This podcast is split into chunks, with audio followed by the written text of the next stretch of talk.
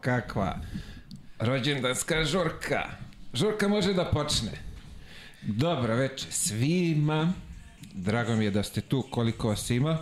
A vi sad ovde kod mene ide reklama. Naravno mi od reklame živimo, imajte razumevanja.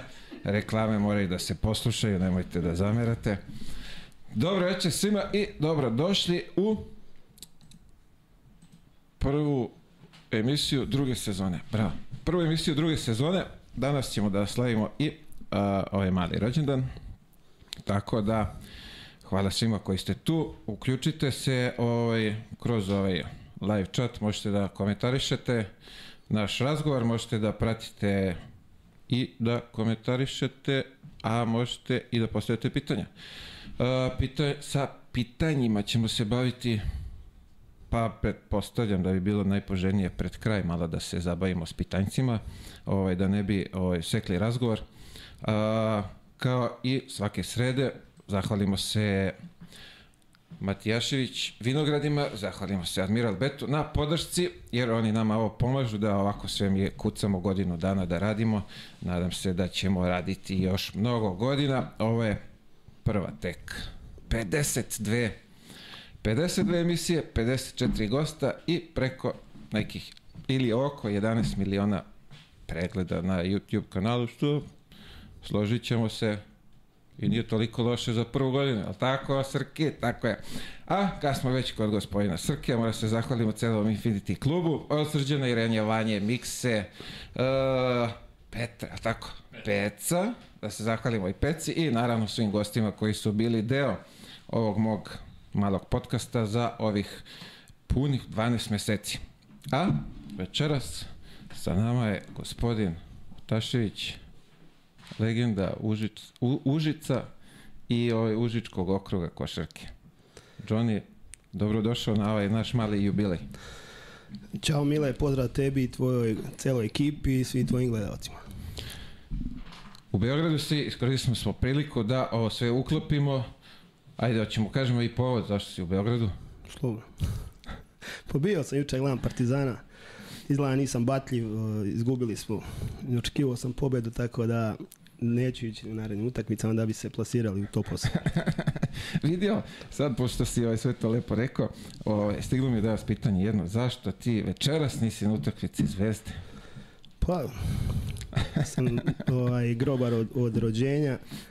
Imam dosta prijatelja koji navijaju za Zvezdu, imam dosta prijatelja koji igraju u Zvezdi i dan danas, imam dosta prijatelja koji su igrali kroz karijeru u Zvezdi, ali moje srce pripada Partizanu i kao od kažem, svi u familiji smo Partizanovci, tako da nema ljutnje, šta ćemo.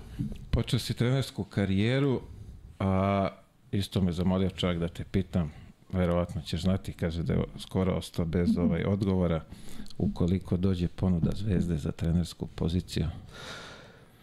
Moram da kažem ne.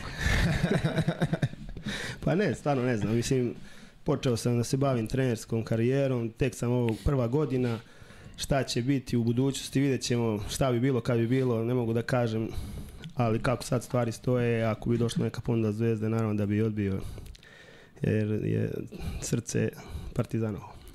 Wow, A to je veliki čast. rivalitet. Svaka Ja čast. sam profesionalac, sve ok, ali, ali ne bi mogao. Ne bi mogao. Evo ga, Slave dobio si i odgovor. Ne bi mogao u Užice da dođem tu, ne bi smio s- posto, da, da, ne, Nije ži, da ne problem živim da- u Užicu, pa ajde. Ali Nije problem da radim, ali je problem Užice da se vrati. Ne može dole, pa vidi, dočekali bi te na nož. Pa kažem ti ja, ovaj, kroz karijeru dok sam igrao ovaj, Partizanovac ali dosta sam puta, dosta više, e, dosta više puta sam igrao bolje protiv Partizana nego protiv Zvezde.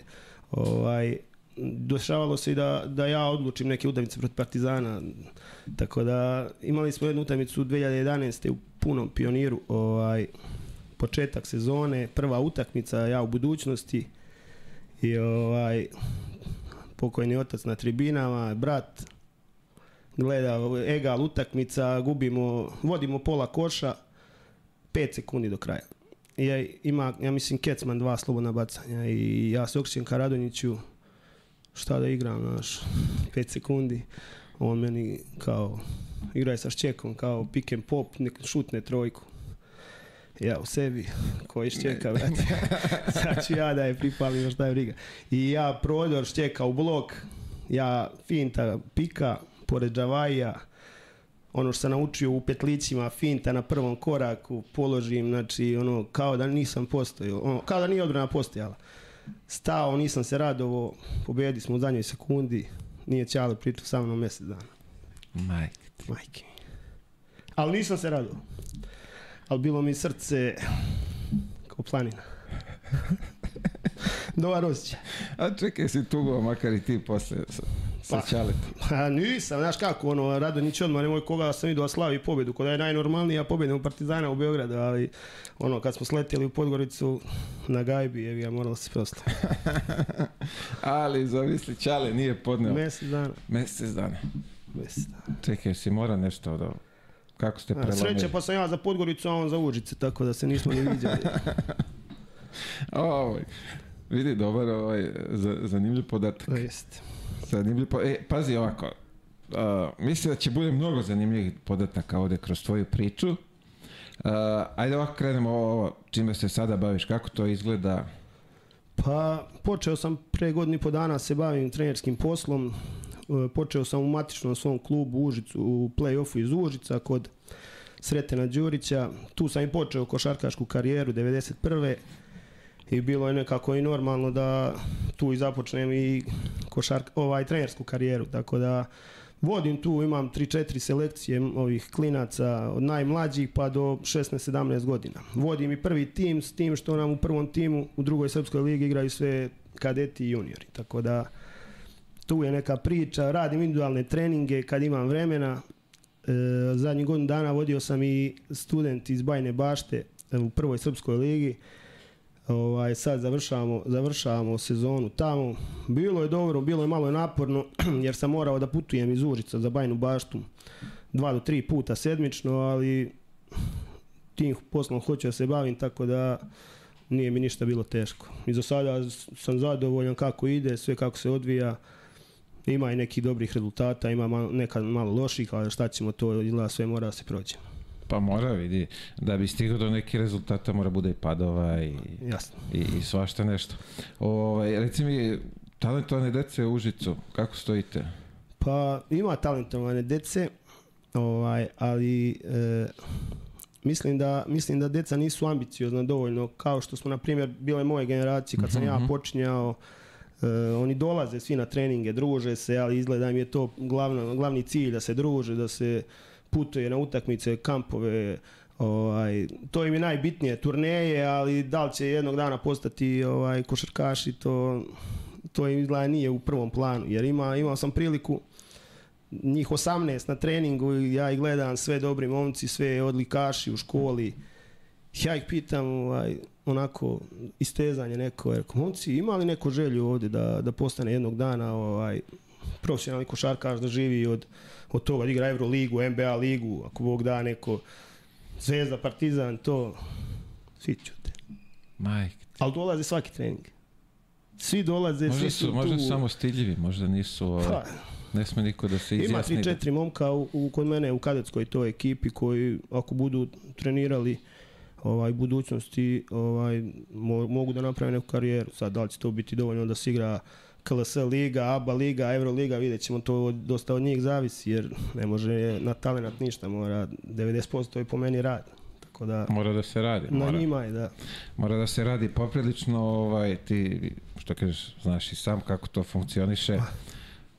Talenat, ovaj, rad uvek pobeđuje talenat, tako kažem. Zato, ovaj, zato se ja nisam ni proslavio toliko. A dobro, napraviti karijeru vrhunsku šta. Da li je moglo bolje, moglo je, da li je moglo gore, moglo je sigurno. Moglo je kako gore. Pa, moglo je naravno. Uvijek imaju te dve strane. Pa da li jasno. moglo gore? Moglo je gore. Da li moglo bolje? Naravno. Uh, kako su ti planovi što se ti, ajde kažemo, te trenerske karijere tiče? Pa trudim se da ovaj krenuo sam već, angažovao sam se malo oko tih licenci da da gledam da završim, još uvijek nisam završio ovaj, da bi mogao da postanem baš ono profi trener, ali radim na tome. Pa dobio sam prošle godine ćerkicu, ovaj, tako da prvi godinu dana sigurno neću nigde ići iz, iz Užica. Imao sam, moram odmah i da se pohvali jednu ponudu ozbiljnu pre jedno mjesec i po dana, ali sam baš iz tih razloga inostranstvo Rusija. Ovaj, ino, e, baš iz tih razloga što sam se skoro oženio i dobio čerkicu i nisam imao šanse sad odjednom da ih ostavim tu, ona tek puni, Drina se zove čerka i tek puni, puni osam mjeseci za, za, za koji dan, tako da imam, imam ambicije da postanem trener i da idem profesionalno se bavim, naravno da ću imati sigurno tu i podršku svoje porodice, ali ovo, ovu prvu godinu sam ostao tu u Užicu, radit ću dok malo što kažu i, i čerka ne ojača da može da ide sam, zajedno sa mnom. Pa, bravo, divno. Uh, ajde ovako, uh, i što se karijere tiče, ja verujem sad i trenerskog posla, ovaj, deca kad dođu to već postaje poprilično komplikovano. Pa jeste, ali ovaj, za sada sve vrhunski funkcioniše, moja žena to snosi veći teret nego ja, tako da štedi me tu. Jer ja idem s treninga na trening, ona je tu glava porodice, tako da ona drži kuću, što bi se reklo. Uh, ok, ajde, nećeš iz Užica, ako se ovde nešto pojavi po Srbiji, Pa naravno, ovaj, da je ono, da možeš kolima da, do kuće čas posla.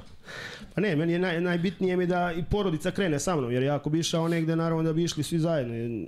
Ovaj, M, M su mi potrebni da budu što bliže meni, a i meni bi bilo lakše 100%, a i njima da budemo zajedno. Tako da, naravno da ću prihvatiti šta god bude nešto ozbiljnije ili ono što mi bude odgovaralo.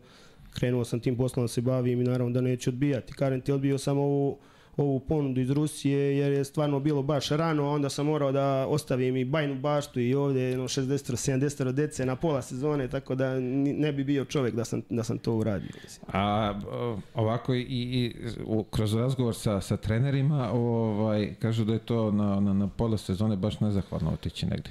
Pa i po meni isto, jer nisi sastavio ekipu, nisi doveo igrače koje bi ti možda želeo, možda ima tu nekih igrača koje ti ne bi nikad doveo u ekipu. Tako da je to baš ono što kažu vruć krompir, što bi rekao naš narod. Mač sa dve oštrice. Pa dobro, idemo Ma, prvo. do duše, ko zna u budućnosti, naravno će biti takvih poziva prihvatać, ako se baviš trenerskim poslom, moraš biti nekad, mora i da se reskira, mora da se ulazi u koštac sa, sa svim nedaćama koje te, koje te snalaze. Pa dobro, i, istina. Ali ajde prvo da to ovaj, trenersku tu licencicu završiš pa da može Pa, ja to se da... nadam da će Šta beše brzo. crvena je to, Crvena, tako? da, da. Idemo nešto preko toga, nema. Pa, ja mislim da ne, za sada ne, o tom potom. Šta, ne znam za NBA da li može, ali crvena, ja mislim da, da, da sve završava ovdje kod nas. Pa vidi, što ne i NBA jednog dana. A? Ih. ima, do, ima dotle koliko hoćeš. Ajde polako ti odavde što bi se reklo korak po, po korak pa ćemo vidjeti ovaj... Bio si organizator igre, treba i poznaješ to da držiš u malom prstu sve. Tako je. Jesam bio in- organizator igre, e, što bi se rekli, e, paker, ali ja sam više bio, bio defan, defanzivac i asistent nego da kažeš koš getter kao što su ovi današnji playmakeri. Danas playmaker ako ne daje 15 pojena nema mesta da igra nigde. Je, ajde sad kad si, kad si spomenuo to, uh, gledaš Partizan, Zvezda, ne znam da gledaš Zvezdu, ali dobro, gledaš Gledam Partizan. naravno da gledam. Tako je, kako ti ovo izgleda sad i Partizan i Zvezda Euroliga? Pa, evo, pošteno da ti kažem, e, pratim naravno, gledam košarku i dan i noć, gledam i Zvezdu i Partizan, gledam bre i Jaba 2 i KLS, sve gledam. Ali, ovaj, pa, ajde da krenem od Partizana, pošto sam Partizanovac, očekivao sam da će Partizan da igra sve bolje i bolje.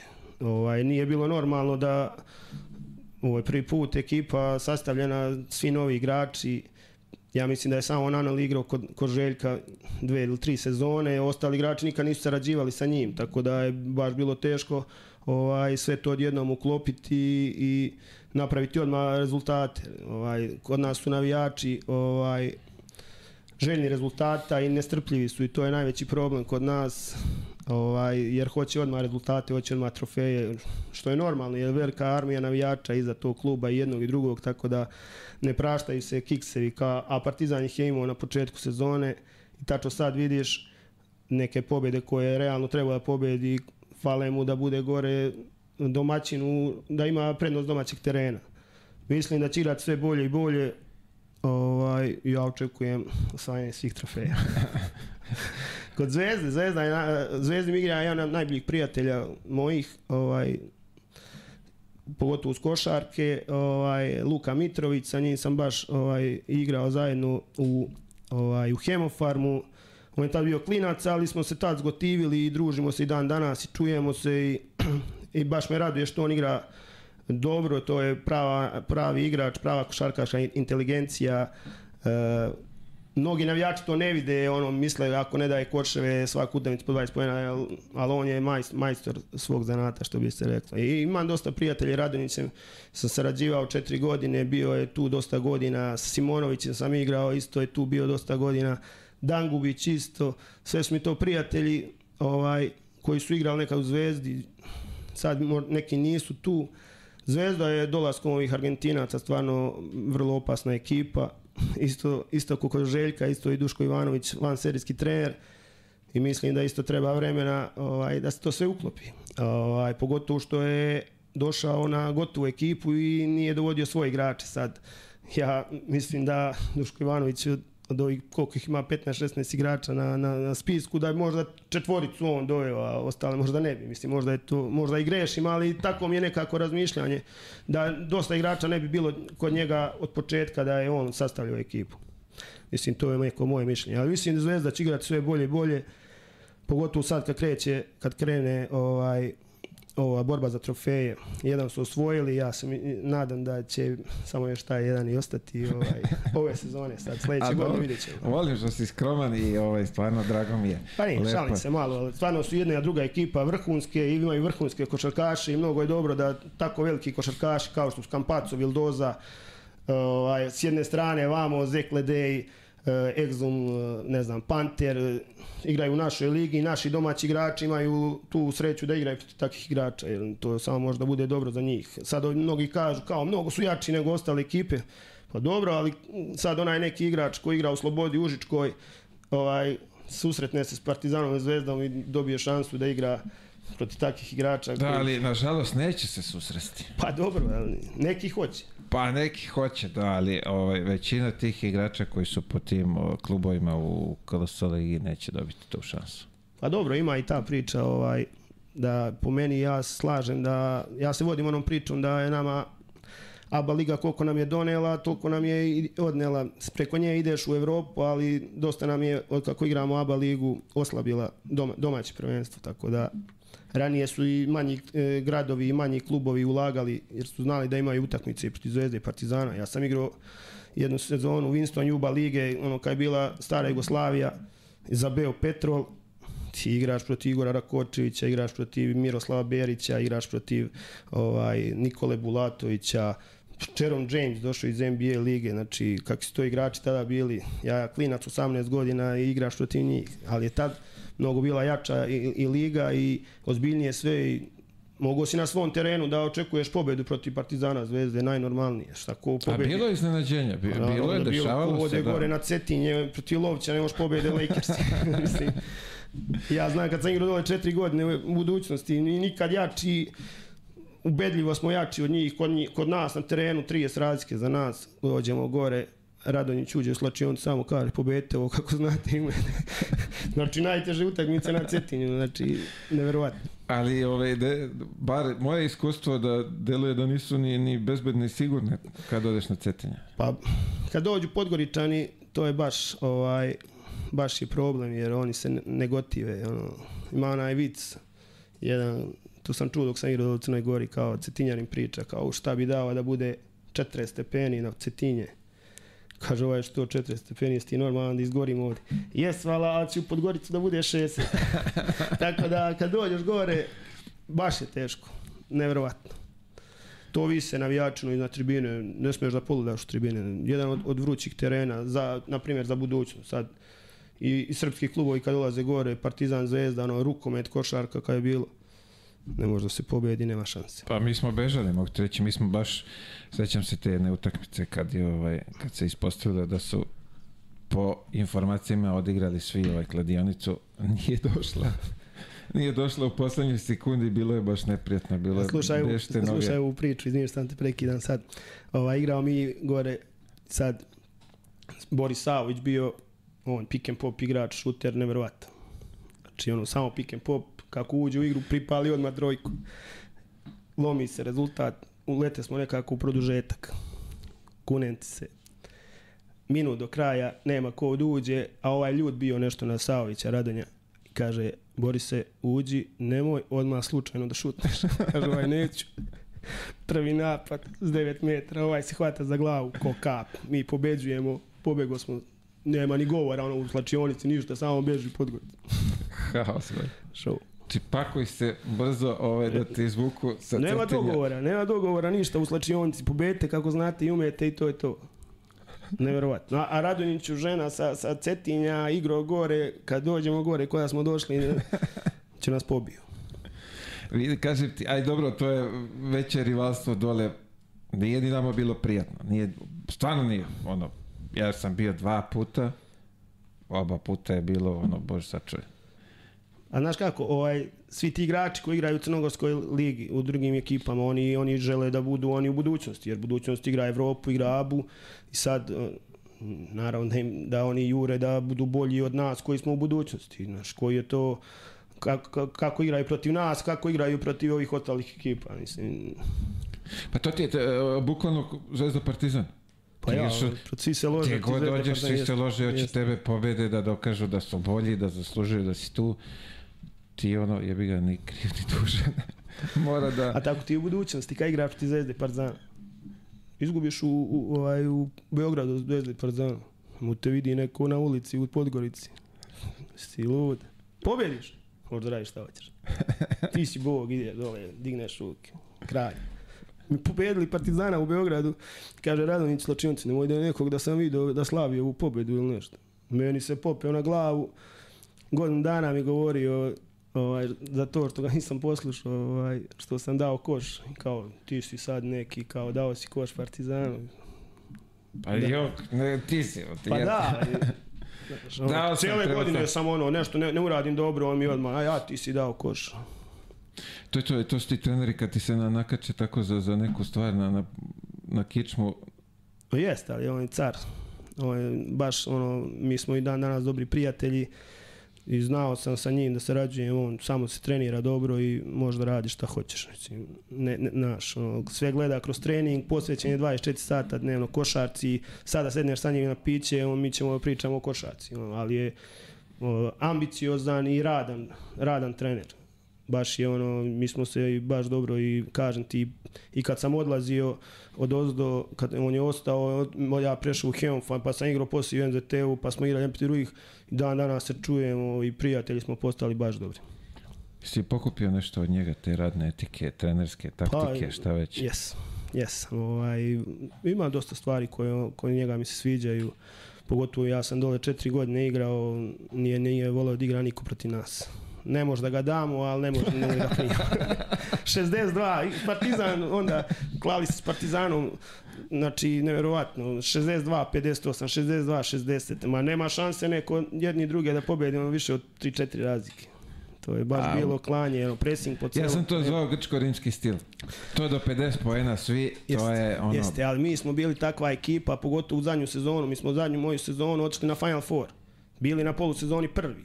Budeš prvi protiv Partizana u kom igraju James Gist, igra Javaj, igra Gerals, igra Kecman, Božić, eh, Veseli, neverovatna ekipa. Imaš eh, tipa Cedevitu, Marino Baždarić, uh, ovaj, kako se zove, Bresley Rice, moja ekipa, vamo Zagreb, ovaj, Žora, Kasun, ovaj, kako se zove, Simon, ne znam, mi prvi.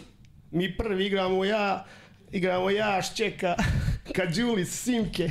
Ne možeš da ga damo, ali ne možeš da ga primimo. bre. Ne može niko da igra. Pa to je pre svake utakmice dođe playmaker na zagrevanju, kaže, e, otaš, ajde da se dogovorimo.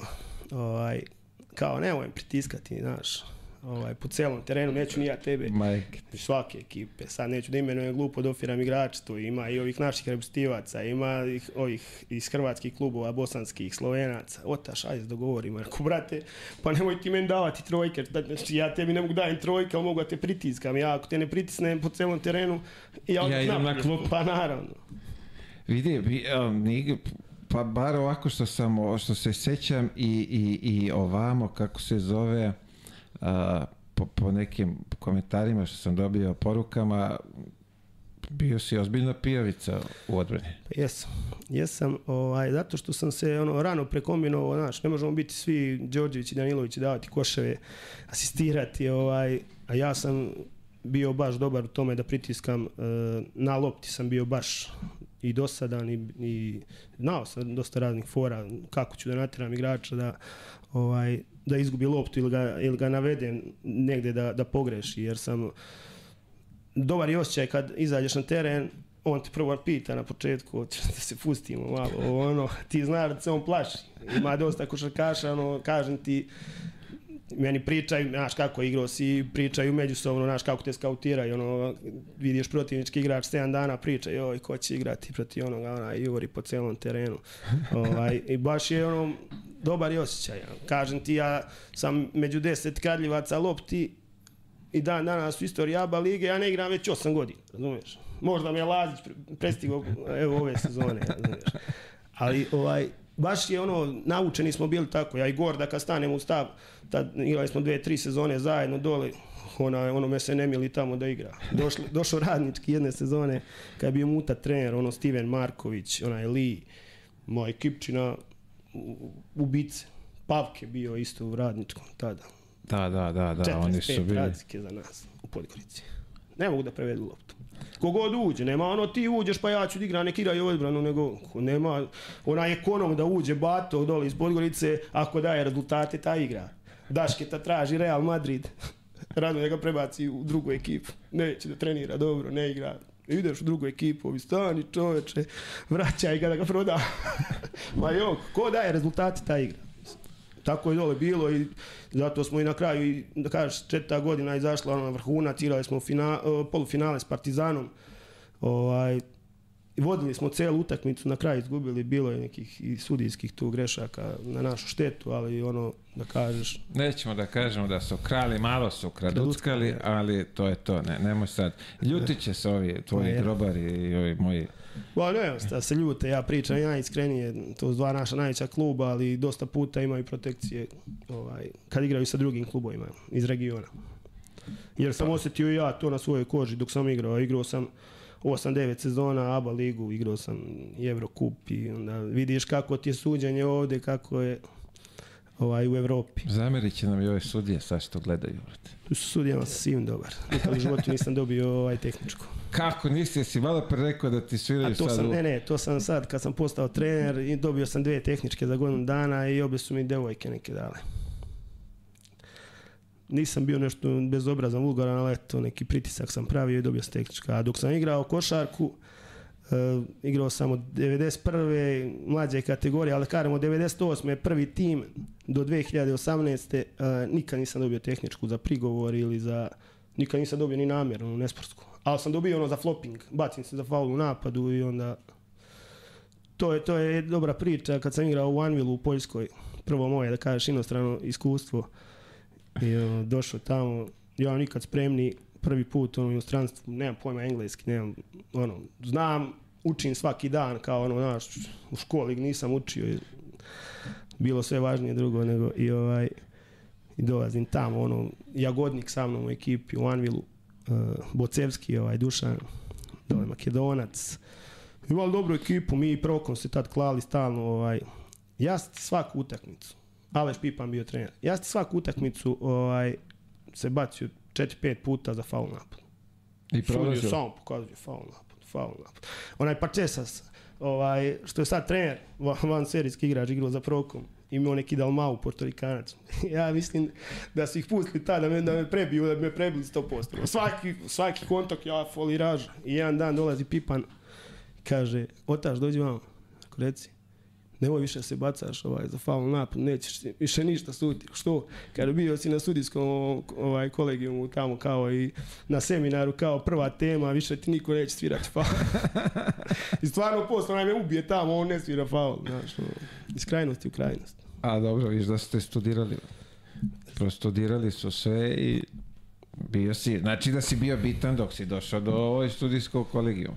Znaš kako, ovaj, dobar je osjećaj kad si u nečemu baš dobar. Ja mogu sad komotno da kažem da sam tih 7-8 godina kad sam bio ono najspremniji, Pa ovdje u regionu ubedljivo, a možda i šire, da sam bio najbolji odbrambeni igrač na lopti.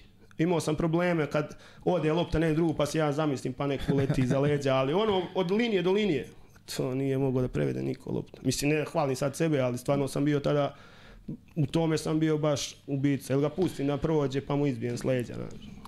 Ja se sećam skautinga da je bilo pasom prenesite loptu, nemojte da driblate. E, moram jednu priču sad kad ste nezgodan. spomenuli. Slušaj ovo. Igram ja u Beopetrolu, igram proti budućnosti. To ti je 2000. godine. Sad budućnost, ono, Euroliga. Ovaj, Rakočević, eh, ovaj, kako zove, Tomašević, ovaj, Kuzma, ma Crnci, ovaj, Jerome James, centar, igramo s njima. Vamo igramo Žareča Barkapa, Kopriva, Dule Kecman, e, igrali ovaj Trifa, trener, sad što- je trener Aleksandar Trifunović, on, Bukumirović, Čačka i sad ja ono drugi play, bukva prvi, ja igram pressing i dan i noć. Ovaj, Igor mi viče, mali beži od mene, idi čuvaj malo Radonjića, razumiješ? I sad ja Radonji prilazim, Radonja uzme loptu, baci centru, ide na uručenje, znaš, jedno, drugo, treće. I sad ja četiri faula, ovaj, ne može on da spusti loptu u dribling, ovaj, ja ga pritiskam, samo ide na uručenje, znaš.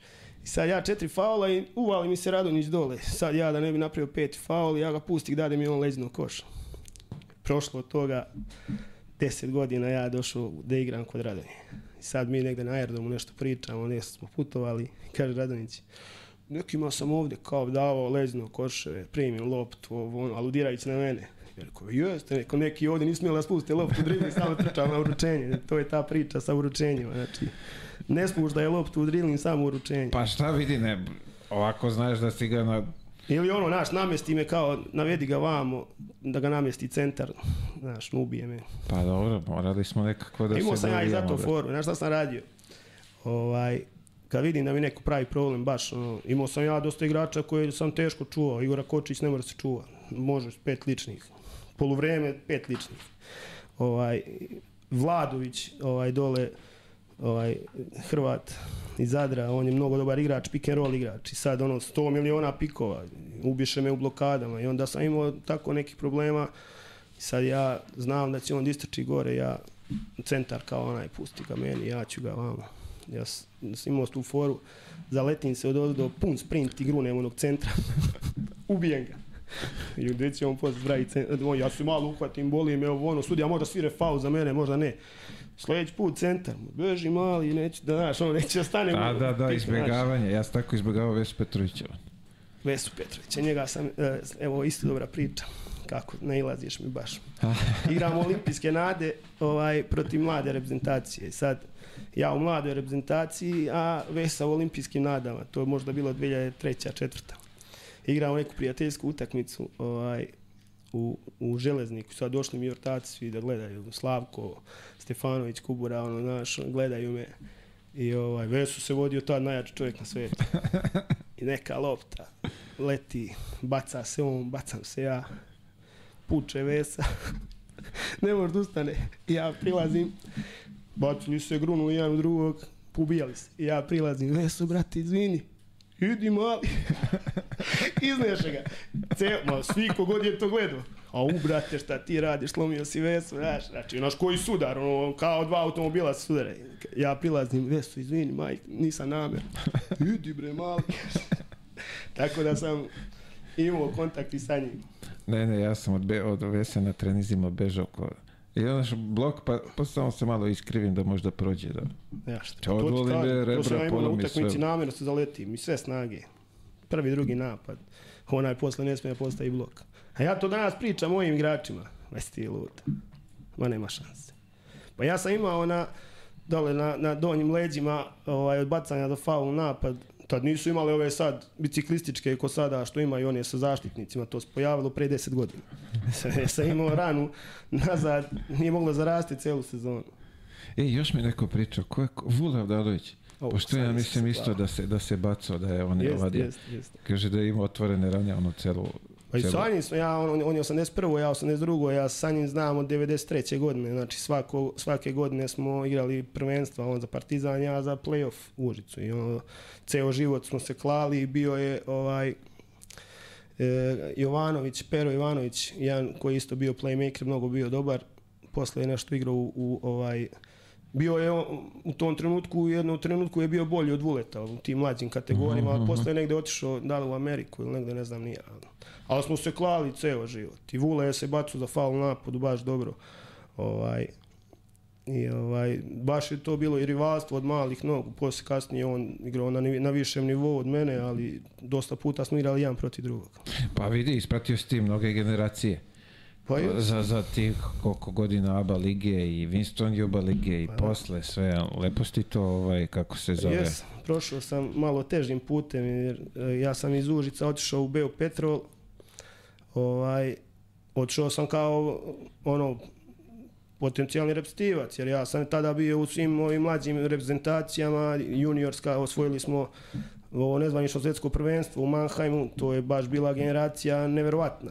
Ovaj, sa Milutinom Aleksićem, sa Bojanom Bakićem, sa ovaj, Blagotom Sekulićem, Jevđić iz Arilja, Da, da, da, da. Matović koji je tad bio najbolji igrač, Nemanja Matović centar, znači posle on kasnije povredio pa nije napravio neku, da kažeš, vrhunsku karijeru, ali je tad u tom trenutku mi dobijamo Grke, na, na svetskom Matović daje trojku, za Grke Spanulis igrao, igrao tu Đorđević, Dule, Gaja, baš je dobra ekipa, Vlada Popović, Zlatan Tomić nas, nas trenirao, mi smo mleli tada, e, Francuze, 6-7 puta u pripremnom periodu, Parker, Diao, Pietrus, onaj mlađi, e, Turjav, mi smo se sa njima, mi smo bili bolji nego smo, kad smo otišli na, u Zadar na, na, na evropsko prvenstvo, izgoreli smo jer smo, to je prva generacija koja je posle rata otišla da igra tamo. U Jazinama se igralo, Koprivica je bio Jovan isto, sećam se otvaranja, ovaj, ono, 4,5 hiljade ljudi,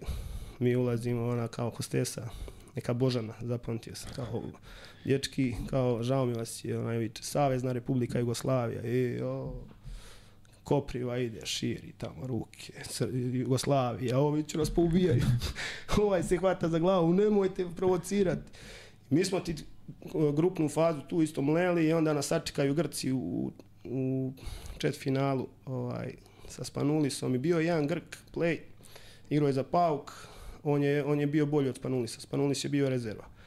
I ovaj, taj dečko se nešto povredio, nešto mi je pri sletanju aviona, ovaj, nešto su mu ostao je paralizovan, ne znam ja. Je baš. A u tad, mi smo imali tad 18 godina i 17, on je već igrao za, za Pauka. Pauk tad bio baš dobar, ono igrao Prelević i on ozbiljna ekipa, Da, da, razumeš? da, da, da. I, ovaj, I mi smo bili peti, ovaj, a Francuzi prvi.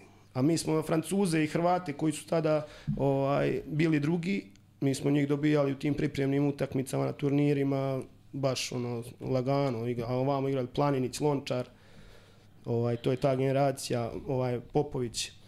Mi smo sa njima baš izlazili na, na, na, na- kraj, ono, mislim, bili smo bolji, ali smo izgorjeli u Zadru. Da je bilo bilo gde drugo ovaj prvenstvo, mi bi sigurno bili prvi. Jer smo baš bili dobra ekipa. Pazi, nezgodan je teren, nezgodan je teren, evo ovdje sad ko komentar je da si zapamtio ime hostese dole. Aj, a dobro, tad sam bio klinac. A do- Vidi, ali je onako upadljivo ime Božana, tako to. Do tad verovatno nisi se s takvim imenom susretao. Ali tako stvarno da. i ovaj prvenstvo to u Zadru je bilo super iskustvo za nas. Znaš, došla Jugoslavija posle rata, e, bili smo tamo smešteni u e, park Borik tamo imali smo pratnju svuda gde idemo i baš su ono dolazili na naše utakmice da gledaju iako ne igramo protiv Hrvatske. Ovaj, ta generacija 8-2, 8-3, e, baš dosta dobrih košarkaša izbacila, ne od, od naše generacije, bilo i kod nas naravno dobrih, ovaj, ali i Slovenaca, Udrih, ovaj, Beno Udrih tada bio Jordan, ovaj, baš dobar igrač, ovaj, imao si Marka Povića Planinića, ovaj, baš ozbiljni igrači, ovaj, imali su i kod nas, kažem, taj Matović je tad bio Onil, Znači, nije Je, mogao da čuva skoro, smo ga spominjali ovdje Krle kad je bio. Evo, on Krle je je, na baš primjer, otpuo pred, pred prvenstvo to.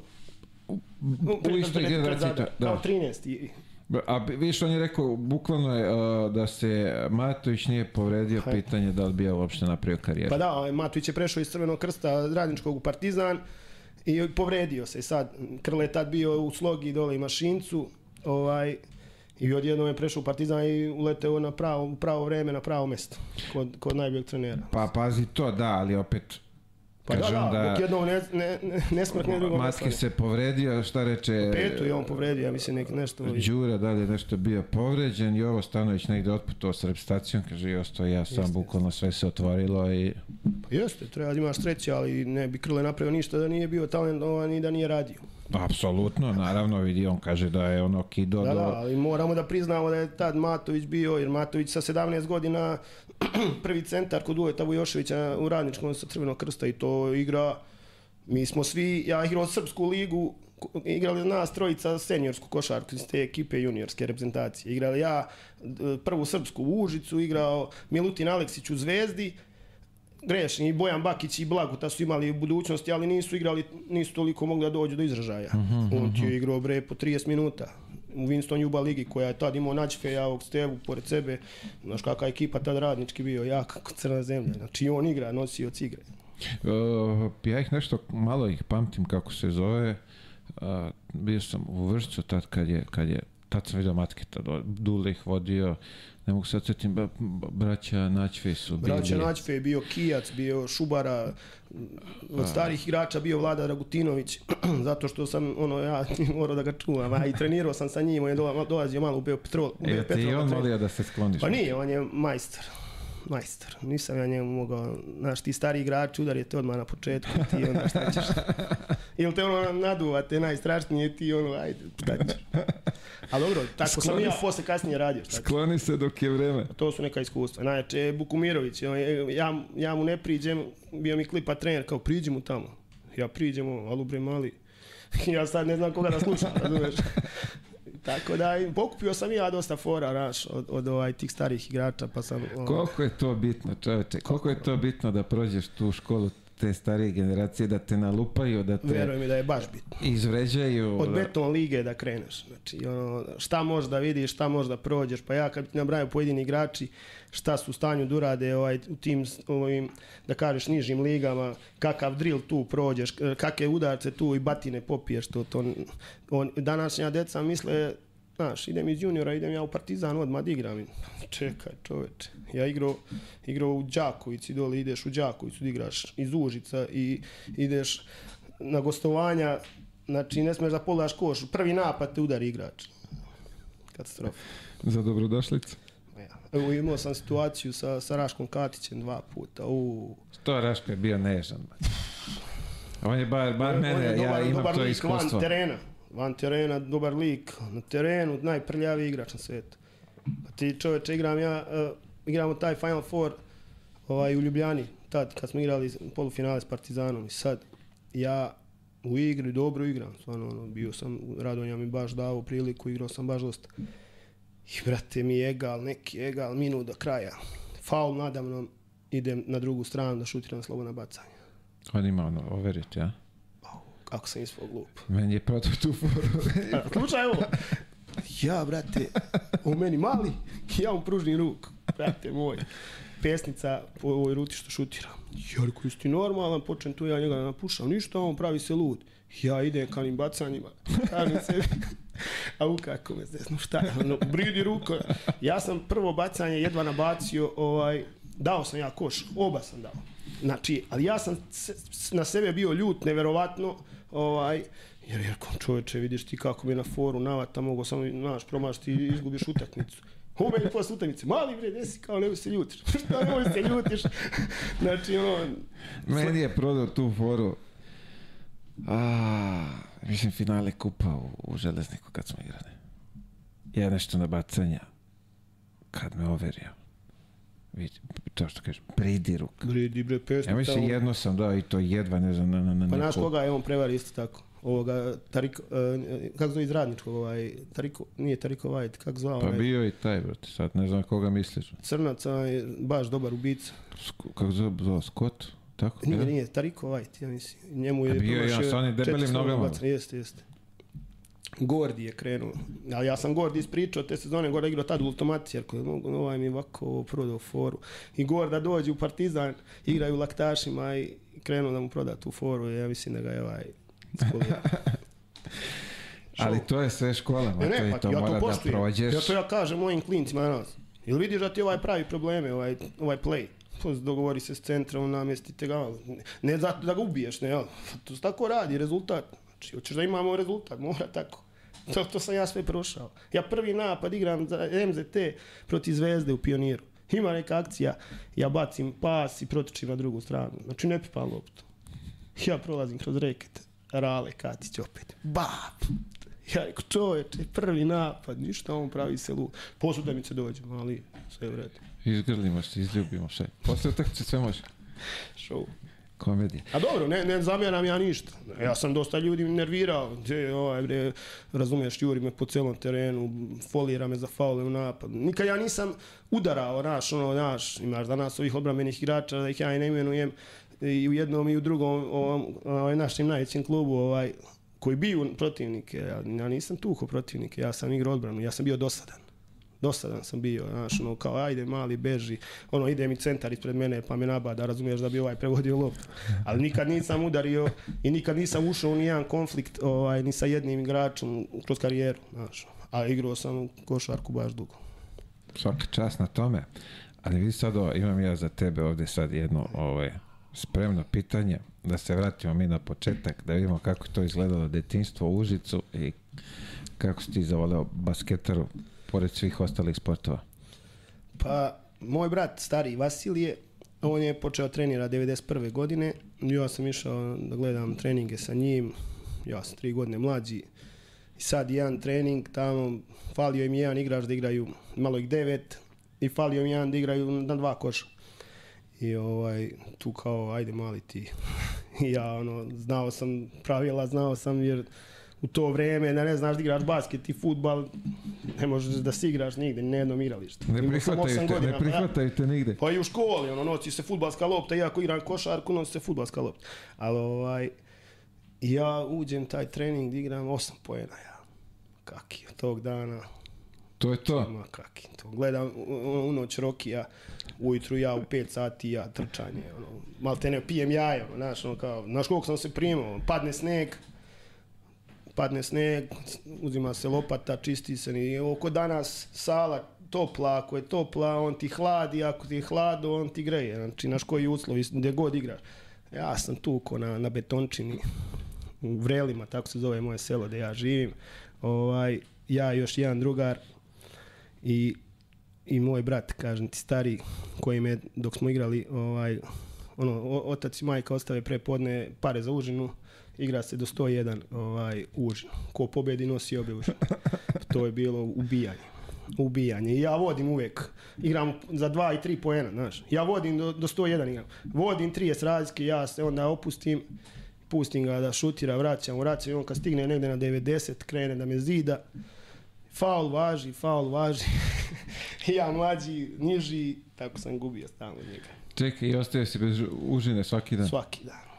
Pa To kad si prelomio, si ga no- Na krvi prelomio. nož, nema to. Ja danas, ovoj deci kažem, da igrate, znaš, takmičarac, šutirate, dubate 10, koliko ga, pitan ga u toku šutiranja, koliko imaš? On kao, ne znam, kako ne znaš, čoveče. Ja, ja, ja se ubio s bratom i s tim drugom, što živi pored mene, Čito, Dragan, ovaj, i on igra i dan danas ove niže lige i dan danas znači bolji od pola ovih koji su, koji su po 20 godina mlađi znači ovaj ceo život je tu rivalitet zajedno idemo u školu bila je jedna situacija, ja ga pobedim 11-0, a me prebije, a što je bio stariji od mene. Znači ja dođem kući u školu, ono šljiva. Znači, po, šta su radi, pobedio ga 11-0 i počeo ga zezam. Razumiješ? A to danas ne, ne postoji na tim baske, basketaškim. Danas bi dobio, kad te prebio, te prijavi ono Oj, nasilje tamo, nasilje, vamo i ti si ga izvisio, izbacio ti iz škole odmah. Show. Pre, pre se to, ovaj, znali su da podnesu. A Ili dobro, te prebio, ma, to bi znali da podnesu poraz. Ma to je sve bilo loženje do iznemoglosti, treniranje, znaš, ono, pravimo nečunjeve što sad imaju ovo sad, koji imaš zelene, žute, crvene. Ja pravio kući, postavim da izveneš cepanicu, ono, seče, se, sekli drva, ono, postavim cepanice, obilazim oko cepanice s loptom i gledaj, ovo je mali lud. A tako sam trenirao. Ima jedna priča, kad je pokojni Bora Cenić rekao tamo u reprezentaciji, ja hoće propadne u zemlju, a, ali, znaš, dobra je priča. Znate vi što je Tašević brz? On i njegov drugar su ovaj, puste mačke pa ih hvataju. Toliko su brzi bili. Zato oni ovako brzo ovaj, driblaju lopt. Znaš, ovaj. Tad sam se ono, znaš, te priče stide, a to je prava priča. Jer smo trenirali, ti si imao, kad sam igrao u Užicu, u tim mlađim kategorijama, tri treninga sedmično, nisi ti imao po dva treninga dnevno, ko što sada imaš, nego si morao sam posle škole, pre škole, kad zaviš s obavezama školskim da treniraš sam. Lopta, gumenjara, ono u početku i nemaš loptu. Imali smo tamo reka Đetinja, ovaj, tamo u tom on selu ima jedan sliv i tu se sve zaustavlja. I ono sad u parku tamo nekom ode lopta, mi vamo hvatamo. Kao, znaš, pred, predvečeva da vidimo da li je koja ostala, znaš. Da li upala u djetinju. Znači, ja, sad imaju deca sve uslove moguće i ništa, ništa ne koriste. Brzo zadovoljavaju, znaš, brzo gube ambiciju. A, dolazi mi jedan klinac, kaže, treneru ne vidim sebe u košarci. Ja reku, dobro, neću ja terati. I sad, ta njegova ekipa pobedi 3-4 utakmice, eto ti njega, e, trener, ja bi da se vrati, znaš. A dok smo gubili, bilo je... Pa to ne, mora malo da osjeti čari pobede da bi zavoleo. Viš kako si ti 11-0, oni te prebiju, ti nastaviš dalje. Ja ti kažem, ovaj, moja generacija 8-2 i 8-1, a to je Slavko Stefanović, uh, Ivan Kuburović, on je igrao isto ozbiljnu košarku, uh, imali smo tog uh, Dragana Ćitića tamo u Užicu, Pero Todosijevi, to sve moja generacija, drugari.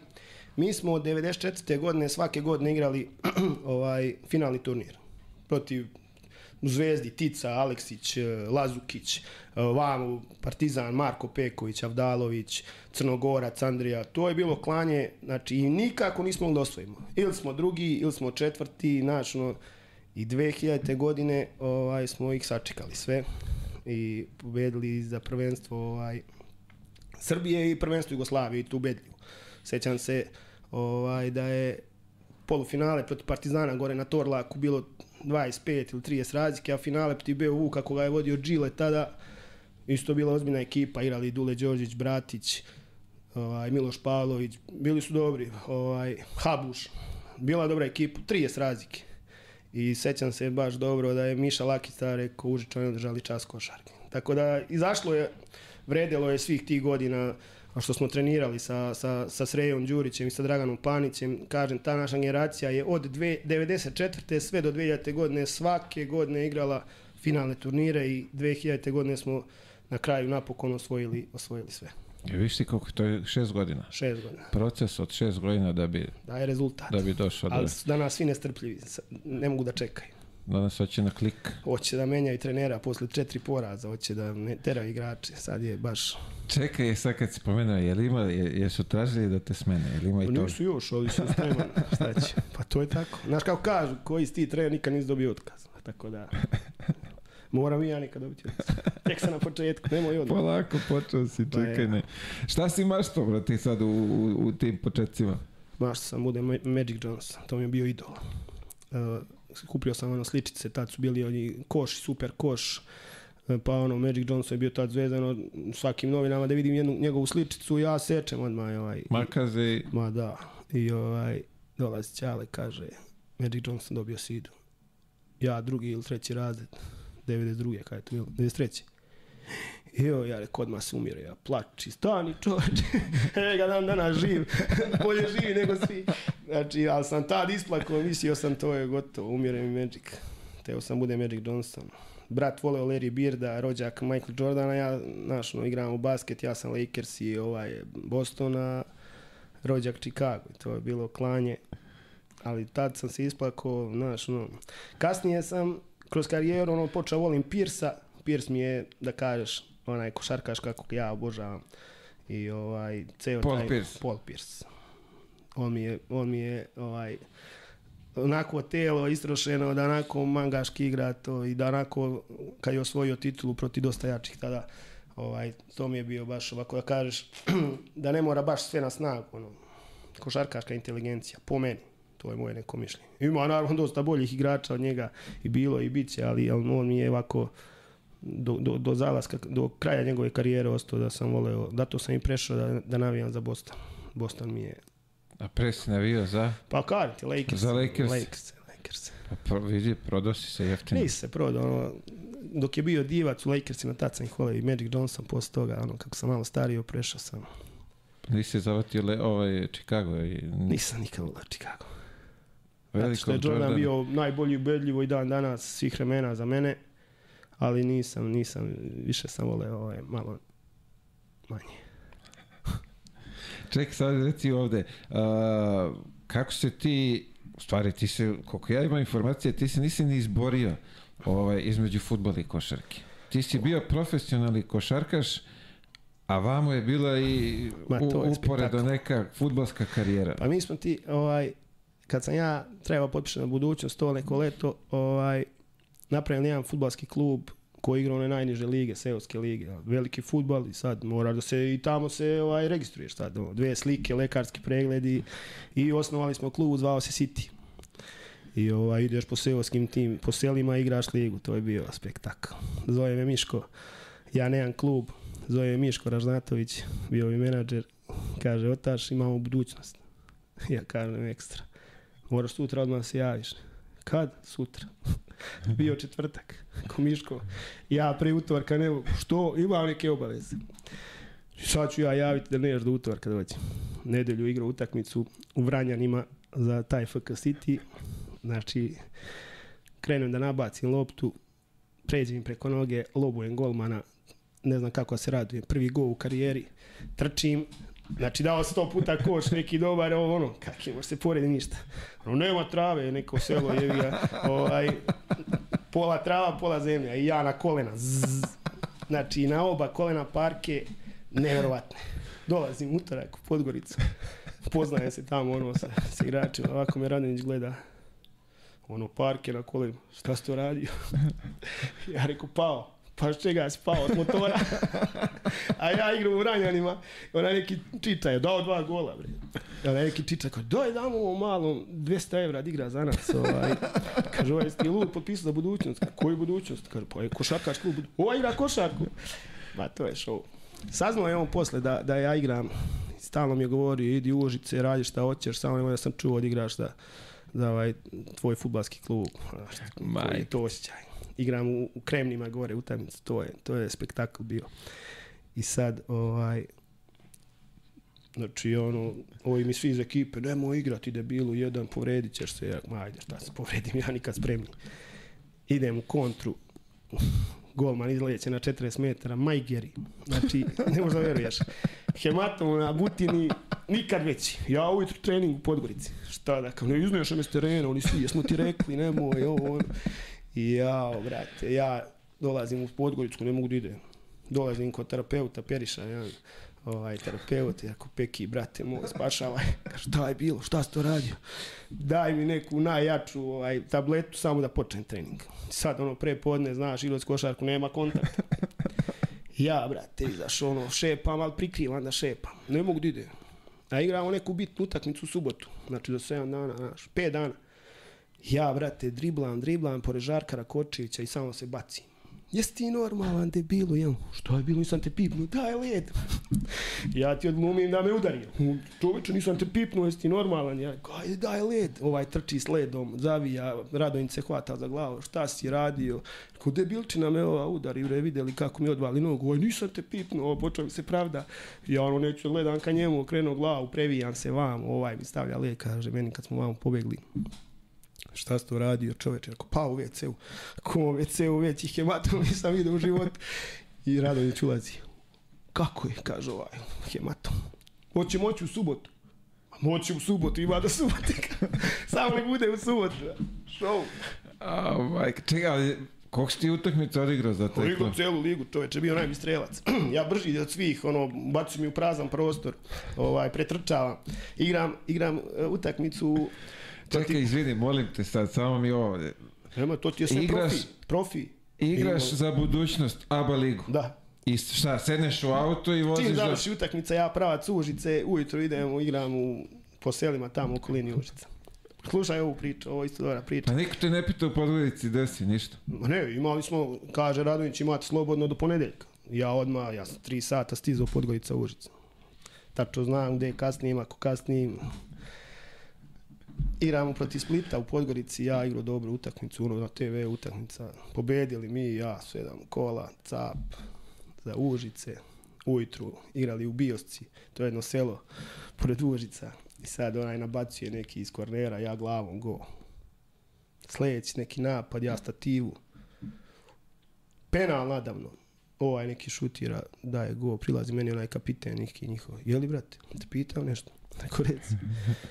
Igraš ti košarku? Ja rekao, igram. U budućnosti? Ja rekao, jest. Kaže, gledao sam te sinoć svaka čast pobediti. Ja rekao, pa jest. No. Otkud ovdje? Tako da sam ono, baš, branio mi posle Radonja da idem. Čuo je, ovaj, to sve se čuje. Pa mi je branio, ali... Koliko je to trajalo, brate? Sve, sve godine dok sam bio u budućnosti sam ja igrao. Četiri godine si igrao uporedo Seosku ligu. Nema i... ja čego će kada daš go. Kakav koš, kaki bakrač. Či zajebo i Mikana Grušanovića. Ba. Šta ti je? Dobar Nisi rukomet, u Mikan igra i rukomet, ja mislim. Nisam. Nisam. Igrao sam za školu kad smo klinci, ono, da ideš u školu, igraš... Ne, ne, ovo profi, pa Mika, ja ako imam dobre informacije, jest, Mikan jest. cepa i neki rukomet. Ja sam cepao tu ligu, to je ovaj, baš bilo dobro, zanimljivo. Imao sam sreću da se nikad nisam nešto povredio, Znaš, jer sam vamo imao ozbiljne pare i, i ozbiljna liga, razumiješ, igraš Eurocup, igraš ABA ligu, I, ali je bilo jače od mene, znači, ovi, ovi svi iz ekipe koji su normalan, povredit ću, mako se povredi, vrati. Izbandažiram se kao da igram profi utakmica. Dobar osjećaj baš. Samotaš zglobove i trčiš. A pazi, to su bre seoske, te čuke, nije to, to nema... Znaš. To sve ono, trči polomiš nogu. Čovječe spektakl, bilo baš dobro. A imali smo i ono, znaš, nova godina, kao vidjeli svi, ovaj, šta futbalski klubo imaju ove novogodišnje koktele. Pa i mi novogodišnji koktel, vrati, 30, 30 muškaraca, muzika, jedi, pi, dodjele nagrada, najboljim strelcima, najboljim igračima. I na kraju tuča međusobno. A sve smo obavili. To je bilo baš dobro. I onda smo samo jedne godine presekli, eto, već jedno 7-8 godina ne igramo a bilo baš dobro. Sve zbog te tuče novogodišnje. Pa, tu je, sve, tu je sve počelo. dobro je bilo. A, kakav si ti majstor. Bio nekad. Bio nekad, a ovo svaka čast. A čovjek je četiri godine, gde me ova kamera gleda, evo, četiri godine uporedno igrao. Uporedno. Ko je to, šta je to, ko je to, kako to ti je ono, ko u košarci što imaš drugu srpsku ligu i ono, beton liga, ali A iza, iza ja postoje, da, da, nije. Dva puta smo se izborili da uđemo u viši rang, nego nismo imali financijsku ovaj, konstrukciju da, pošto su skuplja putovanja. I... ne možeš kolima, moraš autobusom. To je najjače kad krenemo ko svatovi, što bi rekli. Znači, ono, idemo na utamicu s kolima. Show, ostanu ljudi da biju sudiju. Ma, ma znaš šta tu ima, ovo sve, ovo, naš, ovo seoski futbol, ti je sve tako. Sve tako. Si vio i ti sudije? Pa nisam, ali su ono, ovaj, imali smo jednu situaciju gore u, u Kremnima, to je jedno selo između Zlatibora i, ovaj, između Tare i, i, i Užica. I čoveče, igramo gore, gubimo 4-1. 4-2, 4-3, 90 minutu penal za nas, 4-4, svi jedno kraj. Mi štura, ono, beži. Ovaj, jedan ostao kao naš, da brani sudiju, beži kući, hoće dugo. Nevjerovatno. Ali kažem ti bolji osjećaj kad daš, dao sam koš Partizanu za sekund, dao sam dole u Crnogorskoj ligi neke koševe isto za pobjede, dao sam i posle protiv Partizana u Skoplju isto u zadnjoj sekundi neko bacanje za pobjedu. Ne može se meri ništa sa, sa golom kad daš gol. U Kremnima. To, brate. Ili u Ranjanima. U Ranjanima. Sam teo da lobujem golmana, ko Savo Milošić prešla mi preko noge. Show. o, majko, mila. Joj, Vuko moja, pa ovo će bude, ovo će, ovo će da potraje, ne znam, vidi, sad si mi, razjemo se mi koncept ceo, brate. A znaš kad sam teo da budem gitarista, e, isto u Podgorici. Radović ti je čuo da sam ja kupio gitaru i nije mi ništa govorio, ali video je negde nekomu rekao ja kupio gitaru i sad ja i Čedo Vitkovac kao vežbamo. Čedo dono neku knjigu i CD-ove i kao naš učimo akorde, ovo ono, zabile se ove jagodice u žice, znači nema osjećaj, znači uopšte, kakvi trening, ono, digo ruke od treninga vam, ono, idem, odrađujem. I ovaj, ništa, Radonja pustio, ovaj, pustio da to traje, traje, ali trajalo jedan dan, kao ostani post treninga, znaš.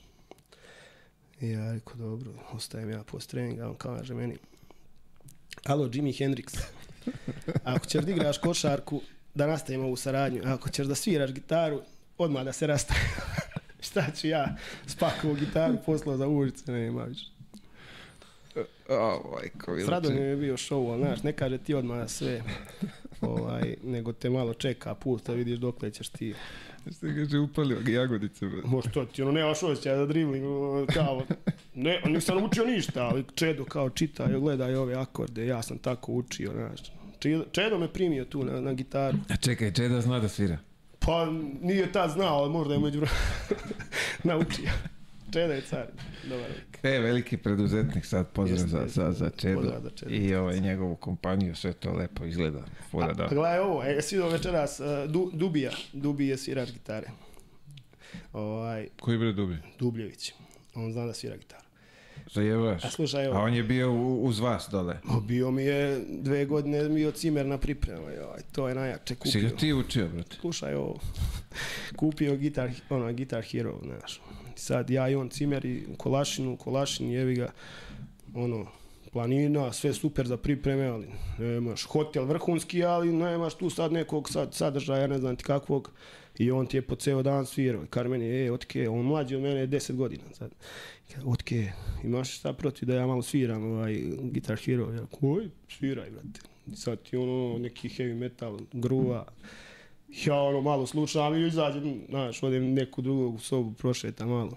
16 dana je on svirao svaki dan, mogu li, mogu li, i ja kažem možeš. 16. dan meni došlo do ovde, zemljače, znaš li još neku pesmu, samo jednu, je- a ovu sam naučio, dobro, šta si naučio čoveč. I, ovaj, i Radonja ti imao te fore, ja najstariji, tad sam bio dve godine najstariji i kao naš, ja pričam s ovim mlađim igračima ovaj, kad ima neko neki problem. Dolazi ono, dubi nešto bio u dubiozi žešćoj i kaže meni Radonja, ej, aj vidi šta je s ovim Jurom Stublićem iz, iz, iz Nikšića, kao, će li da igra košarku ili neće? Pa rekao, šta je radi? Popričaj malo sa njim, idi ga voditi, ono, tvoj, igrajte Sony, znaš, ono. jer sam ja imao gajbu, koju niko nije znao gde je, znao Danilo Mitrović gde je, jer mi je on našao, i, ono kad nemamo gde da idemo, ne smeš da ideš nigde, oni svi kod mene, sve proslave kod mene, igra se Sony, ovaj, Gorda i, i, i Sejo Šehović, ono, ja i Čeda Vitkovac, ja nisam još stigao s večere, oni me čekaju ispred vrata, ajde otvaraj, znaš, ono, i ovaj, tako, znaš, kad ima neko neki problem, kao, vodi ga ono kod tebe, malo, kao, pratite klađu, igrajte Sony i malo popriča, viš koje probleme ima. Tako da sam bio malo i zadnjih godina dole i psiholog. Vidi, ozbiljne si uloge imao. Uh, pazi, evo, stiglo mi sad jedno pitanje ovde na, na, na Whatsappu da ispoštujemo čoveka. Uh, istina da ti najbolji ortak i njegov sin u ekipi. Najbolji ortak. Je tako? Čitić.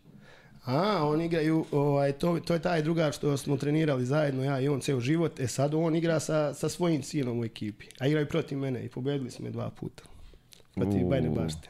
Pa to Znači, je, ovaj ima, to je ozbiljan rivalitet, ovaj ima a? 18 godina, ovaj 81 godine, 42. I igraju obojica. kako si podneo porast taj? Pa neću se zamjeram s komšijama, šta ću, znaš. Ja ipak sam vodio bajnu baštu, ovaj, a oni, oni, oni igraju u Užicu. Tako da malo sam tu popustio. Neće mi se javljaju ako ih, ako ih pobedi. Znaš, mislio odmah da imam nešto protiv. Znači, Šalim se, pozdrav za njih, ovo je stvarno e, dan danas, evo ti otac i sin u istoj ekipi. To je baš velika stvar. Pa verovatno ovaj, sad će bude tamo Pa da, Lebron taj- taj i, stariji- i ovaj Bo, Broni, kako ga već zovu. E, pa taj fazon jeste. Ali ovaj stvari je stvarno dobar i dan danas. Znači, nije neki da se ucara ili nešto, nego je brit, britka maksa. sablja, što bi rekli. Da. Pa dobro, vidi, lepo ima Bolji se. od sina još uvijek. Opa, znači, evo sad si petno i sina, sad ćemo da vidimo da li će da Mora potera. trenira još puno da bi bio da bolji od potera Ćala. da radi. Uh, ajmo ovamo prelaz za, za, za Beograd, za Pe Petrol. Evo Petro. Kako to izgledalo? Ovo me zanima tvoja tranzicija iz, Beo, e, iz Užica u Beograd. Pa znaš kako, 2000. godine, opa, Op, op, pazi, nemoj mi sponzora, vidi, spade mi ovaj. sponzor, digni ga gore, na, na vrti ga. izvinjavam se. A, vidiš. Ovaj, E. izvinjavam se. Ovaj, pa Slavko Stefanović i Ivan Kuburović su prešli godinu dana pre mene u Beo Petrol. I oni su već bili tamo godinu dana. Ja sam e, imala je saradnje među Đurca iz Beo, i Beo Petrola i ja sam drugu tu sezonu prešao ovaj, isto priključio se tamo i tad Beo Petrol je stvarno bio je trener e, Klipa i, i, i Gliša su bili treneri. Bila ozbiljna ekipa, sastavljena od baš ovih mladih, dobrih, jer Žare Čavarka pa tad bio ono, baš bio potencijal. Kecman već sad stasao u van serijskog igrača, ono, e, Bio... bio... glumio filmu već ili posle? Posle je glumio Posle. film, posle je glumio film, ali, ali je tu, tu sezonu bio naš glavni igrač, tu prvu sezonu u Winston Juba ligi. Ovaj, bio, bio od dvojih mlađih, bili smo ja, Koprivica, Jovan, bio, bili su, kažem ti, Slavko, Kubura, e, bio je Vojkan Gojnić, koji je tada stvarno bio Da, dobar centar Voja. Pozdrav za Vojkana. A imali smo od starijih Jekovića Srđana, imali smo Bukvu, posle nam se priključili Trifa i, i ovaj, Igor Perović. Trifa me obožavao, ovi, ovi ludeli što me voli Trifa. Trifa me vozio svaki dan kući, o, moje dete, ovo ono, ja sam ga go- gotivio, znaš, ovi si kao, a te voli Trifa, vodi, vodite svaki dan kući, ono, neki dres mi nabavi, dukserić, sve za mene, znaš, Trifa, Trifa je bio car. Obožavao sam ga. Kako je privikavanje na Beograd bilo? Ajde opet, Slavko ti je bio tu, verovatno Pa olakšavajuća sam okolnost. olakšavajuću okolnost tu da su njih dvojica koji su najbolji otaci ono, već bili tu godinu dana, tako da sam ono, brzo se privikao i odmah sam dobio ja šansu da igram. Nije, nije sad nešto da, nego sam ono bio drugi playmaker, tu bukva prvi i ovaj, igrao sam dosta. Moja utakmica gde počinjem, pa onda, znaš, ono, pa uđe onda ovi starija. I prvu sezonu smo ispali iz lige na kraju, a na primjer pobedili smo Partizana sa Berićem, sa Nikolom Bulatovićem, Čubrilom i ovima 16 razlike. Prvo kolo, ja mislim. Ovaj. Nisu još bili ušli u formu. Pa dobro, ne, kažem ti koliko je bila jaka liga, gde smo mi bili baš jaki, isto, a ispali smo iz lige. Ovaj, tako da je tu se zadržao dve sezone, posle toga sam odla, otišao u Ergonom iz Niša, dole sam se zadržao Čekaj, čekaj, polako, nemoj da mi bežiš, nemoj da mi bežiš, mora da... O, kume, pozdrav. Ja došao pre pola sata. Da me zezaš? Ozbiljno ti kažem. Ali slušam, uživam. Slušaj, uživam. Izvoli, kad Evo, budeš, samo- kad budeš spreman, čekamo te tu, vidi, ko zapete smo puške. Čovjek je stvarno tu pola sata. Kakav car, ja nisam ni primetio čovjeka. Ovaj, nemoj mi bežiš mnogo. A, znaš što me zanima? Gledao sam i sećam se tog nekog intervjua, ti si bio u Beopetrolu i jedna dama te intervjuisala. I bilo je neko ovaj, škakljivo pitanje za tvoju visinu. Ne znam da se sećaš toga kad je pitala ti, ti bi trebao nešto u fazonu, ne znam tačno, ali je bilo ovaj, kao ti s visinom bi trebao budeš futbaler. Jel se da. sećaš toga? Pa malo se sećam, ali metar 80 sam ja visok, ali sam ovaj, imao baš dobar odraz. I je dobro da to pomenuo, sad što što ispričam jednu priču koja je živa istina, ti koliko si pratio, možda si znao kako sam mogao da zakucam, da nije bilo zakucavanja koje nisam mogao da zakucam. I, i Vidi, sve je uh, dobro, preko mene nisi zakucavao, Dobro, tako nisam, da nisam. nastavi dalje. Ali bilo je jedno na, na treningu gde žare 2.10, Kecman metar 98 koji skače baš dobro, Jovan Koprivica koji, koji isto skače baš dobro i takmiče je na kraju treninga gde niko od njih nije mogao zakuca, ovaj, da zakuca ono što sam ja zakucao, to je piruetu unazad. Mogu oni da potvrde sad 100%. Opa, znači mora sada... Pirueta unazad, znači niko nije mogao od njih. A ja, Kopriva i Vlada Popović na merenju u Vršcu na pripremu reprezentacije 78 ili 80 iz mesta. Samo čučneš i skočiš gore. Eto. A to ja danas kad pričam nije imalo da se snima tada ko što se sada snima sve živo. Kako su, kako su pojedini momci zakucavali. Kopriva kako je zakucavao, Vlada Popović koji igra u Partizanu, kako je on zakucavao i kako je zakucavao Tašić Nikola. Ja, vidiš kako šteta što sad nemamo ništa od tih snimaka ovdje da, da priložimo ljudima ko se seća. Pa dobro. Sećaju se oni koji su pratili košarku i koji ne prate košarku od juče, oni znaju. I to mi je bitno. Tačno tako. Tačno tako. Uh, ovo što me zanima, kako ste prihvatili ovaj, u Beopetrolu? Pošto ti dolaziš tu, s koliko godina, što bi se S reklo? 18 godina. S 18. Pa dobro su prihvatili. Ovaj. Ne, ne, ne, nikakve zamjerke. sine, ovaj vidi kakva je kajsija domaća, Domać. prirodna. Jesi, Apsolutno. jesi ti peko? Nije, peko je Mirko Samarčić. A, da, Mirko Samorđić. Domaća rakija, čovjek iz Budisave, pravi rakiju, pravi suvo meso, sve što treba. Pravi, pravi proizvođač. To se sve sad uklapa sa ovom uh, majicom Luke Dončića, treba mi suvo meso i rakija. I rakija. Evo, vidiš. Znači, kod gospodina Samarđića sve ima. Apsolutno. Tako je. I veliki pozdrav za Budisavu, naravno, pošto oni su prava sportska, ovaj, pravo sportsko selo, ti kažem. Sve prate. Da vam predstavim, ovo je kum podcasta. Znate njegov glas sa sport kluba Jeste. Predrag Jurišević, inače mene svi znaju kao Žulet. kao žulet. Jeste. Kum podcasta, naravno, kum nije dugme, mora da ga ispoštujemo. Kume, šta ćeš da piješ? Ne, ne, evo, sve je super. Ja bih E, volao da nastavi gospodin Otašević ovaj priču, pošto je znam jako šta ti, interesantno. ovaj, voliš, tako da... Slušaj, što bi rekao Nažalost, Ronaldo, moramo da ih reklamiramo, ali... Ne, Ajde, dobro, nema veze, ako moraš da ih reklamiraš u redu, ali znaš kako je rekao Ronaldo, ipak je voda bolja. je li tako? Tako je. A, pa imamo, imamo i to. E, to je najbolje, tako je. Tebi je na ruku, na toči, što bi se reklo. apsolutno. Danas ovaj možemo reklamiramo i ovi što neće da se otvore za nas. E, to je najstrašnije. Izvini što smo te prekinuli. Okej. E, drago me da sam slušao ove priče i konačno ovaj uh, sportista koji u isto vreme igra futbol i košarku, da ne budu samo Amerikanci koji igraju ono kad su na koleđu jedno 3-4 sporta, evo sad im imamo što bi rekli ljudi čoveka za trku. Svaka ti čast, majke mi. Reci kakva priča. Ne, neverovatno, pazi, ali da igraš četiri godine godine ABA profesionalno, lige. da, profesionalno košarku, Eurokupovi za tad, Eurokup i jeste, to sve bilo. stoji, da. I ideš po selima, kako si rekao, izvini, zaboravio sam. Kremane i Vranjani, jel tako? Krem, kremna vranja, kremna, bioskama, imali sela, išli smo i u Bajnu baštu tamo u, u Perućac i tamo isto i se igralo, tako da je to... Ali dobar je osjećaj, verujte mi Nema da ništa lepše od toga. naš ono, lokalci pa te prozivaju, I onda ti želiš pobediš, što pre da mu daš što pre. Ja, bilo je, znaš kako, od mog drugara pokrenji Ćale, ali to je baš bilo davno. I sad, apropo priča o futbolu. I padne lopta među tikve, a bilo blato neko. I majstor uzme tikvu, zamaže je, uzo došao i neće svom, nego protivničkom igraču koji ga je tu kod celu utakmicu nabacio ovaj kad je pukao glavu. Naravno je već bio 300 metara, počeo da beži istog momenta kad je izbacio loptu. Mislim, ali to su te seoske lige. To je to. A šta je kakva su to iskustva? To Ne, ne, ali savršeno, pazi, savršeno, ali, mislim, evo, on je živi primjer kako je nekad bilo, uh, kako su klinci nekada voleli i futbal i košarku i rukomet i igrali jedno i drugo i nije bilo teško. I sad slušam ovo kao trener kad pričaš koliko ova današnja deca imaju sve, a u suštini nemaju ono što je najvažnije, nemaju tu želju da uspeju. To je najveći problem, pazi. Pa evo, pazi, njegovo pitanje malo pred dece, ko želi da igra Partizan. A, Niko. svi su čutali. Pa vidi, ja se sjećam kad je jedan od futbolera Partizana rekao Partizan je samo prolazna stanica, ja hoću u Milanu. Znači, nema, ovo otvaranje ti je sve, znaš, sad ljudi uopšte nisu zadovoljni više ni Zvezdom, ni Partizanom, ni ne, nekim, nego bi odmah da idu, ne znam, Barcelona, Real Madrid, Manchester City, Juventus, potpuno sve pogrešno, ali dobro, valjda tako vreme došlo.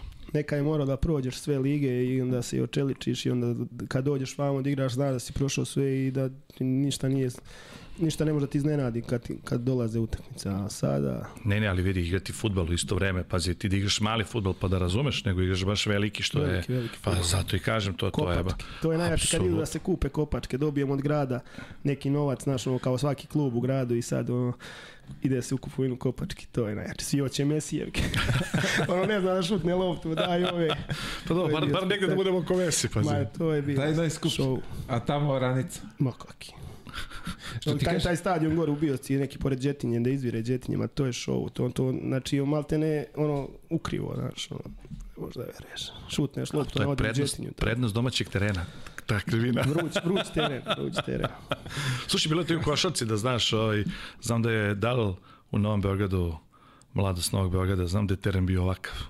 Znaš, i ti uvek te gurnu da ti prvi šutiraš na ovaj koš i onda u drugom poluvremenu se sve stiže i prestiže. Lakše pada. Apsolutno. Lakše pada. Pravi Haos. domaći teren, pazi. Haos. A da. pazi ovo sad, kad si ti rekao sve kontra, mene to asociralo, pošto ste obojica okoreli grobari. Pa ja viš kako to se lepo s ovde bre Ali ja moram, moram da ti kažem jednu stvar, pazi, nekad je bilo zaista super, sednemo ti ja, gledamo utakmicu i zezamo se i dobacimo, sada je sve otišlo u bestraga, znaš, sada više ne možeš da kažeš, ne možeš ništa, ako kažeš nešto više za ovog, ti navijaš za ovog, ako kažeš nešto više za ovog, ti si ovakav, ne valja nikome ništa. Moram priznati da smo mnogo loši postali kad je sport u pitanju, posebno taj rivalitet moram da priznam nezdravi partizana i zvezde, znaš to, to je, ali u svim sportovima, nije to samo košarka, futbal, nego prosto previše, znaš, pre, previše je to loše, to sam teo da kažem. A, aj sad ovako, kad si ve- već tu dotako s te teme, ti si ti tu baš moraš da vodiš računa. Pa, znaš kako, ja za, za sada nisam imao priliku da radim utakmice Crvene zvezde, možda bi mi bilo lakše, pošto sam ajde da kažem, neutralniji, pa objektivniji. Kad radiš, recimo, i navijaš, ne znam, Partizan ili Zvezdu, uvek si prilično neobjektivan, zato što si ti navijač, ipak smo i mi komentatori neki ljudi, pa onda, znaš, negde pustiš emocije, negde, ali ne možeš nikome udovoljiti i ne treba, treba da te ponese atmosfera da, pa evo Mile, ti si igrao pred 7000 ljudi, ti znaš kako to izgleda, pa gledaš utakmice gde bude 7000 ljudi, gde si sto jedni drugima na glavama, to je specifična atmosfera i tu treba da ispadneš Jack i da onako super komentarišeš i da to bude baš onako kako treba. Nije lako, evo, posebno izvini u areni pred 20 i kusur hiljada ljudi, znaš, i ti kao sad treba da budeš kao da si u pozorištu, pa ne ide. Znaš, ne ide, mora da te nosi događaj, bilo da je futbol, bilo da je košarka, u ostalom, evo, a, Nikola beš, li tako? Da, da. A Nikola je rekao, futbol je čudo neviđeno, pogledaj ti kako Argentinci prenose futbolsku reprezentaciju. E, ne znam da si vidio onaj snimak kada su igrali prvu utakmicu protiv Paname, kada su izašli prvu utakmicu na novom monumentalu, odnosno renoviranom. 60.000 ljudi, svi plaču. Svi plaču od, znači to je neverovatno, svi se deru, svi skaču, pa bilo je u Kataru Batistuta, Pa ja, sve zvezde velike su došle da ih prate. I svi skaču i navijaju kao, to je normalno, znaš, to, to treba tako da se prihvati. Samo kod nas nije normalno da se navija za reprezentaciju svim srcem, nego moramo da se e, podelimo. Ako kažu, je ovaj... Ova igra u Partizanu. E, a ovaj u Zvezdi, da. Jeste, Da, da, da, da. da, oko, I zato su Hrvati u futbolu ispred nas, baš iz tog razloga što kod njih isto Argentinci to to sam ja ja sam isto pitao kako ti navijaš za Boku ja navijam za River pa znači mi se mrzimo ko pas i mačka ali kaže ne mi smo svi Argentinci. E to nama fali. To neko zajedništvo i to treba da se radi u školama. Škole moraju da imaju obavezno fizičko vaspitanje. Svaki dan po dva časa počeši od osnovnih škola pa do srednjih. Ali kod nas je sve to nažalost kontra. E Tako mi, smo, mi smo u kontra navoju već godina. Jeste. A ja sam za, za rivalitet, i, ali samo da bude najnormalnije. Ja imam, kažem ti, dosta prijatelja koji navijaju za... Ja volim da se prepucam ali preko društvenih mreža, ali... A ti ne, si taj burazer ovamo što ne, lepiš. ne, ne, ne, ne, pišem ja i odgovaram A, sve, ali ja sad- napišem na, na fejsu, e, ljudi, sve je dopušteno, samo nema vređanja, nema psovanja, nema, znaš, ja imam, tu se ložim tu sa na najboljim ortacima jer oni navijaju za zvezdu, ali mi sutradan sedimo najnormalnije u kafiću, idemo na more zajedno, idemo ovdje, idemo onde, znaš. I živite ljudi preteruju, zajedno, pa si- pa naravno. Ljudi preteruju, Naravno. baš preteruju, znači ja volim Partizan da pobjedi zvezdu, ali nije mi to sad glavna stvar na svetu, razumiješ, ali ljudi baš uzimaju Aha, znaš kako mnogo je, mnogo smo, evo što kaže Mile, mi smo u kontraritmu sve vreme onda ti ostane samo sport i onda kad to nemaš, onda je veliki problem, pa se znaš. Vidio, evo ja radim ovo godinu dana. A, samo ti kažem, šta e, ja sam prijatno iznenađen, moram da te pohvalim, ali zaista, obzirom da nisi imao nikakve ajde da kažemo pripreme, nikad to nisi ranije radio.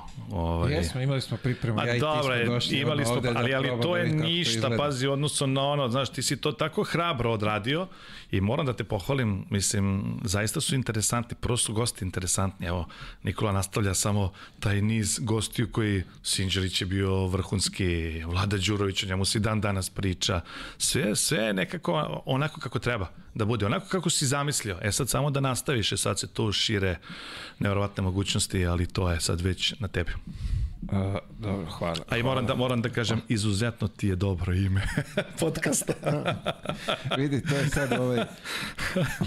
Najviše se ovaj u, u, u kući sad ovaj pošto šta god zaserem, ja mile, tako da Dobro je. ovaj, žena to u poslednjih dana ovaj, Samo da, viče jao mile, jao da, mile. da, da, tako da pozdrav gospođo Normalno, pozdrav svega. kući ovaj, ali istina da, ime onako ne, Ne, znaš na koju stranu vuče da li Ne vidi, meni je super bilo, zato što je bio onaj Yao Ming, znaš, kao najviši kines centar NBA liga, ti si bio centar u ABA ligi dugo godina, reprezentativac, bio si među najvišima i onda mi je to onako sjenulo Jao Mile, to je onako simpatično. simpatično da. Simpatično. I kratko jasno, mislim, ja moram da pozdravim Ivana Nedeljkovića, uh, hokeškog sudiju, koji recimo kad smo mi radili podcast, ja sam bio potpuno šokiran kada je čovjek rekao pak u glavu ko će da pamti pak u glavu. Međutim, to, znaš, kratko, jasno i zanimljivo. I zbog toga je Jao Mile meni super.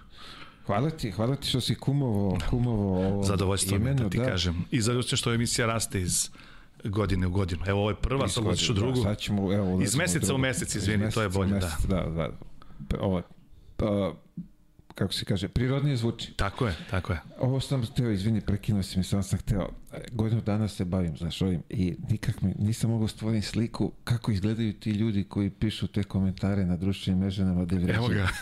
Evo, gledamo sad od Ja samo kod sebe na, na, na mom profilu.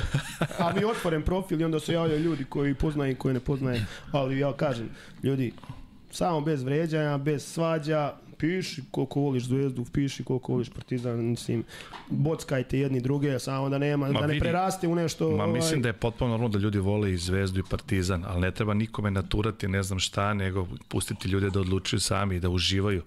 To je naj, najlepše od svega, pa si. U ostalom nekad, evo nekad ja kad sam bio mnogo mlađi, pošto sam ja malo stariji, uđeš u pionir, pola pionira navija za Partizan, pola za Zvezdu i bilo je super. Stvarno nije bilo nekih, uvek ima čarki, uvek ima, ali ti dođeš i nemaš problem nikakav i čak i super kad imaš jedni i druge navijače. To je pravi derbi. Ovo sa što smo morali da preuzmemo od Grka, nažalost, da kao nemaš gostujućih navijača i svi kukaju kako im fale. Fale, fale. To je, Fali i bre atmosferi. Sad Tako u je. Euroligi je bilo i tamo i vamo, koliko god da je bilo, ali je bilo, je bolj, ali je bolja bilo, atmosfera, tako se je. čuju tako, drugi navijači. Tako je. Uh, ajmo da se vratimo tvoj, i- tvoju epizodu u Nišu. Niš. Niš sam došao u B ligu, Srećko Sikulović trener. Dve godine baš dobro, odmah smo ušli u prvu ligu. Ovaj, sledeće godine bila isto Winston Juba liga. Igrali smo finalni turnir. Zoran Živković bio predsjednik kluba, bio baš dobro organizovan klub.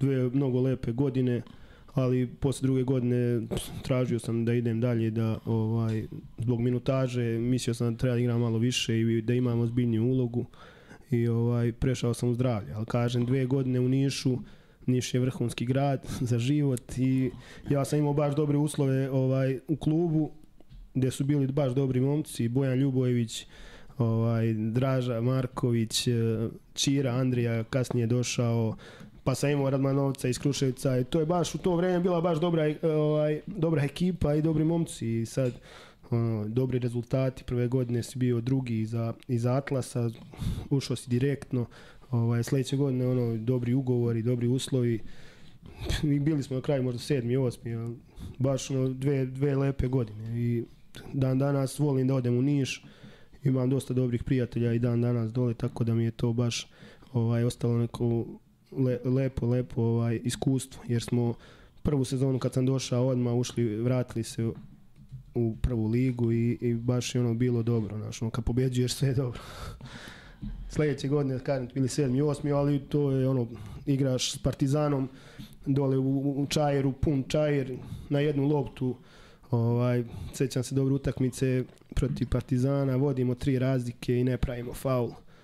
Ni dan danas mi to nije jasno što nismo napravili faul i ovaj, kako se zove Crnac, tada što igrao ovaj, Uf, broj 5, pre zaboravio sam, igrao je posle i dole na Kosovu negde. Reo, A, haos? House, Freddy House, trojku. Mada nije neki bio šuter. Ali nije, što, što najbolje, on nikad nije ovaj, bio ne znam kakav Ma šuter sa tri. pomoglo smo na onog Brauna nešto dole i on vrati ovome sam na trojku i pap trojka, naravno na produžetak imaš pobediš.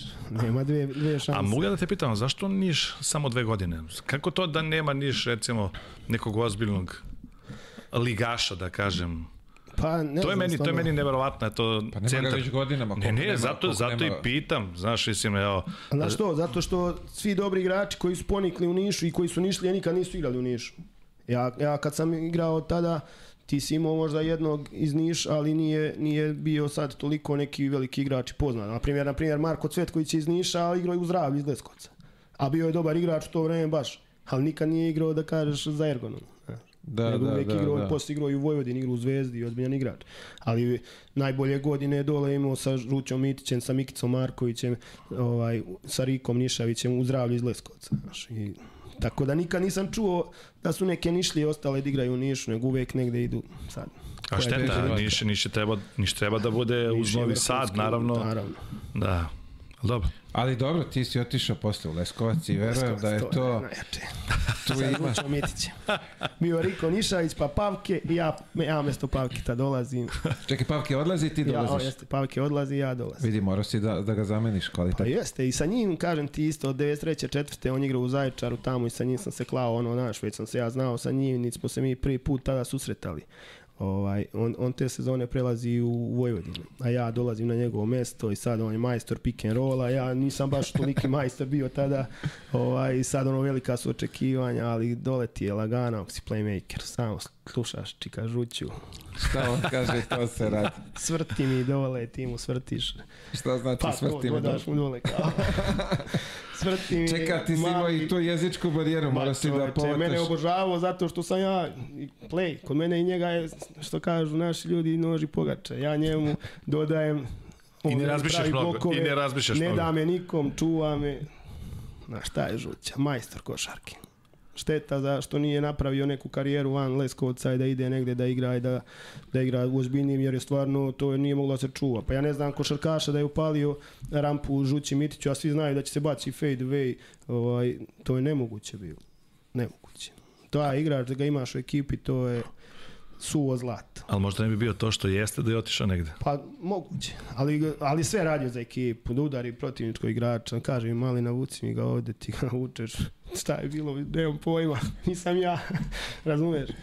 Igramo, jedan, igramo jednu utakmicu protiv, ja mislim da je bio Ergonom, te prve sezone, to kad sam ja otišao iz Ergonoma i sam Jaca Mladenović, ovaj, mlad centar tek počeo da igra. Sad mi smo pobedili tu utakmicu nešto jedva, bio je neka situacija gde je bio prekid. Ovaj su uvatio stomak mali. Tad je bio mali. ovaj, mi gledamo onaj auto scouting, gledamo utakmicu naše. I Žučić, coach, vrati ovo vamo. I mi gledamo i sad sudio Miki Milojković. Ovaj. I sad on gleda tamo i Žuća, tačno vidiš na snimku kako on gleda da ga gleda sudija, znaš. I ovaj prolazi kroz reket, to je pesnica u stomak, ovaj se previja, udari me žuća, a Mik viče, ne bi žuća. da ste rekli za nekog, ne bi žuća, sigurno, ja sam sad pratio, ne bi. A on nije, nije čovjek video, razumeš? Mi ono na snimku vidimo, ovaj prolazi kroz reket, Dum. dum, i mi pobeđujemo. Znaš, ovaj izlazi iz igre, ne može nastavi. Ili te uvede u nervoz, doći da se biješ, dobiješ tehničku. Majstor, majstor, neodbranjiv. Finta, šuta, ti misliš ovaj ne može se pomeri, on svaku 30. Svaku 30. Mikan je bio vitalniji od njega i brži i skočni i sve, ali ovaj kad ga vidiš kad dođe na trening, to počne da psuje, znaš, ono, gdje ste bre, majke vam ga, znaš, ono, rekao bi, ovaj ne može meda. A on, Jordan. Jordan, Zebar. majke, ne može se čuti. Ja, to su dva takva Dođu mlađi igrača. igrači. Pazi, ništa, ništa, ne može se. Znaš, dođu mlađi igrači, no, znaš, sad neki talent koji će da bude, bilo je tu ozbiljnih igrača u to vreme. Sad žuća 30, svako, svako. A ti misliš, on ne može niko, ne može da zakuca, ne može, znaš, on 2-5, ali ne može više usporio, 40 godina, je, 30, bangi, bangi. Da ga pobediš ono u šutu iz mesta, ma možda budeš Mark Price, ne vredi burac. Nemaš, Ma lud. to je to, ti stare kajle nameste, kad nameste praćku, Ali, sve, ali sve ti je sa njim ono što je Pavke pričao na namiguvanje. To ti je tako sa njim, mali, gledaj me ovde, gledaj me onde. I, i ti posle kad njega, znaš, on, njega neko udvoji, on vidi da, znaš, zna gde si ti, vrati ti. I ti imaš dosta prostora, razumiješ, uz njega. se Ti mu dodaš dole spretan, matora, spretan. Gdje god mu dodaš, on uhvati loptu. To je, to je velika prednost kod centara. Znaš, ono kad centar počne kuka, znam ili, daj bre, dodaj mi dobar pas. ti mu ne dodaš ovdje, kao dodaj ovome, gdje god baciš, on, on, on je spretan, hvataj. Tako da je ta godina dana ovaj, baš bila bila je u neku ruku teška jer je manji grad i ono e, sad došao si sa strane grad daje pare za, za klub, e, fabrika zdravlje daje sad, ne smiješ dole da se duvaš sad, ono, da izlaziš, ovo, ono, Moraš profi da budeš, da. moraš, rekli ovo, ne smete, ljudi pričaju, košarkaši ovo i onda sam ja već bio puko ovaj, ovaj jedan pomoćnik samo ide viče meni otaš, otaš pozitivno, pozitivno.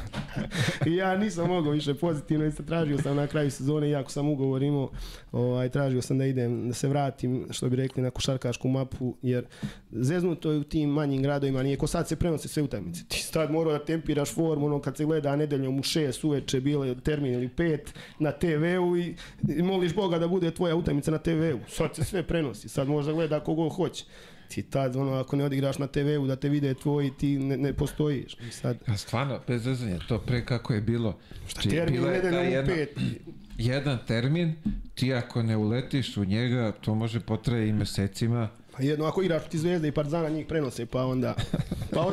Pa da, ali nije, nije stalno bilo, pa nije, znaš, nije, znaš, uvijek je ili Zvezda ili Partizan sa nekim, da. pazi, onda zavisi šta je interesantno. A ljudi, šta vam je, pa ona stara U liga, koja je bila ono, ono ranije, pa ti čekaš subota, znam se subota u 5 sati. Subota u 5 sati i nedelju u 5 sati. Čekaš i gledaš. Smelt Olimpija rabotnički. Uopšte nije važno, sediš i čekaš i gledaš utakmicu. A kad, što ti kažeš, dobiješ svoj tim, to je milina.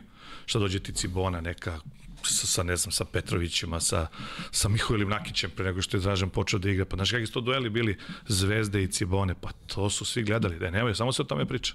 Ali neka druga država, neko drugo vreme, neki drugi klinci, što Da, bi rekao da. pokojni Đole Balašević, a onda se sve promenilo. Jedino nisam mogao da shvatim zašto je Winston Juba Liga imala 32 tima, je to mi nikako nije bilo jasno, ali dobro. si. Dalje Winston ili kako se već zvala. A veze. jeste, jeste, ali je, je, ono, zadnje sezonu i predzadnju je imala, ja mislim, 14 klubova. Ja kad sam igrao, ovaj, mislim da je bilo 14, ali bila isto stara Jugoslavija i bilo i... Samo da ti kažem, stara Jugoslavija je imala 12 klubova ozbiljni. Pričamo što je, staroj, staroj. Sta, o. SFRJ, ja, pričam o ja pričam SFRJ. o SRJ. Ne, ne, ne, ali ja pričam o SFRJ. Zašto to pričam? Zato što je 12. klub bio recimo Kvarner iz Rijeke koji je ulazio i Izlazio, ispadao, da, da. jest. I ti imaš 10 sigurnih, 11. koji je i 12. Tu su bili Bora Čačak Sloga kao, znaš, predstavnici Srbije. I onda ti pređeš na manju državu i odjedan po 32 uh, prvoligaša, treba majstore liga od 10 ili 12 zdravođaci, ali da se to lepo namesti da svaki grad ima ozbiljnu ekipu i da to budu baš dueli gradova. Pa evo ti si iz Užica, rivalitet sa ostalim gradovima je uvek tako. Pa ti odeš iz svog sela u drugo selo pa je rivalitet neverovatan, a ne, ne znam da budu gradovi Sloboda Užice protiv borca iz Čačka. Pa to je rat, to, to je više od igre. Da. Kao i vamo, o, ovi u, Pod- u Podgorica Loće. Pa da, da, pa dobro, pa to. Pa šta Ma kaki odeš u Zadar i u široki brijeg, ma ništa, pesma bre, čoveče. O, E, uzgled, niste sad kad, si, sad kad si pomenuo Jazine, ono kad si pričao, ja sam tad došao, evo sad Zadar razmišlja da se vrati u Jazine. Pa, Zato što mi je mala... je teže igrati Ne to, Jazinama. između ostalog to, a i lakše će napuniti kad dođe 3-4 hiljade Pa, ljudi, da, onda je da, ludilo. da. Četiri, ja mislim da može ostane. Još kad izađeš dole iz onih stepenica, nije ja ti- ostao odozdo. proviriš, nije ti baš prijatno. Igramo protiv Zadra kad spomenu. Izvini, a onaj parket u Jazinam, a nikad tvrđe. Jeste, jeste. I još nešto ukoso. Ono, Riblja kost, ne riblja, riblja kost. Slušaj, evo, igramo u Zadru utakmicu, ja iz budućnosti i sad Dragojlo, ovaj, Vladislav, on je moj zemljak iz Urca i on igrao sad tad sa mnom. I sad neka frka, ovaj, onaj Duby Johnson, ja mislim, bio tada crnac i sad ono, je- jedna jednu loptu. Egal, egal, egal, egal i mi gubimo u zadnjem minutu. I sad ono, pljuju nas navijači. I sad neko je sa tribina pogodio Dragojla pomorančom ovaj, u grudi. I ovaj pada kao da ga je upucao. A ne znam, Rok Stipčević ili neko trči pa je, ajde bre ustaj. Nije niko vidio ovaj ustaje, smeje se, nema da veruje, znaš. Pa okolo ga je snajper pogodio, a pogodila ga pomoranča, nešto bez veze, razumiješ. Ovo 2-5 igrač, 110 kila i jače, Oborila ga, ko sveća. oborila ga pomoranč. On je car, on, on, je, on je nevjerovatan uh, radnik. Dođe na trening, Radonjić kaže, jedan na jedan, čuva ga Žare Rakočević, mrzi ga da živi. Ovaj krene krlja, jedan na jedan, ovaj kaže, "Ebe, ti lopta. Pobi naš bre. I ja ga prođem nešto na treningu, nema laki koševa kod njega, to je, to je nevjerovatno sa njim. Prolazim ga, ja sad on ne može da me rampira, ovaj, on me udari po glavi. Izvini, brate, morao sam te negde zakačiti. igramo, ovo je dobra priča, isto igramo u Podgori, u Ljubljani, onaj termin u 12, kao naš, ono, bila jedne sezone, termin u 12, popodne u nedelju. I sad ono, dođu gore svi ugledni ljudi iz, Podgo, ovaj, iz Ljubljane gledaju. Sad, Dragoja, najstariji igrač, kaže on nama, okupio nas, ovaj, u slačionci, ono, pre Radovića, momci, jako, jaki faule na početku, ovaj, ne, da im damo naš do znanja da, da smo došli da pobedimo kao naš, da bi sudije mogle naš kriterijum da ovaj, prema nama kreće utakmica. Jedini centar, Maraš četvorka, nemamo drugog centra. Rakočić već da li bio otišao negde ili je bio povređen, nemamo drugog. Ide onaj Hasan Rizvić na zakucavanje. Dragoja, fatality, sudija namjerno. Radonjić ga gleda, šta ti? On kao, šta je bre ovo, znaš? Namjerno, brate. Peti napad, uđe mjesto Hasana Rizvića, onaj Mirza Begić, isto nešto zida, Dragojla. Namerno doviđenja. gleda isključujući. Radonjić gleda, ovako ne možda veruje, ovaj najiskusniji igrač, nemamo ko da nam igra. A Dragoja gleda ovako u tribina, vidi Romana Lista. Halo Lisat, šta je ovo? Onaj čovjek koliko je A ovaj kao nama, kao, klinci kao moramo jako, stari od nas svih, razumiješ? Da postavi dve kriterijum. namjerne, aj napolje, brate. Nema kod igra. Show, Radonjić, brate, samo što ne kaže šta je ovo, ljudi moji. Peti minut, brate. Ne Dve isključujuće, ćao. Dve namjerne isključi, čao. I ostaje bez centra, pazi pa. Havarija. Vidio, imamo ovde sad jedno pitanjice. Ti da mi potvrdiš da li istina, nemoj da lažeš. Iz Leskovca, da si napustio trening zato što je igrač napravio neku vežbu, ovaj, da nisi teo da radiš i da si izašao s treninga. Trener nije bio tu, šta je već kako? Pa reći ću ti ko je napravio vežbu. Pa nemam pojma, ne sjećam se. Znam da me dole trener jedan terao da radim, one, počeli da se pojavljuju oni španski bekovi što rade, one flotere sa penala, ono, tad se prvi put pojavilo, ne znamo da uradim, bacam s penala floter, ako mislio na to, možda. Sale Bratić je napravio neku vežbu. U, nemoj mi njega, molim te, ovom vežbu. Ovom vežbu postavio. Kakav je to lik. Šta je bilo za pojasniš? Ma šta ti je. Pametnjak koji je došao iz Beograda, znaš, no, njega je Žuća ubio dole, nije, voleo, nije, nije ga gotivio baš, no. a Bratić, ko malo, ono, znaš, ko malo dete, čovjek u telu, razumiješ, malo dete u telu velikog čovjeka, znači, ono, Dobrica, znaš, koji, ali ono, provaljuje sve mu ovo dole smešno, što, znaš ti šta je, a ovaj trener ga loži, bio na neki trener, Bleki, ovaj, Uh, sećam se dobro, upravnik zatvora bio i postavljen za trenera, ali mislim dobar čovjek, dobar trener, ono, naš. Ček, ček, izvini, samo malo. Trener, prvi uprav, trener, Da, da, upravnik zatvora. prvi trener da, ekipe upravnih zatvora Da, da, u Leskovcu. da. Vodio nas i u obilazak, dobar lik, nevjerovatno. Čekaj, ali- ubilazak čega? Zatvora. Pokazao nam čovjek, ovaj, jedan dan smo imali, Izlet. ma ne, on stvarno car. Team building u zatvoru. Pa da, i Bratića obožavao, Brati sad da kaže, šta god da kaže, ovaj sve tako je. Znaš, Brati se opustio posle lupeto nešto, ovaj sve gledao njega, čovjek došao iz Beograda, razumiješ, igrao ozbiljnu košarku već, bio, znaš, i u FNP-u, znaš, je u to vreme bio dobar igrač. Jer Šta god, a Bratiću kakve je ideje padale na pamet, to je nevjerovatno. Ne, To, kako je on mogao da mi iznervira, nije mogao niko. Ja, ga, ono, ja i on, posudovice za Beograd, tad smo jedno dobro sarađivali, kad idemo za Beograd i dole, svađa svaki dan. Ne zna, ne zna da igra Sony. I, ja ne razumijem muškarce koji ne znaju da igra Sony. Stvarno. Pes. A on dođe i gleda, sedi pored mene i gleda šta je ovo, šta je ono, šta je X, šta je kugla, šta je putača. To sam ga zezo stavio. Znaš, ono, X kocka i to. A on kao krug, Putač. kugla, putača. Spektakl. A onda na sve to dođe na Micko Pupović u ekipu. I stave ga živi sa mnom. Au, brate, mili. On ima u ljudima ništa. U Leskovcu. E, da vidiš te, ti znaš koji, znaš kakav je to lik. Ništa njima dole nije bilo jasno. Izborili smo vi nekako opstanak u ligi, a imali smo ekipu da igramo playoff. I onda sam ja na kraju rekao, ja bežim odavde. I Jolly me zove da pređem u OKK Beograd i ja pravac Beograd. Čekaj, nemoj mi bežiš još, daj, moj, daj mi neku anegdotu sa, sa Žućom. I, ajde sad kad si i Miljana ubacio, i Miljan i verovatno je ovaj, poznavajući ga, bilo je tu verovatno dosta ovaj, Ma on je došao nešto scena. pred kraj, na polusezoni došao, ali ovaj, pa nemam pojma sad dole, baš je zeznuto, imalo je tu sigurno, da ne pričam sad neke, Pa nešto što je pozitivno, ne moramo neke ovaj, tužne ili šta već, koja je scena. ima jedna dobra fora, ovaj, kako smo da nastradamo, ovaj, da nastradamo u klubu i to. Pobedili mi neku utakmicu jer izborili ovaj plasman. Ovaj, ima naš, nismo ispali iz lige i sad ekipa bre, naš koja ekipa? Bratić, Miloš Marjanović, Žuća Mitić, dole njihovi Čupi, Čuki, razumeš, ovi dole, svi lokalci, Šone Marković iz Jagodine. Ma ekipa za tu ligu to vreme vrh, Đerasimović, baš dobra ekipa. Jedva mi izborili opstanak. I ovaj Bratić i Pupović, kad izađemo na teren, oni nas gledaju, brate, kako se vi borite za opstanak, a mi nikad luđi. Raspad sistema. Raspad sistema. Pobedimo mi, izađemo u grad. I najjače je sad ovaj, Bratić veseli vozi, ovaj, ovaj jedan neki hanac dole, ovaj, Miljković seo na haubu, a a vamo u kolima ja, Micko, Ludilo, ovaj, ne znam ko je bio sa nama, da li Đera, i zaustavlja nas mili, milicija. I sad Micko ludi kaže vratit ću, gas! Ova debilčina umjesto da stane miliciji, on skrene vamo i u podotaciju. Mi uđemo u slepu ulicu. I mi kao, stali kao, vidili šta smo uradili, gdje smo, nemaš gdje, ono zgrade, zid. Te normalni vi, ma mi smo košarkaši. Ma koji ste vi košarkaši, vi ste najveća sramota ovog grada. Pustiše nas nekako, nisu nam pisali ništa. Ali zamisli ti kao bežimo i uđemo u, slepu ulicu. Znači ne znam ni gde treba bežimo, znači mi kod debili. Ali zamisli ti Mic kako im kaže, gas!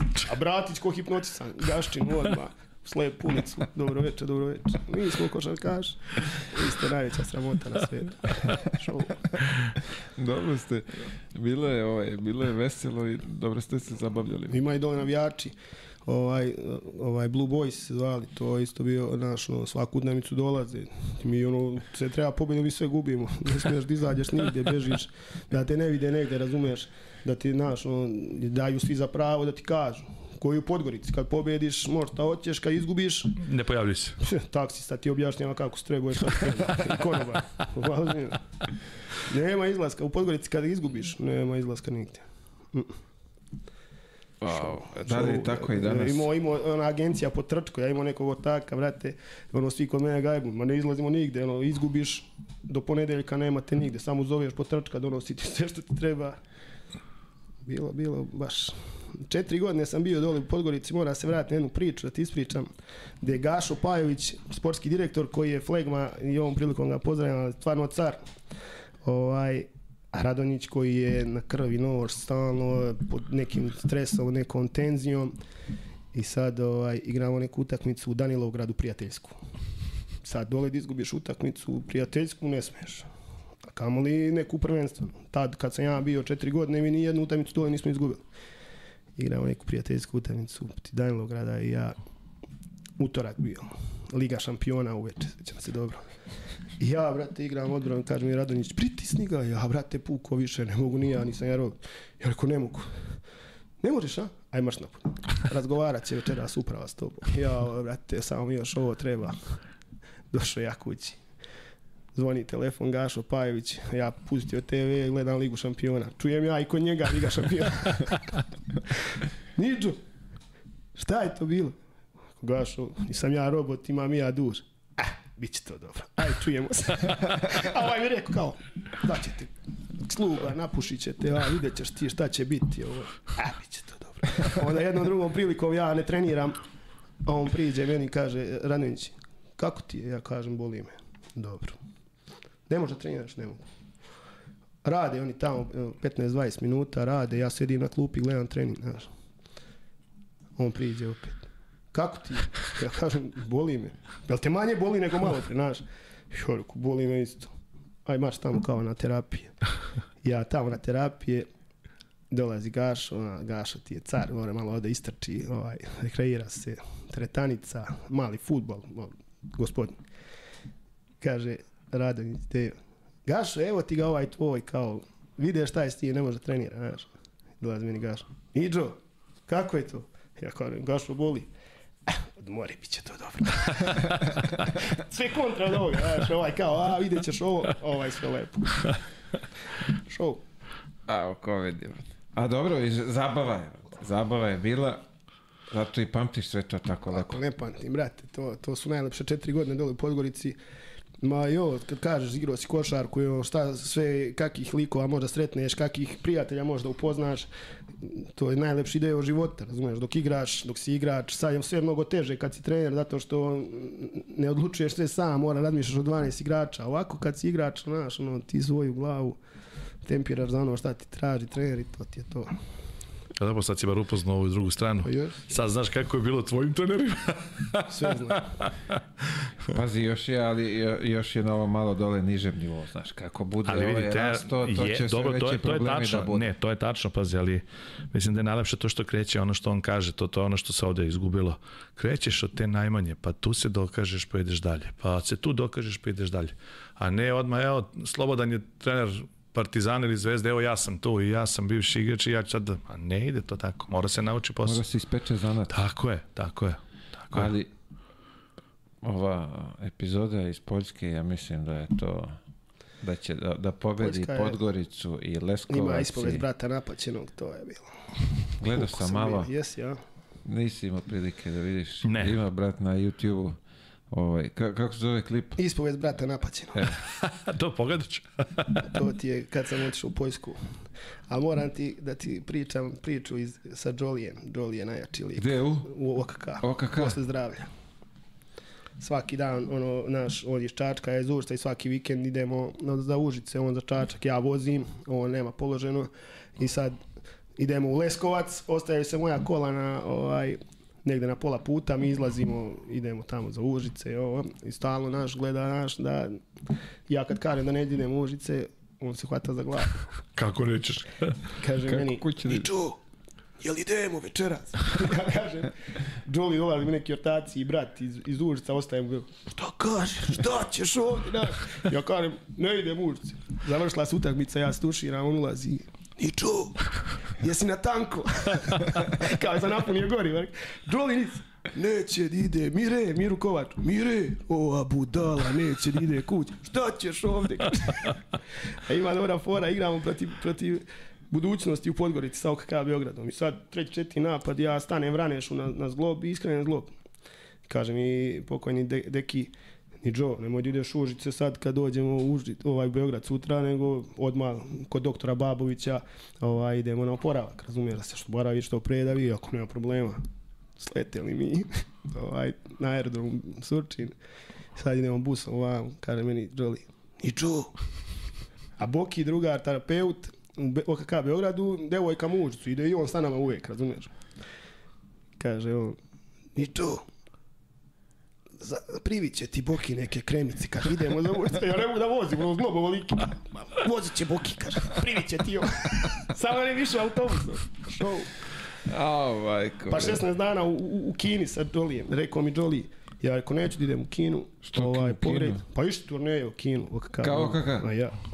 Ovaj, sad ta ekipa OKK Beograd, Vojkan Gojnić, Đapa, Gorjan Radonjić, Mirko Kovač, Borisov, ja, Zare, ma znaš koja ekipa i Jolly nas vodi.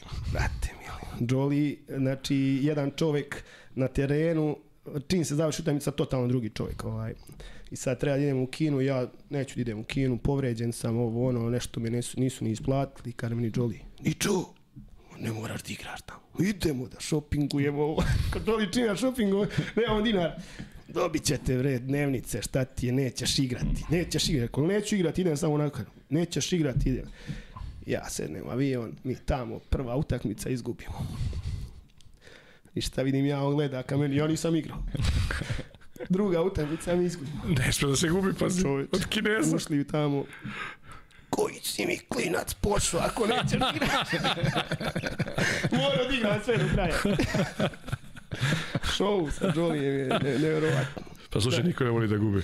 Čoveče, Jolly, to ko je radio s njim, samo možda zna koja je to promjena na treningu i van treninga. To je nevjerojatno, on me psuje, ti ćeš ovo, ti ćeš ono, ti si kriv ovo, polutanu, ja, ja ću te naučiti ili ćeš biti igrač ili nećeš, ja, brate, ono, da me pusti po cepo bi ga, razumiješ, ono, od besa. Ajmo ruke mi, o, kaka, kako mi je Nikolica? Koji Nikolica, meni je roletna, brate, hoće da ga ubije. Ali on je car, znaš, ne možda se naljutiš na njega, ja ono, ono ha, provali nešto, znaš, ako provaljuje, ima dobre fore, brate, baš.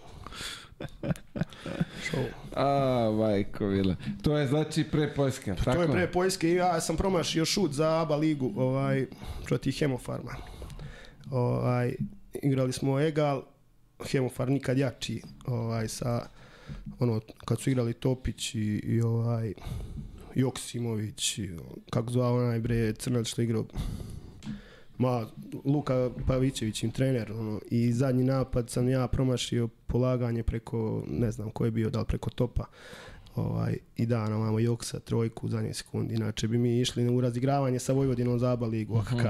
ja mislim da su svi navijali da ne idemo, znači ide OKK, u, nemamo dinara, cele godine ne primamo ništa, nikad bolja atmosfera, ali mi u ekipi i Jolly s nama smo jurili da, ono, da uđemo i malo je falilo. Ovaj, kažem ti ja promašio polaganje. Mogao, smo, mogao sam izboriti ABA ligu. Ali nisi. Nisam. I onda put za Poljsku. Put za Poljsku. Kako je to tvoje prvo inostrano iskustvo, te? Pa kažem ti prvo inostrano iskustvo, engleski slabo, e, ne znam gde ću, znači prvi put, ono, ne znam nikog tamo, zove me trener, slovenac, Dedek, David Dedek, s pričom da ću biti prvi playmaker. Sad ja odlazim tamo, tamo druga priča, dolazi Mark Dickel, no, ovaj novozelanđanin, repstivac i on je prvi, ja drugi. I tu je već ono počelo da se šuška, ovaj, naš, ono, kao će da me sklone, ovo, ono, jer sam se ja nešto povredio.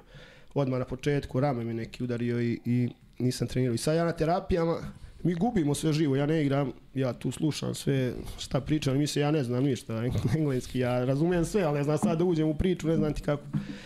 I čoveče, ovaj neki iz kluba, terapeut, udario po treneru, paljbu, znači najstrašnije. I sad imam neku utakmicu, postao, ja to sve sačuvao u glavi se, znam. Memorisao. Sastanak, izgubili utakmicu, imali trening ujutru pola šest sa bandažama. Pali se hala. Pola šest. Pola šest ujutru s bandažama. Završi se trening, kaže doručkujte i sastanak. Od 10 bio sastanak ujutru do pet popodne. Došle, evo, i ljudima došle žene, misle da ih varaju, znaš, ono, nema ih šest sati, ne javljaju se, razumiješ? I ja na sastanku kažem, sve lepo. Tako, tako, tako, tako, tako. Ovaj, rekao za tebe, to, to, to, to, to, to. Sam drukara, nameštaj me tamo da idem, da dobijem otkaz, pljuju po treneru, pljuju po svim igračima koji su došli, koga je ovaj doveo, ja sve lepo, ako već idem, pa da kažem kako jest. Da idem ko gospodin. Ovaj nije, znači, ovog smene trenera, dođe Aleš Pipan, ja se već spremio da idem kući, ja zovem Miška, kada Miško, Pipan rekao, ostaješ. Ja, tog trenutka postajem omiljen igrač kod svih i kod navijača, totalno krenuli priče. Ovaj sad što je, nije teo mi bandažira to jedno vreme, odjednom i on, znaš, vidio sam pošten, što na umu, to na drumu. Godinu dana sam tamo igrao, osvojili kup, pobedili Prokom koji je tad bio jači od nas. jedno osam puta igrao Jasmin Hukić, Husein Bešok, eh, pa Čecas, ovaj, pa Slanina, znaš koja ekipa i pobedimo ih u kupu, osvojimo kup u polufinalu izgubili jer smo dok je ovaj prvi trener bio izgubili dosta utakmica i nismo mogli da, da startujemo sa Bolje pozicija. da i susretnemo se sa njima u polufinalu sa Prokom idemo 4-3 inače bi bilo finale mi i oni, oni nas pobeđuju na njihovom terenu i na njih na naš, jer smo imali baš dobar domaći teren, 6000 ljudi, ja mislim, Anvila, Sala, Nova, to su sve navijači iz fabrike ljudi, ali je puno, puno uvek, znaš. Imali smo dobru ekipu i mi, ovaj, Goran Jagodnik tad je bio baš ozbiljan igrač, ovaj, evroligaški igrač, znaš, i baš, baš imali smo i mi dobru ekipu, tako da A čekaj, šta je tebi toliko teško palo da prvi si prvi deo sezone, da si ti ta- morao da se usnimiš, da iskukaš, da... A to je bilo prvih, prvih 6-7 mjeseci, to kad sam imao i te povrede i to ono, znaš, ono, kad vidiš da, da, da te ne vole, kad, znaš, ono, kad vidiš da si tu, a mole Boga svi da nisi a ja imao dobar ugovor i on, neću da idem, oni počeli kao u fazonu, imat ćeš četiri treninga dnevno, da bi ja rekao odnijem kući. Idem, da, da, da. A ja nikad luđi u toj tim godinama, ne, ma sve, kad trening, tad dolazi. Znači, ono, ja Nikad sam- spremni. Ma, ja. I ovaj, tad sam bio, ono, puko bio, baš, pa sam se snimao, ono, i svi misle, ja kao, evo, taš se napio, pa se snimao. Ja mrtav trezam u razdoru, snimam sam sebe, ne znam više kud udaram. Znači, baš je ono bilo teško tih šest, Čista sedam meseci, psihoterapija, ono. pazi. I onda dođe Aleš Pipan i vrati me u život, vrati me na košarkašku mapu, vrati me i tu sam mu zahvalan baš ono, za ceo život. On je mnogo dobar trener, dobar čovjek, pošten kod sunce, nema talova kod njega, nema ovo, ovaj igrač mora, ko igra dobro, ta igra, ko ne igra, ovaj, ko ne igra dobro, neće ni igrati, razumiješ? I pazi, sad je, Čapin je bio pre, sad kad je, ne mogu da po, povatam, pre, pre dve nedelje kad smo već pričali, tako je. O, I o, on je isto prošao njegovu školu i kaže da je ono, Ubica. 77 kamik, ovih Chris Crosseva utorkom na treningu. Znaš šta je to? 77. bio mi trener posle vamo u MZT-u. Gečevski i Čekovski kad vide utorak, mole Boga da ne treniraj. Krećeš sa jednom, pa ideš pet, šest puta jednu, tamo vam, znaš. Pa onda dve, pa tri, pa pet, pa opet. Brate, mili sad ovi dvojica starih igrača, te ne ga trče. Ge, Gečevski je majstor košarke, ali nema, on Ne trči, 37 da, da. godina, razumiješ šta ima. Utorak, sad vidiš jednog od njih dvojice stalno utorkom kao nešto ih boli. Ovaj, brate, nema kod njega ono naše, e, nećemo. Majstore, promašiš li, on samo dodaje, znaš. To je bilo da Kao izbaci ceo vikend iz tebe, znaš, ono. Makedonci naviknuti dole, znaš, posle utakmice se izađe ovo, ono. Kao špance. Došao, došao Aleš, brate mili, 77, ja sećam se jednom svaki utorak od, od 60 do 77 ovaj, kam, ovih criss crosseva, dužina. I to ono pipaš vamo out liniju, znaš kako Da, skače da, criss da, nema, nema ono da- usko nema dribling, nema pas. Što šire, to bolje. Pazi. to. Da. Pa vidi, mora se overiš sve linije. Naravno. Pogotovo, meni to nije odgovaralo, ja sam uvijek tu kasko. uvijek sam ja bio taj koji, ne možeš, treba stigneš liniju tamo na, na, da je načepi. Ja pa samo da, samo da ti kažem, da, vama centrima je uvek bilo najteže. Pa. Ajde, play se ja još izvuče. ujutru. Ne, ne, ali znaš kako ti... Ajde, ajde Chris Cross u redu, Pašavaš, da. pašavaš visokog igrača, znaš. Jeste, Inače, jeste, na, jeste. da izvineš, ne, ba smo svi, razumiješ. znači, ako on ne može da trči, a stigne, je, ti je. gledaš nekako da mu olakšaš. Jeste, jeste. Zato ti kažem, oni su uvek imali najteže to to s loptom bez driblinga i ostalo, to oni najviše trče i najviše pate. Mi smo tu uvek bili u, u, u patnji i u je. ovaj, ako se ja dobio, dobio informaciju, bilo je opšte narodno veselje kad si ti vratio iz Poljske. Još šta je. 11 dana za redom nisam kući dolazio. A čekaj, da se vratio u Užice ili... Užice, Užice. Ma čekali me, nisam se šišao e, godinu dana. To je show bio. Znaš, ovaj tamo Anvil, gde je, to ti je Vloclavek, manji grad, možda ima stotinak, ovaj, hiljada, 130, možda hiljada stanovnika, ali sve se zna, znaš, ono, i pogotovo kad si košarkaš, ja pustio kosu, nisam pipnuo ništa godinu dana. Oni kao, znaš, pošaljite Otaševića da, da se ošiša, znaš, ono, ono, jok. Ja pustim brkove. Adam Mališ bio tada ovaj, popularan tamo, on je njihovo skakač ovaj, sa skijama. Dolazim jedno jutro na trening, to sam da kažem, Anvil, van serijski klub. Znaš ti kako je to organizovan? To je Adidas, sponsor, sve ti je na izvolite. Hala, kancelarije kluba su u hali, ulaziš ujutru u slačionicu, tepih u slačionici, čekate sve, nema da ti nešto sad, mislim ti to znaš, bio si na višem nivou, ali u to vreme 2007. 6. da imaš takav klub, razumeš, još ja kao došao sam iz KLS lige, igram, čekaju te one, one pogačice ujutru, čaj, kafa, ko pije. Ja ima pano ovako u slačionici, ja ulazim, ono moja slika s brkovima, piše srpski Adam Mališ, a vamo onaj pravi Adam Mališ. Čekaj, pak si bio Jimi Hendrix onda. Ma, sve sam bio, sve sam bio, bio sam luđi nego ikad. I onda kad sam došao, čeka me Slavko na aerodromu, Stefanović. I vozi me za Užice. Prvo me nisu prepoznali na aerodromu. Kosa do ovde, šiške. Ko Rambo, znaš ono Rambo, kosa i traka, ona futbalerska kroz kosu. 11 dana trajalo. Jedno jutro dolazim kući, kare majka, sine moj, jel dosta? Ja kažem, dosta. Ali godinu dana nisam dolazio kući, ni, ni, ni, niti mi je ko dolazio. Došao mi jedan drug, bio mjesec dana, bio sa mnom i to je to. Znaš to, nije imalo tad Varšava, de, Beograd direktno, nego sam morao da idem od Vlotlaveka do Varšave, od Varšave do Praga, pa Prag, Beograd. Ono, nemaš, Tri dana jahanja. Ja. Ja. Hvala. ali bilo, Je pustila majka suzu kad si došao? ma nego šta su, svi. Znači čovječe, prvi put ideš toliko da ne dolaziš nikako, znaš, ono, tad se tek pojavio Skype. Ovaj, kupio ja laptop, tako. Je bio, je najskuplji? Mašta, skupio, još mi taj dortak kao ono, znaš, ono, kao što je dolazio. Instalirao Skype, Skype i on sad, nije bilo ko sada, svaki dan uzmeš telefon pa se vidiš. Ja kažem drugarima večera dođite svi kod mene ovaj, kući ili se skupite negde od da vas vidim, znaš, ono, pa se ono, znaš, ono, loša konekcija, pa se ono prekida. Sad, kad odeš u inostranstvo, odeš u, na Madagaskar, ti se vidiš sa ovima ovde kao da je... Kao da si tu. ja. Da. Sad bi lakše podneo, brat, a? Baš, baš lakše.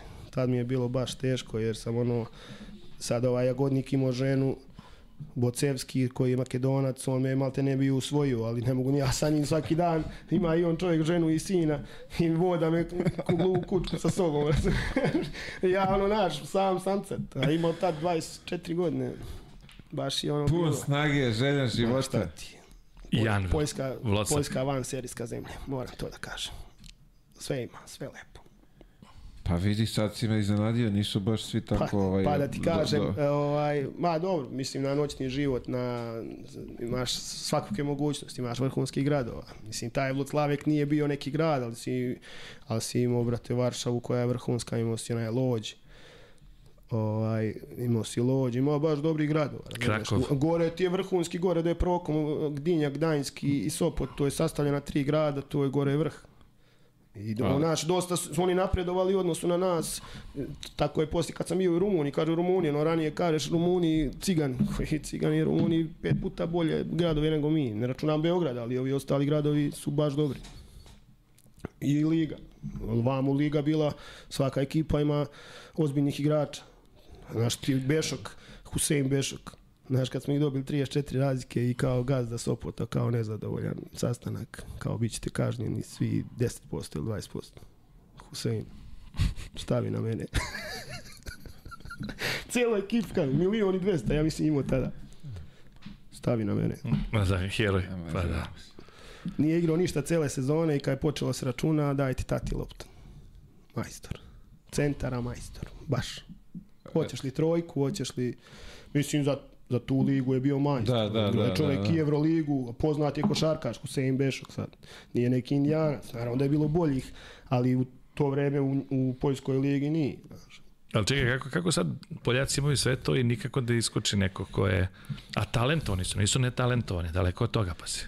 Pa ne znam, mislim, i tad kad smo mi igrali, tad poljski košarkaši nisu bili, da kažeš, neki košarkaši. Ja dolazim iz naše lige, ja sam bio za sve te njihove poljske igrače dosta bolji igrač. Ono, se ne lažem, on, onaj domaći možda ima veću platu od mene zato što je domaći, Tačno. mora da mu da, ali mi koji smo dolazili sa strana, šta je bio Jagodnik? Jordan. Pipa me napo. Samo njemu dodaješ. Kome ja dodam nego njemu? On, majstor košarke. Neću dodavati ovim Poljacima kad, kad su slabi, razumeš? Imao je baš dobrih igrača. Jasmin Hukić ti je tad bio isto baš ozbiljan igrač. Ozbiljan igrač, Pa, da, da. Donata Slanina, Litvanac, ozbiljan igrač. Ovaj Pacesas, Blake, ozbiljan ozbiljan igrač. igrač. On Da. je sad i dobar trener. Ovaj, to su je bio onaj Portorikanac, jedan Dalmau, isto preozbiljan igrač za, za tu ligu u to vreme. Oni su igrali Euroligu tada. Znaš, svake godine ti je Sopot tad Pa igrao samo ti kažem, Prokom je jedne godine ubio Partizan od 25 razlike sa Zuletom Vujašićem. Posle igrao i Dobro, ali Gurović. su lagali tamo, I, i da. Gurke igrao posle, igrao je i. Varda posle. Ja sam išao pre njih malo, mislim, ovaj, išao sam nekim putem. Tek su počeli sa naših prostora da dolaze igrači tamo. Ovo što, što sam ja primetio, svi su se žali na ta putovanja. Kaže da je ogromna zemlja i moraš busom da se Svi klackaš idu busom, svi idu busom, jer, a tad su bili putevi dno dna. Sad ono pred ono evropsko prvenstvo u fudbalu su radili puteve, pa je sad sigurno bolja situacija. Sad je Milina, da. Ali jedino je im, išao Sopot avionom, ali su tipa imali privatni avion i iz dva puta ih preveze. ovaj, jer su oni tad baš bili moćni, ova Evroliga, znaš kakav je to klub bio, Proko. A mi ostali guslamo tri dana. Pa da, pa oni su naš nalegnuti na Nemce, pa sve gledaju kako Nemci rade, pa oni to prenose e, kod njih. Dobro, njima je, ako sam ja dobro upućen odbojka. Odbojka je, je o futbol je odbojka. Znaš, futbol oni su i 74. bili ozbiljna velesila futbolska, znaš, pa, pa je bilo nekih problema, pa su bili ponovo sa Bonjekom 82. Znaš, Bignje Bonjek bio i, i legenda Juventusa, futbol i odbojka, to im je pre svega bio sport, a evo košarka u poslednje vreme A praktično. dobro, imaju... Pa mislim, možda se smatraš pionirom, a, Pa ja sam među prvim igračima Pa to i sa kažem, naših pionir koji nešto Poljske, bio... poljske košarke, pa ti si pomogao da košarka, znaš, sad ti kad gledaš, Sad ide dosta igrača. Jeste, pa ne. Evo ti sad Škljonski jeste naj, najslabiji u, u, u ovom Eurokupu, ali imaš ti tu nekoliko vrlo ozbiljnih igrača, ne znam, taj Luka Školenda koji je klinac Jeste, levoruki, znaš, pa ima taj neki... Pa igra ovaj, ovaj Hrvat isto igra. Ja, ovaj, igra, igra ovaj Ramljak, Ramljak, jeste. on On, je kapiten tamo, da. Prvo je bio ovaj Slovenac, ovaj stari je bio trener, pa su ga smenili, pa doveli... Urlep, Urlep je bio trener i kad ja jeste, sam. kad sam jeste, ja e, a sad su ga smenili na pola sezone, pošto je poslednji, praktično jednu pobedu. Znaš, pa je došao Turčin. Urlep, čekaj, ga Andrej spominješ, da. Da. Ja, ja sam ga zahvatio tamo u Litvani kad sam bio, on je vodio neku tamo, a viš ti uvijek vodi te neke poslednje na, na tabeli. Uh, mislim da je baš taj Pačet, Pačet, Pacetas. da, tamo Pacetas. je on napravio, mislim njegov klub, šta već. On je bio trener, izvijem te prekine, on je bio Pačetas, Pačetas su trener u Anvilu jednu Tako sezonu. je, i on ga je doveo tamo u Džukiju u Litvaniju da bude trener tog njegovog kluba, da li je njegov ili šta Da, je da. već bilo, uglavnom on ga je doveo. I posle bi pričali Litvanci da je on, Baja, uh, uveo ovaj, ponedeljkom alkotest na trening. Moguće. Pošto su ovi oleše za A vikend. izvini, Evo, t- tamo, je, tamo je tako hladno, pazi, znaš, tako da, mislim, ne treba tebe da pričam, ti si prošao svet, ali, znaš, meni je to fascinantno, pazite, ovo ponedelja, subota, nedelja, to je razvaljivanje. Ne znaju gde su. A ljudi, to, ja kad vam pričao to, kad si košarkaš tamo u to vreme, ti si bog i sad ono, baš je zeznuta situacija, ko je naivan, ko nema pojma, možda dobije batine baš dobre ovaj, U Poljskoj. u Poljskoj, jer tamo, znaš, no, dolaze, se slikaju s tobom, ovaj, sa svih strana i devojke i žene, onaj neki dođe, njegova žena hoće slika s tobom ti košarkaš. I sad neko se primi tu, ovaj, jedan se primio, Znači, ne grabusio. Znaš, namjeste ga, razumeš, bila je, bilo je takih fora, kaže meni jagodnik, samo slika i ništa drugo, ne pokušava se. Samo slika i smeši se i ništa tamo, više. Kaže, Da. dođe ti čoveče, znaš, no, žena sa mužom, muž te slika, znaš, ona ti sedne u krilo ili te zagrli i muž slika. Pusti Ovaj jedan se primio, bio, dobio batine dobre. Sreća smo bili ono obavješteni, znaš. Samo ti kažem, Poljaci su baš zeznuti po to. Da, mnogo, baš. Ludi, ludaci. Bila luda sezona godinu dana i, i, i kup osvoji smo i bilo je baš A zanimljivo. vidiš, ali uz neke Kako je ruke... krenulo, vidi, bilo je za- E, katastrofa. to sam ti kažem, ne- negde ti se krug zatvorio, negde si bio nagrađen za sve što si radio sa tim, eto, kupom. Znaš, koji možda niko nije ni očekivao da se osvoji. Pa, si- pa to. Još, Što smo na njihovom terenu pa to ti, još protiv Prokoma izgubiš 4-3, pa si to znači da ste lako mogli da prođete dalje. Naravno. Da. Ali posle toga Posle toga sam prešao, ovaj, vraćaš se, vraćaš se što bi se reklo ovo naše pa ja, ali područje. to je, tad sam imao neke ponude kao, i pre ovoga sam imao, pre Agila sam ja imao ponudu uh, FMP-a i ovaj, i Hemofarma i onda sam se nekako jedva iskobeljao tu da, da odem negde preko, da su svi živi navijali da odem preko, ovaj, da odem, jer nisam dobijao uslove ni u FMP-u, ni u Hemofarmu, kakve sam ja mislio da ću dobiti, jer sam vamo dobio tri puta jače uslove. I susretnem se ovaj, sa, sa FMP-om u Evrokupu iste te sezone, kad nisam. Sad ovi neki koji su ovaj, ovaj, potpisali tada za FNP, znaš, no, kao, "A, brate, spasio se. Mislim, da se spasio, šta bi bilo kad bi bilo, možda sam trebao potpisati za FNP, ja sam bio na sastanku, ali nekako sam i, i roditelji su moji navijali da idem negde preko, jer sam ono, mislio sam da, da zaslužujem bolje uslove. Ko zna kako bi karijeru, možda bi napravio tri puta bolju karijeru ovaj, nego što sam napravio, ali A bila opcija neka da, da ostaneš gore, da, da produžiš to? Pa imao sam tu neku opciju, ali malo su ne, imali su neki likovi koji su to minirali, koji su misli, a ja sam već prešao kod Miška da, da budem i on menadžer i onda sam samo slušao njega. Ovaj, jer je po meni on i najbolji, najbolja je komunikacija s njim, hoćeš, nećeš i tražimo dalje, znaš. I onda sam njemu bio prepustio sve da, da, on, da on odlučuje. I našo mi je stvarno budućnost ja sam prezadovoljan, ja kad sam potpisao za budućnost, šta je budućnost u tom trenutku, ovaj, kakvi su igrači igrali, igrali Euroligu, kakvi su igrali pre mene, još, veliki klub, ja idem u veliki klub, Znaš, i ja sam slavio što sam došao do četiri godine, oni kad te zavole prijatelju, ti si bog. Koga A ne i- vole, može biti Jordana. A i nisi daleko od kuće, pazi. Nisam, nisam, E, to je bilo to je- najbitnije. Tako je. Vidiš da je stizao na ove Sve sam sveske stizao, lige. sve sam Evo, to je meni fascinantno. Tri sata, Zaista. kako se Tri tri sata, sata tri da sata. Užicu. Najjače, Simketa i Čeda Vitkovca vozim do Užica, pa oni hvataju voz za Beograd. Jednu noć, ja i Simke, ovaj, ja gas, kasnimo, znaš, auto, nije voz, autobus, autobus kreće u dva ovaj, iz, iz, iz Užica. I sad, Mora ovaj, stigne do dva, ja. Ne, mi igrali u 9 i u 11 i ja kažem, ljudi, stižemo knap. I mi gas, gas, gas, stižemo. Kina stanicu, kare, krenuo pre 5 minuta, kaže meni Simke, vozi, brate moj, da ga stignemo negdje. I stižemo ga u Sevojnu, ja mu blicam da stane. Neće stane, ja ga prestignem. Pa U staneš, filmovima, ono, staneš. ovaj svira, svira, dere se.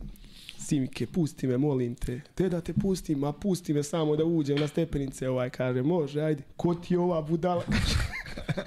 znači mi jedva stigli, neće nam stane, ja mu blicam, sviram, ja ga prestižem ko u filmovima i stajem ispred njega, on se hvata za glavu vozač.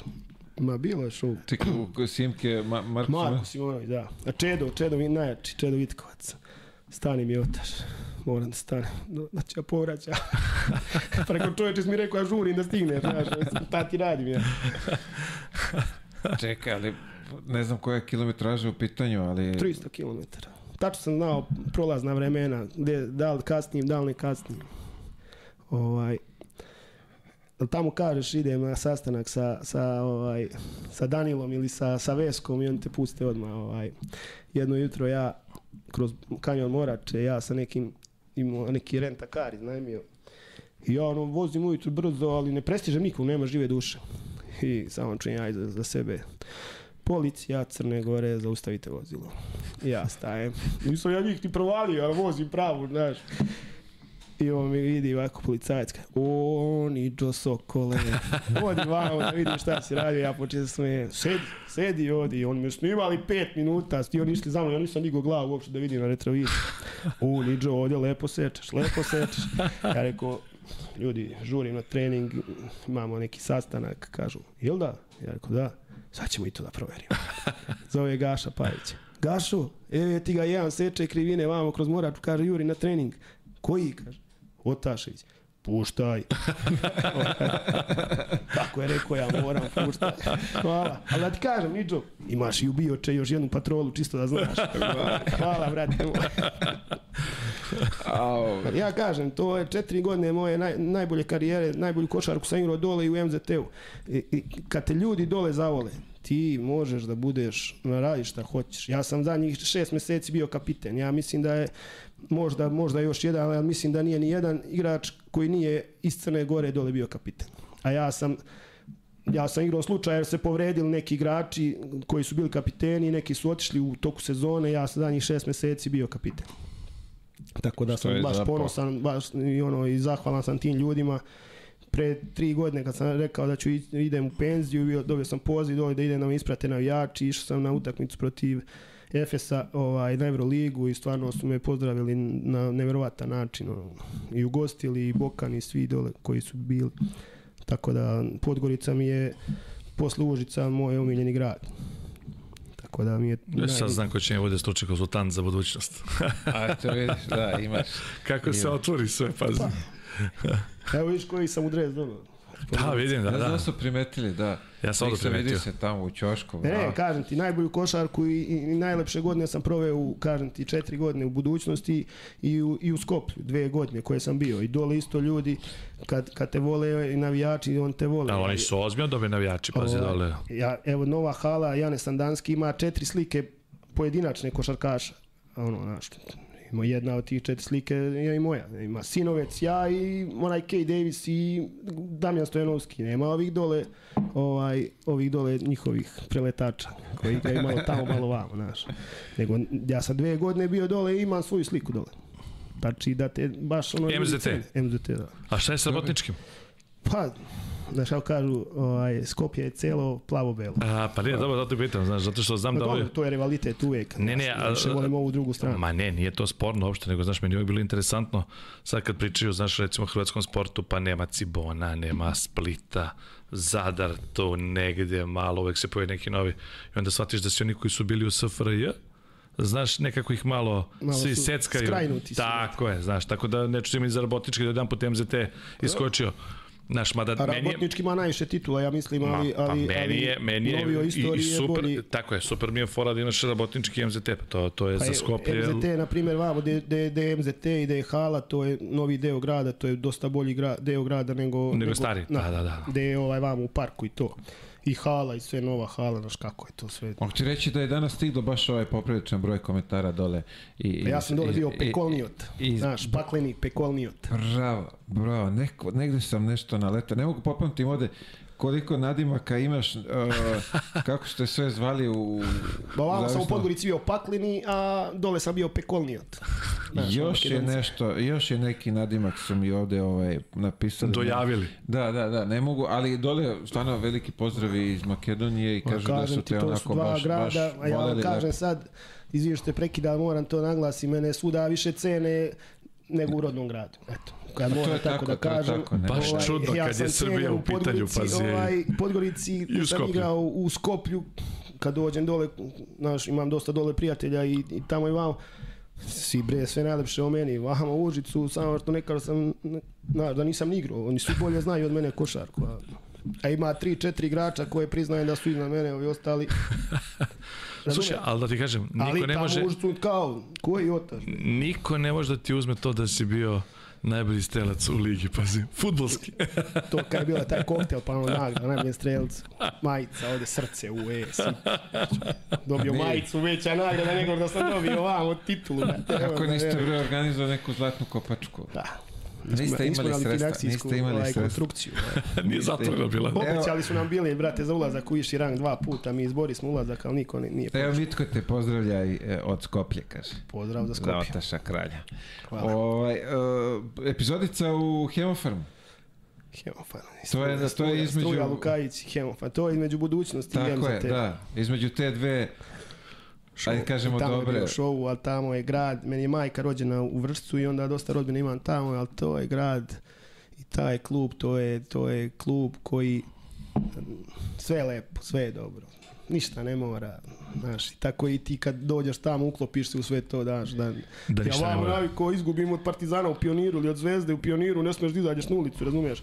Vamo došao, igram protiv Cibone, ovaj, vodimo tri razlike, tri sekunde do kraja u, u Zagrebu. I kus, izvode mu loptu i onaj mali Lambić pored njega i ono, znaš, klinac svirne mu faul za tri poena s cijelog terena. Ovaj ko kap, tri komada. Produžetak. Produžetak, no, jesi ti lud, izgubili. Ono, mi svi skenjani, ono, te šta, izgubi smo, je moguće ovo? Ovaj jedan tu iz kluba kaže, ma ljudi koji, šta vam je bre, sve je to dobro, mi ovdje nismo ni očekivali po... struja, vrate, sluša, ne može da veruje, struja i- iz ušiju ide, znači, ono, vatra, znači, ono, samo što mu ne kaže, beži napolje, šta nisi očekivao, dobio jednu partiju, izgubi. Struki je, Struki je... Pa, e, slušaj, neverovatan struja, lik. pazi. Kako? To mi je isto dosta do- dobar prijatelj sada, mislim, ja ga smatram kao prijatelja, ali je baš bilo teško ovaj, da se privikneš na to.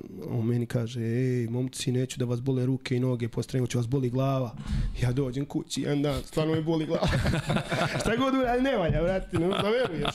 Ću Zaboravio igram košarku. Vao mi Radonja nije dao, dodaj mi za leđa, bacam ali upove, a ovaj sve traži to. Dolazi jedan trening, kaže meni, otaš, znaš da baciš Erli. A Erli mu je ali Erli. Erli, znaš, Erli. Kao ja, znam, Saović, idi tamo, ja mu bacim, ma kaki, katastrofa. Ništa mu, šutalo, znaš ti da baciš Erli. Ovaj još gori od mene, Jerry Jeremić, znam ja, baca, katastrofa, struja, diga loptu tribinu. Penti ekipu, ne zna niko da baci Erli. Erli.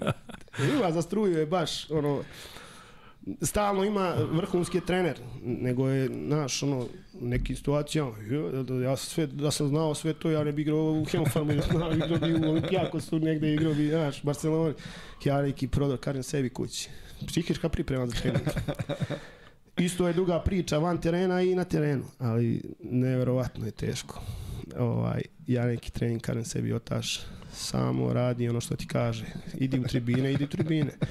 I ja neki prodor na koš, ovo ono, izlačim, panta skače na rampu, mladen. Ja ispod njega provlačim nekako, ono, svi bravo, faul koš važi i ono, svi, brate, Duki Gvozdić tu, kao, bravo, otaš, nar. Struja. A jesi vidio ko ti je bio u ćošku? ja preživljam, ali da gledaš i koji u ćošku. Ma, brate, bandaže, bandaže i dan i noć. Kaže, trening od 10, budite spremni u pola 10. Bandaža na prepodne. I mi ono treniramo, znaš kako su jaki treninzi. Košarka, cepa se 5 na 5, ali su baš teški treninzi, ne možeš i ujutru i večer. I ovaj, najjače je pola 1, 15 do 1, traje još trening. Ne možemo više. A on ovako kaže. Slušaj vamo, momci. Kući mi je čerka. Kući mi je žena. Došla mi i tašta. Tri žene. Šta ću ja kući? Ja ovdje mogu da ostanem do ujutru. Nećete ići kući dok ne nastavite normalno, dok ne završite normalno trening, dok ne budete istrenirali. Nevjerovatno. Ali čim se završi trening, druga priča. Ima jedna priča dobra. A ta ekipa, klinci ovi, ovaj, Milutinov, eh, Luka Mitrović, Dangubić, Krstić, Milošević, Gagić, i vao malo stariji, eh, Jerry Jeremić, Šutalo, ja, Mladen Panta, ko je bio još? Ozbiljna ekipa bila. Mi jedva smo izborili ovaj ostanak u, u ABA ligi. A i spremna ekipa bila za Final Four. Ono, baš smo ono, na, na startu smo bili jaki. To je bio spek. Ima jedna dobra fora za, za struju. Ovaj, igramo Himik, gore južni neki turnir pre sezone i sad on, otaš, otaš, otaš, dere se na mene, znači ne znam više kuću. I ja, ovaj, kaže meni, otaš, prijavi izmenu. Sad ja tu stao, prijavljam izmenu, nema prekida i on zdire tamo. Otaš, otaš! Ja, struki, evo me ovdje, znaš, tu sam pored tebi. On, ovako gleda me, Jerry, ma uradi nešto čovječe. Jerry ja isto ono, znači ubio, znači, Jerry je klasa od igrača i njega isto ono, znači, ono, ubio u pojam. Šutalo, Ovaj. šutalo, posto dodavalo, što je rekao Muta, ono, znači, te sezone, ono, znaš, kada, dobar je lik, dobar vrhunski trener, ali on mora sve onako kako on kaže. Show. Ima jedna dobra priča, on ti, znaš, on spava 4 sata. Struje. Ma da, u 12 legne, u 4 ustaje, istušira se, proprati sve vesti, sve zna čovjek. Ovo je nevjerovatno. I najjače nešto pomenuli mi, ovaj, čvarke neke, znaš, on kao bio sam vam u, u Kikindi, bio posjek, ovaj, koljaža, znaš, svinjokolje. Kao dono sam vrhunske čvarke, ovaj. Ja, jesu oni duan čvarci ili, ili one grume kažu, kaki bre duan čvarci ovaj, ja pravim one krupne, to je ono duvan, ja to ne računam, jer pa ajde donesem ja duvan čvarke iz Užica i ti ovedimo koji su bolji, ne kaže ekipa, jel hoćeš? Ja hoću. Ja zovem majku, nabavite tamo neke najbolje čvarke, Keva poslala 5 kila. Kaže on ujutru donesi, ja donesem. Struja namazan, otišao kupio neki hleb, brate, vruć, tek iz pekare. I sad završni trening, evo svi jedemo tamo, ono i tamo ima, Mile zna kako je u Hemofarmu, tamo u Milenijumu ima ono neka kancelarija, ima i komp tamo i sve, razumeš, i on stolovi i sad doneli piće i klop. I najjače, ono, jedu svi, svi govore bolji moji čvarci, razumiješ, on, ja ti to ne priznajem. A Luka jede, Mitrović jede, jede i kaže, kaže ovaj, a mali, kakaj, kakaj, kakvi su čvarci? Struki, gdje si kupio ovaj hleb?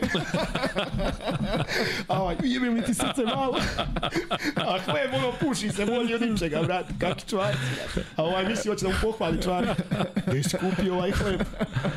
Luka isto, baš, no, znači njega obožavam. To, ja sam volio te klince tada, ovo me baš zezalo, uvatio si ove malce kao, naš, vodaš znaš da će biti dobri košarkaši. Brate, je, ja sam sa njima družio i tada, sad se isto druži dan danas, znaš, i ostali smo baš dobri prijatelji. O, majko. Kaže, gde Gde si? našio hleb? Struja je čudo. A, ti si bre imao i, i još jednom si ovaj pokušao preko, što bi se reklo, Pa jesam, imao sam jednu zadnju sezonu, ono, da kažeš da sam išao, da kažeš profesionalno igrao sam u, u Rumuniji, ovaj, u Rumuniji, ovaj, ali to je bilo već ono na zalasku, imao sam posle povrede u Skoplju, ovaj, više ništa nije bilo isto. Ovaj, prednji ukršteni, E, bravo, da, to je, jel, be, izvini, ako- to je MZT-u bilo. to neke fi- finale, gde si? Pa finale kupa u, ovaj, na Ohridu igrali smo ovaj, protiv Ilirije i dva minuta pre kraja sam nikad spremniji nisam bio nego tada, eto, ovaj, i poredio sam. Šta je Ovaj, bilo, kontra neka Pa ili... nije, ja i ovaj Nemanja Elisijević skačemo za loptu, ovaj što igra u Partizanu centar, on je tad igrao dole. Ja hvatam loptu i kad sam doskočio, naskočim na jednu nogu i prošetam mi koleno i ali sam i tu sam isto ono specifičan jer sam se oporavio za četiri mjeseca. Naravno nisam nikad više bio onaj stari, ali ovaj četiri mjeseca mi je te, trajao oporavak. operacijom. Sa operacijom, sve. Sve. pa to je baš... Oporavak u Bajnoj bašti kod pokojnog prijatelja ovaj, koji me, on je dosta ljudi lečio od te povrede i futbalera i košakaša i kod Celako iz Dragana. Četiri mjeseca. Knap. Zove me ovaj doktor, ovaj, što me operis, ovaj, Vukomanović na banjici. Otaš, šta ovo radiš? Ja 55. dan zakucu. Jesi ti normalan, bre, ja izbacivo na YouTube, znaš, oporavak i zovu me, dođi da vidimo je li to sve u redu s tom nogom. Evo, 55. dan od, re- od operacije sam zakucao iz naskoka. Wow. Tako da sam se ono brzo vratio, ali više nije, jer sam tad već imao 32 godine i nije to, ni- nije to bilo više to, je, to se desilo, kažem ti, finale. Zoki Martić bio trener, kaže, ja sam kriv, nisam trebao te držim, bila već gotovo. Ako Zoki nisi ti kriv, to se desilo samo od sebe, šta ćeš mu desiti. Da, da, i da, ne možeš da znaš kad će da se desi glupost. Ali mi je, Loki mi bio kondicioni trener Jadranko i spremio me naj, najjače. Da, baš, baš sam bio spreman i, i baš no kažu, je, bio si najspremniji, a povredio se. A, vidi sad opet profa Koprivica kaže da tu dolazi da se ti ovaj aj kažemo ti zamori Akumuliraju. Tako je, akumuliraju i onda u nekom momentu, Mora dođe do prekida, pazi. tako da verovatno i kod tebe se Pa tako nešto sigurno, desilo. sigurno. Ali najjače zovu me svi treneri i ovo, prijatelji iz košarke i ovaj, igrači kao povredi, a? Ako jes? Ovo si, čuti, dobro si izdržao i kako si igrao, šta si radio? Ja Kao sad, pa zonu tek u 32. godini. slušaj, ja sad ono, sjetim ono kad si išao da slaviš na kolenima, pa si jo, znaš, zamisli, Komance, ca, ono parke na nogama, Radonja gleda, kaže, sine, jesi pao sa, sa motora, šta si pao? A ja dao go i nisam znao kako se raduje. Ne, hoću da ti kažem da ovo što je Mila rekao baš ono, znači to se sve sakupi nekom trenutku i jasno, onda jasno. kad je naj, najgore u stvari, ti kad si najbolji, to te iseče pa si.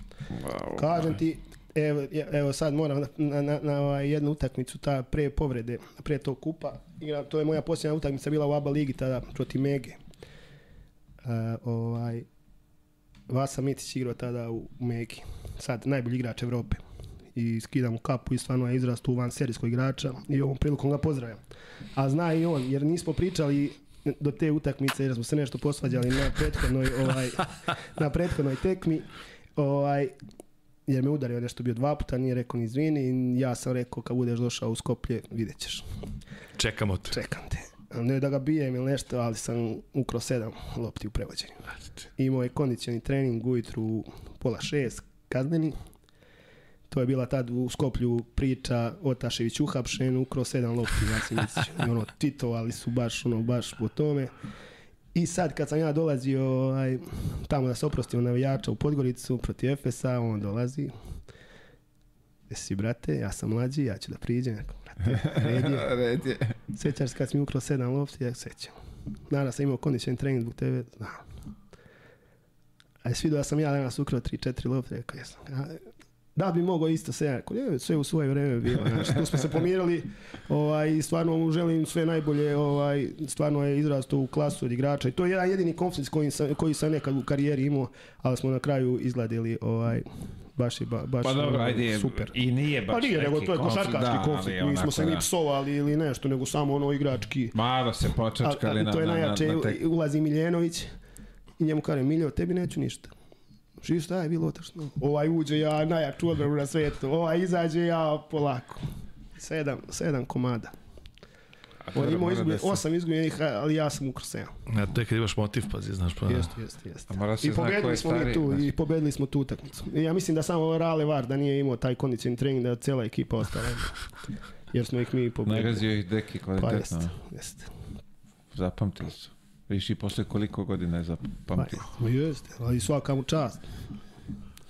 Pa i on je sad, sam dobro, se vratio u, U Efes. u Ev- počeo da igra. Da, da, jeste, da, počeo da, igra, dao 32 poena sad prethodnu utakmicu, ja mislim. U gde sad su dobili, igrali. ne, sad su dobili Milano. A pre Milana je dao 32 protiv nekoga, ja mislim, da, Lasfield, ne znam, nije, ne znam gde su igrali, ali znam da svako, on, naj, na najvišem nivou igra, to je van Ne, serijski Alba, igrač. ja mislim da je Alba bila. Ne znam, neko, e, Alba, Alba, Alba. Jeste, ali su izgubili 95-93 i tu su završili ovu sezonu. vidiš, nisam, nisam ispratio, nisam ispratio. Pa slušaj, meni je to da profi deformacija, ali ja ne pratim sve rezultate, ali ne, ne možeš sve da ispratiš. Pa, pa mislim, radiš, ja, evo, igle Zvezda u 19, ja sam radio budućnost u 19 i onda malo kao baciš, ali to, znaš, čim se završi više i ne znaš Da. šta je ko uradio i onda sutra kad dođeš da radiš drugu utakmicu, onda vidiš kao rezultate i kako ko igra i šta igra, pa si znaš. Vidi, ti moraš da pratiš. Ja ne Moram, moram, ne, pa tako je, ne, potpuno si, potpuno si upravo. Zato što voli.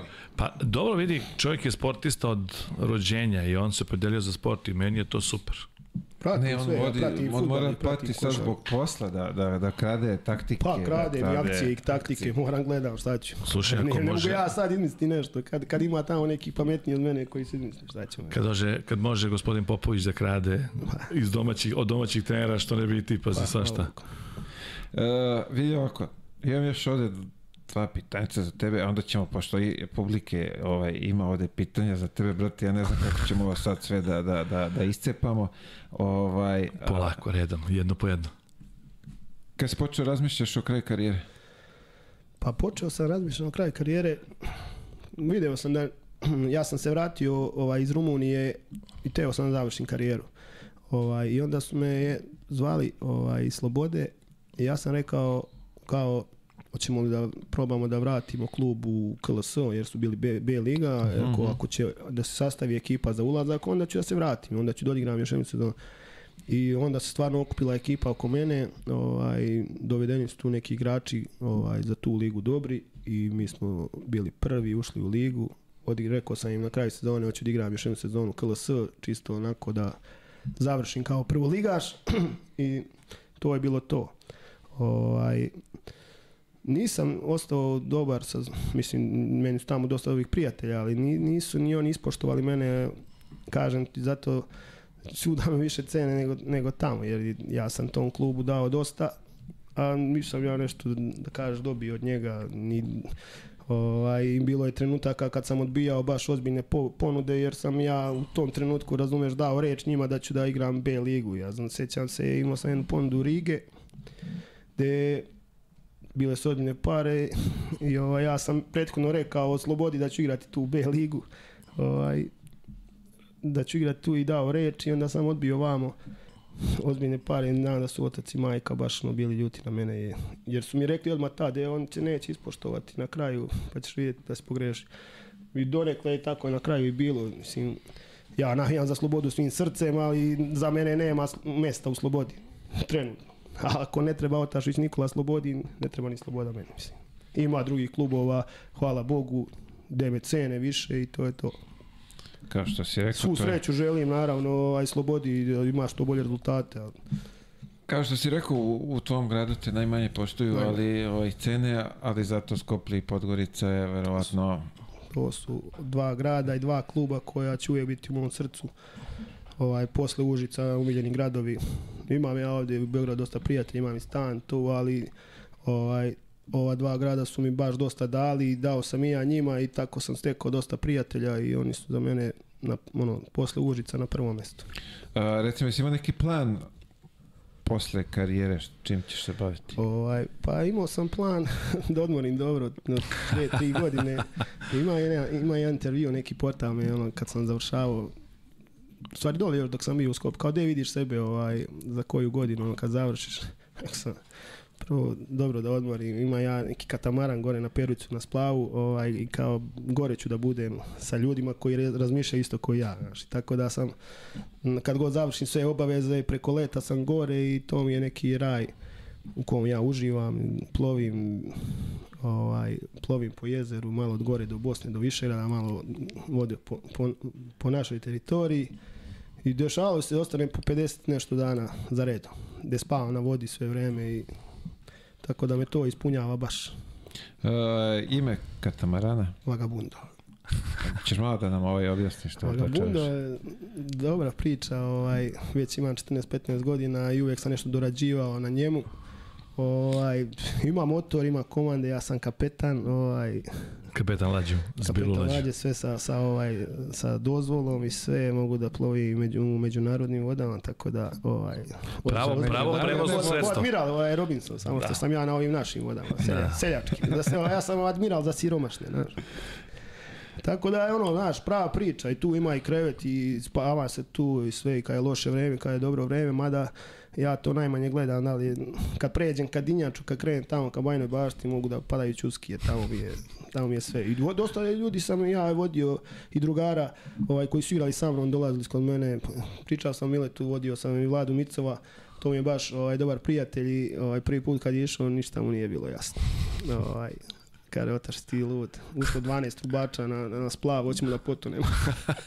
Vodio sam i Luku i Dangu i oni su bili dva, tri puta, oduševili su se. Ovaj. Tako da, to je neka baš dobra priča, odmoriš od svega, nema tenzije, nema ništa. Tu se sve radi u vodi, ovaj, kupaš se, praviš klopu, čorba iz vode, sve, sve je u vodi, znači nužde vršiš u vodi, sve.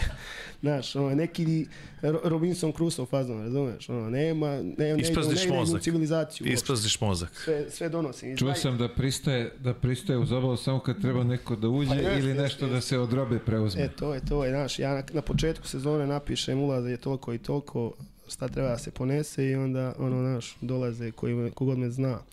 Stekao sam dosta gore prijatelja iz Bajne bašte i iz Peruća, tako da mi je čim krene lepo vreme, gore mi je A čekaj, li, jel ideš na onaj što Bajna Bašta ima one... na rafting. E, ne rafting, nego kako beš Pa ova, pa ova bre... Regata? Regata. E, regata, da, regata. da, da. Išao sam i to, ali tu... Je s katamaranom ili bez? Pa ne, ne, imam onaj gumeni čamac, desantni, pa sam sa njim, a to je show 20.000 ljudi. To je baš, ono, išao sam zadnje, tanje 3-4 godine iz, izdam čamac i ne idem ja. Gledaš sa strane, Ma. kao trener. Ne Baš, mnogo je, baš je ljudi, gužva mnogo ljudi velika to. i tu moraš dobro da budeš dopingovan da bi, da bi izdržao sve da ti ne bi nešto smetalo. Stvarno je vrhunski provod, ali tu to kreće ceo dan na suncu, vodno. voda 6-7 stepeni, a napolju 40. To je baš Toplo, hladno. Nije baš prijatno. dobra priča. Išao sam 4-5 puta, ali u zadnje vreme sam prestao. Ali ovo gore, evo, poziv, Rafting, da. pozivala se, evo sad, jedan dan, produženi vikend, kad god, ovaj, pozvani ste mile. E možda da, da sačekamo da otopli malo i moramo otopli, se... kad otopli, kad Da, bude kad, tamo. kad kreće sezona? Pa u- junu kreće, ali je najbolje u julu. Jul, u julu i znači. avgustu je najbolje, da. Kad se ugre sve onako, a? Čekaj, pričamo o katamaranu. Da. Katamaran, Eto vidiš. voda 26-7 stepeni. Ja, meni je samo da se, da se izlegnem naša i, i, i da ne radim ništa, pazi. Da ne razmišljaš ništa, da pazi. radimo ništa, stvarno. Ovo gore je baš, ono, baš dobra priča. Ako ti je negde gužva, mi odemo gore gde nema gužve, plovimo. Eto vidiš, imamo poziv, ajde da, da, daj da se naravno. organizujemo. Kao Pa znaš, boga mi da to znaš, da. iskoristimo. Da. Da to iskoristimo. Pazi ovo sad. Uh, daj mi da kažemo savjet za mlade i da se bacimo na pitanja. Braća su pisala svo vreme, tri sata pišu. Dobro, ja dobro. ne znam kako ćemo sve da izguramo, ali neki ćemo morati Nemoj da preskočimo. Nećemo. da, Neka teška, neka teška. Sve je ovaj... Savet za mlade. Savet za mlade nema drugi nego samo da se radi, da se bude posvećen. Je to najbitnije i bez rada nema ništa. Mogu tate i mame da misle i da si talentovan i sve, ako se ne zalažeš i ako ne dolaziš na treninge, nema tu nema pravljanja nikakvog rezultata. Ovaj, posle škole treba, svih školskih obaveza treba, ako ti hoćeš da se baviš sportom, da bude na prvom mjestu sport, a ne može biti važniji rođendan 18. kod druga, drugarice, devojke. Ja dok sam igrao košarku nisam bio ni na jednoj ekskurziji. Zato što sam stalno propuštao ekskurziju, zato što sam bio na treninzima i na utakmicama. Pa dobro, znaš šta, ti si imao drugačije ekskurzije sa svojom ekipom. Pa dobro, mislim, ali... Negde izgubiš, negde dobiješ, jasno, tako je. Ali, na primjer, na more s mamom i tatom, ono, kad sam klinac bio, nisam bio nikad, ono, 10 godina za redom, sigurno, jer sam bio na kampovima košarkaškim. Mhm, Sad, to je ljudima ovaj, baš čudno. Ja sećam drugom razdu osnovne škole da me učiteljica pita šta će budem kad porastem, ja Košarkaš. kažem profesionalni košarkaš, oni se smejali svi.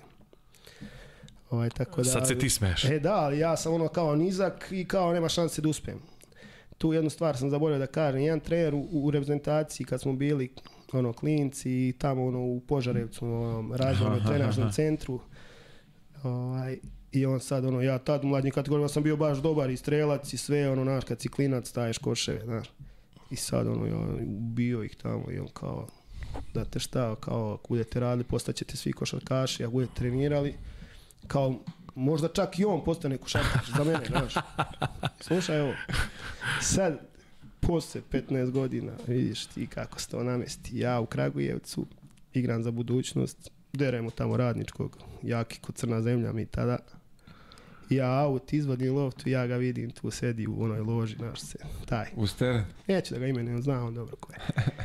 Ja, hej, gde si prijatelj? On kao, "O, zdravo otaš. Ako postah i ja neki košarkaš, znaš, no, samo spusti glavu. A dobro, znaš što ljudi Znaš greše. što, bio sam bolji tad od tih njegovih, pa mu nije baš bilo milo.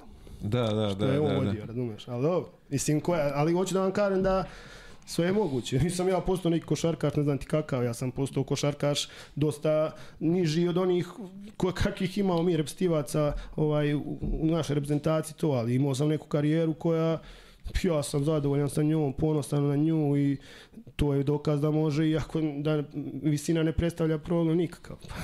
Znači, se radom može da se nadoknadi. Radi srce. Ne kažem ja sad je otaš sa ovog ispriča kao da je neki igrač. Ja sam više ispričao neke moje dogodovštine i priče, ali su možda i ljudima zanimljive. Ni- Sam ja pričao kako sam dao 20 poena i bilo je utakmice gde- i jesam, ali mislim da je ovo večeras bila priča ona prava zanimljiva Ljudska. i slačionice i tako nekih ima ih ko, ko ćeš još priča, nego ne, neću baš da Pra, ofiram. pravit ćemo, pravit ćemo više, brate. Stani, pa ovo je tek prva godina, znaš. Pa ne planiram ja ovo da radim do, do nove godine. Biće, biće još prilika, jasno. pa ćemo ovaj... Uh, Da se sve proanalizira. tako je.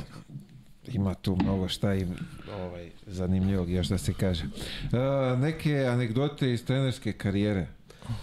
Stres, Zanimljive karijere. situacije. Pa ima vam u Bajnoj bašti, to je ovaj, u studentu, pa to je spektakl. Ovaj, imam, imam igrača koji je trubač i koji ima svoj or- orkestar, čovjek, to mu je na prvom mjestu i sad ovaj, imao je preprošle sezone dok ja nisam bio trening, de trener, ovaj, imao je situaciju gdje kao, e, ovi mi iz kluba pričaju kao coach, kao ne mogu doći sviram tortu. Znaš, ono uveče je torta, razumiješ, pa kao drugo poluvreme ne mogu doći i sviram tortu. A ove godine sam ja kad sam trener imao istu situaciju gdje on ide valjda u mladence pa ono naš bila utakmica u jedan popodne i on mi kaže ne stižem baš odmah na zagrevanje i u mladencima sam razumeš. I ovaj baš je ono jer te niže lige ti igraju igrači koji rade neki posao pored ovoga, ovo im je hobi. Što bi rekli razumeš. amateri. Jeste, amateri, tako da je bilo ovaj, zanimljivih stvari ima tu šta možeš da vidiš kakih igrača, ali ovo je baš specifično ovaj, trubač show. Da li pošteno kaže čovjek? Ali ne, on svirao vrhunski naš. Pa ne, ali on Ovaj, pošteno to mu je kaže. prva zarada, Tako je. Pa od Ne toga živi. Ja ne mogu mu reći, nego ideš ti, tako je. Od kad on dolazi kod mene, to, to, to su mu primanja. Zamisli sad kao je, nemoj tamo... E, nemoj ja da dođe ovde, mora stigneš na vreme, pazi, da, da bi igrao, da. pazi, da. komediju. I imam anegdota da ovim klincima najmanjim vežem petle po ceo trening, ono, treneru odvezala mi se petla.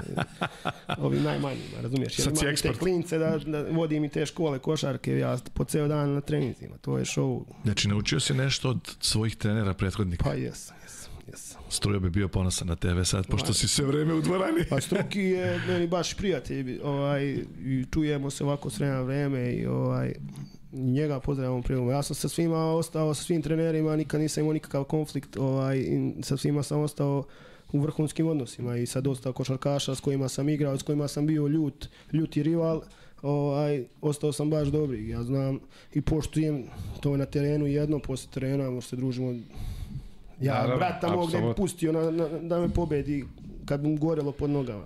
Apsolutno, nema praštanja. Pa ne. Uh, s kim je teže igrati, Rakoč ili Beli iz Kramana? Iz Kremana. Kremana, da. A beli futbaler, ovaj je bio Jordan, ovaj je bio zeznut. Rakoč. Rakoč je bio zver. Mislim, ima jedna situacija baš kad sam imao 18 godina i ono kao e, Vujanić igra u, ovaj, u Zvezdi, tad je ono dao po 40 poena, a Rakoč igra u budućnosti. Sad ono, Finac mi bio trener i sprema me kao ovaj, da ću igrati flastera. I sad, ovo, Vujanić za mene, Jordan je, njega sam čuvao baš dobro, dao četiri poena, izgubili smo nešto, jer tad je Zvezdi nešto trebalo, ali tad nas je razvalio Preković i, i Milutin Aleksić, ono, Muta je bio trener tad Zvezde. Dođe sljedeća utakmica proti budućnosti, kao je opet me da igram flastera, Rakoč. Ja četiri lične, Rakoč 18 pojena poluvreme i ode na tušira. ne može se čuva. Imao sam poslije još jednu priliku protiv Efesa da ga čuvam u Sarajevu na nekom turniru majstor košarke ono i plus je sve vreme naložen neće on da igra ono sa 20% to Ali je- fizički to je, to je neverovatno, majstor, košarke i zver. Nevjerovatno, Tako, fizički uvek nevjerovatno, vladan da. koševa i ono, znači ja tu kao neki igrač iz nekih nižih liga ta sam mogao mislim. Uh, najteži protivnik prot, protiv koga si igrao? najteži. Ovaj, pa kaže imao sam to dva, tri puta to protiv Rakočića ne možeš da ga čuvaš ali imao sam sa, sa, ovaj, nisam voleo da igram s tim, protiv tih igrača koji baš igraju puno pick and rolla. Imali smo naš to u ABA ligi gde čoveče 16 blokova mu napravi ti jednom iskočiš šta ovaj ti skač na glavu priđi mu a, a ti su dobri igrači pa iskoriste odmah čim malo zastaneš.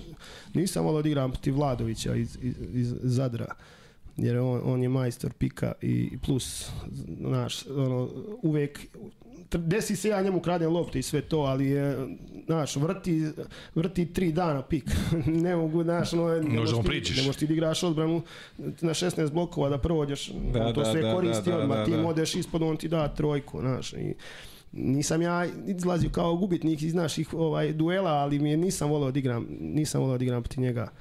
Baš mi je ono bio ovaj Nezgodan. nezgodan, nezgodan je bio baš ono, vrti tri dana, igra za široki tri dana pik, igra vamo za Zadar tri dana pik, igra gore za Zagreb, Tri dana pik. ma tri dana, još dođe Kasun, stane mu u blok, O, ne možeš ga pomeriš, može pa, ne možeš A ga pomeriš, slušaj za da. Kasun, na kako me Kasun nakautirao, to je najjača priča. Ovaj, imalo to, nego su skinuli taj snimak, igramo protiv Zagreba, neka utakmica, da li ćemo na Final Four ili nećemo. I brate, Kasun, Žora, Simon, Mula Omerović, Vrhunski igrač. Andrović ih vodio, znaš kako oni su igrali Euroligu te sezone. Igramo s njima, brate. Egal, egal, egal. Ja dodajem onom Dragičeviću Vladimiru nešto na zicer i njega, loš mu ja pas, dadoh mu noge i lopta za njih, a to ti je možda 40 sekundi do kraja. Kasun odavde, ja to, i okreće se naš, te ono ovako da uradi. I tebe. Ja bio iza. A u brate mili, nokaut. Ja odleteo u 5 metara. Ovaj namjerno mu svira, on se hvata, nisam ga pip, to nis pipno, uma me nije ubio, razumiješ? I ovaj, dok smo me vratili u, ono, u igru knockdown, znači 15, 10 minuta me ono poliva i tamo vodom, on viče isfolirao, ko je isfolirao zemljače? Ja čitam sutradan one komentare, kaže onaj jedan, šta je isfolirao, da, da, da, da, da samo ovaj, centimetar ispod, da on je udario pesnicom i podlakticom, da je samo grunuo pesnicom, završio karijeru. On Slotinja, 130 kila višića, znaš, sam Da, da, kakav je da, Mario da, Kasu. da. Izgubili smo mi to, ali smo išli na Final Four. Znači, niste se ogrebali za, za pobedu i... Krivo mi što nema taj snimak, skinuli su ga, bio je jedno vreme, ovaj, znaš ti koji je to nokaut. Sam leteo, bre, nisam znao šta me snašlo. Kakva je zoba, vidi. Kad te... Ne, ne, Tako. ma to je ludilo mozga, pazi, znaš ti, ti igrači to koji su ekstremno... hteo namjerno, znaš, on se okrenuo rad. Ne, ali, ali, ali nevjerovatno koliko je jak čovek, znaš, mislim, to, to, to, je, to je tek za priču, pazi. Show. Imaš neku anegdo- anegdotu sa Markom Ljubovićem? S Markom Ljubovićem. Da. Imam. ovaj, mi smo sad i kumovi, ovaj, on je trener vamo u Lazarevcu. Ima i onaj Mosi igre, ovaj, E, to je neko a spominja to je isto. bio, da. to su ove međuopštinske sportske igre na granici Crne Gore, Bosne i Srbije i sad ono idu ti gradovi tuda, idu, išao sam 4-5 puta. Recimo sam jesi išao kao futbol ili za basket? Za basket.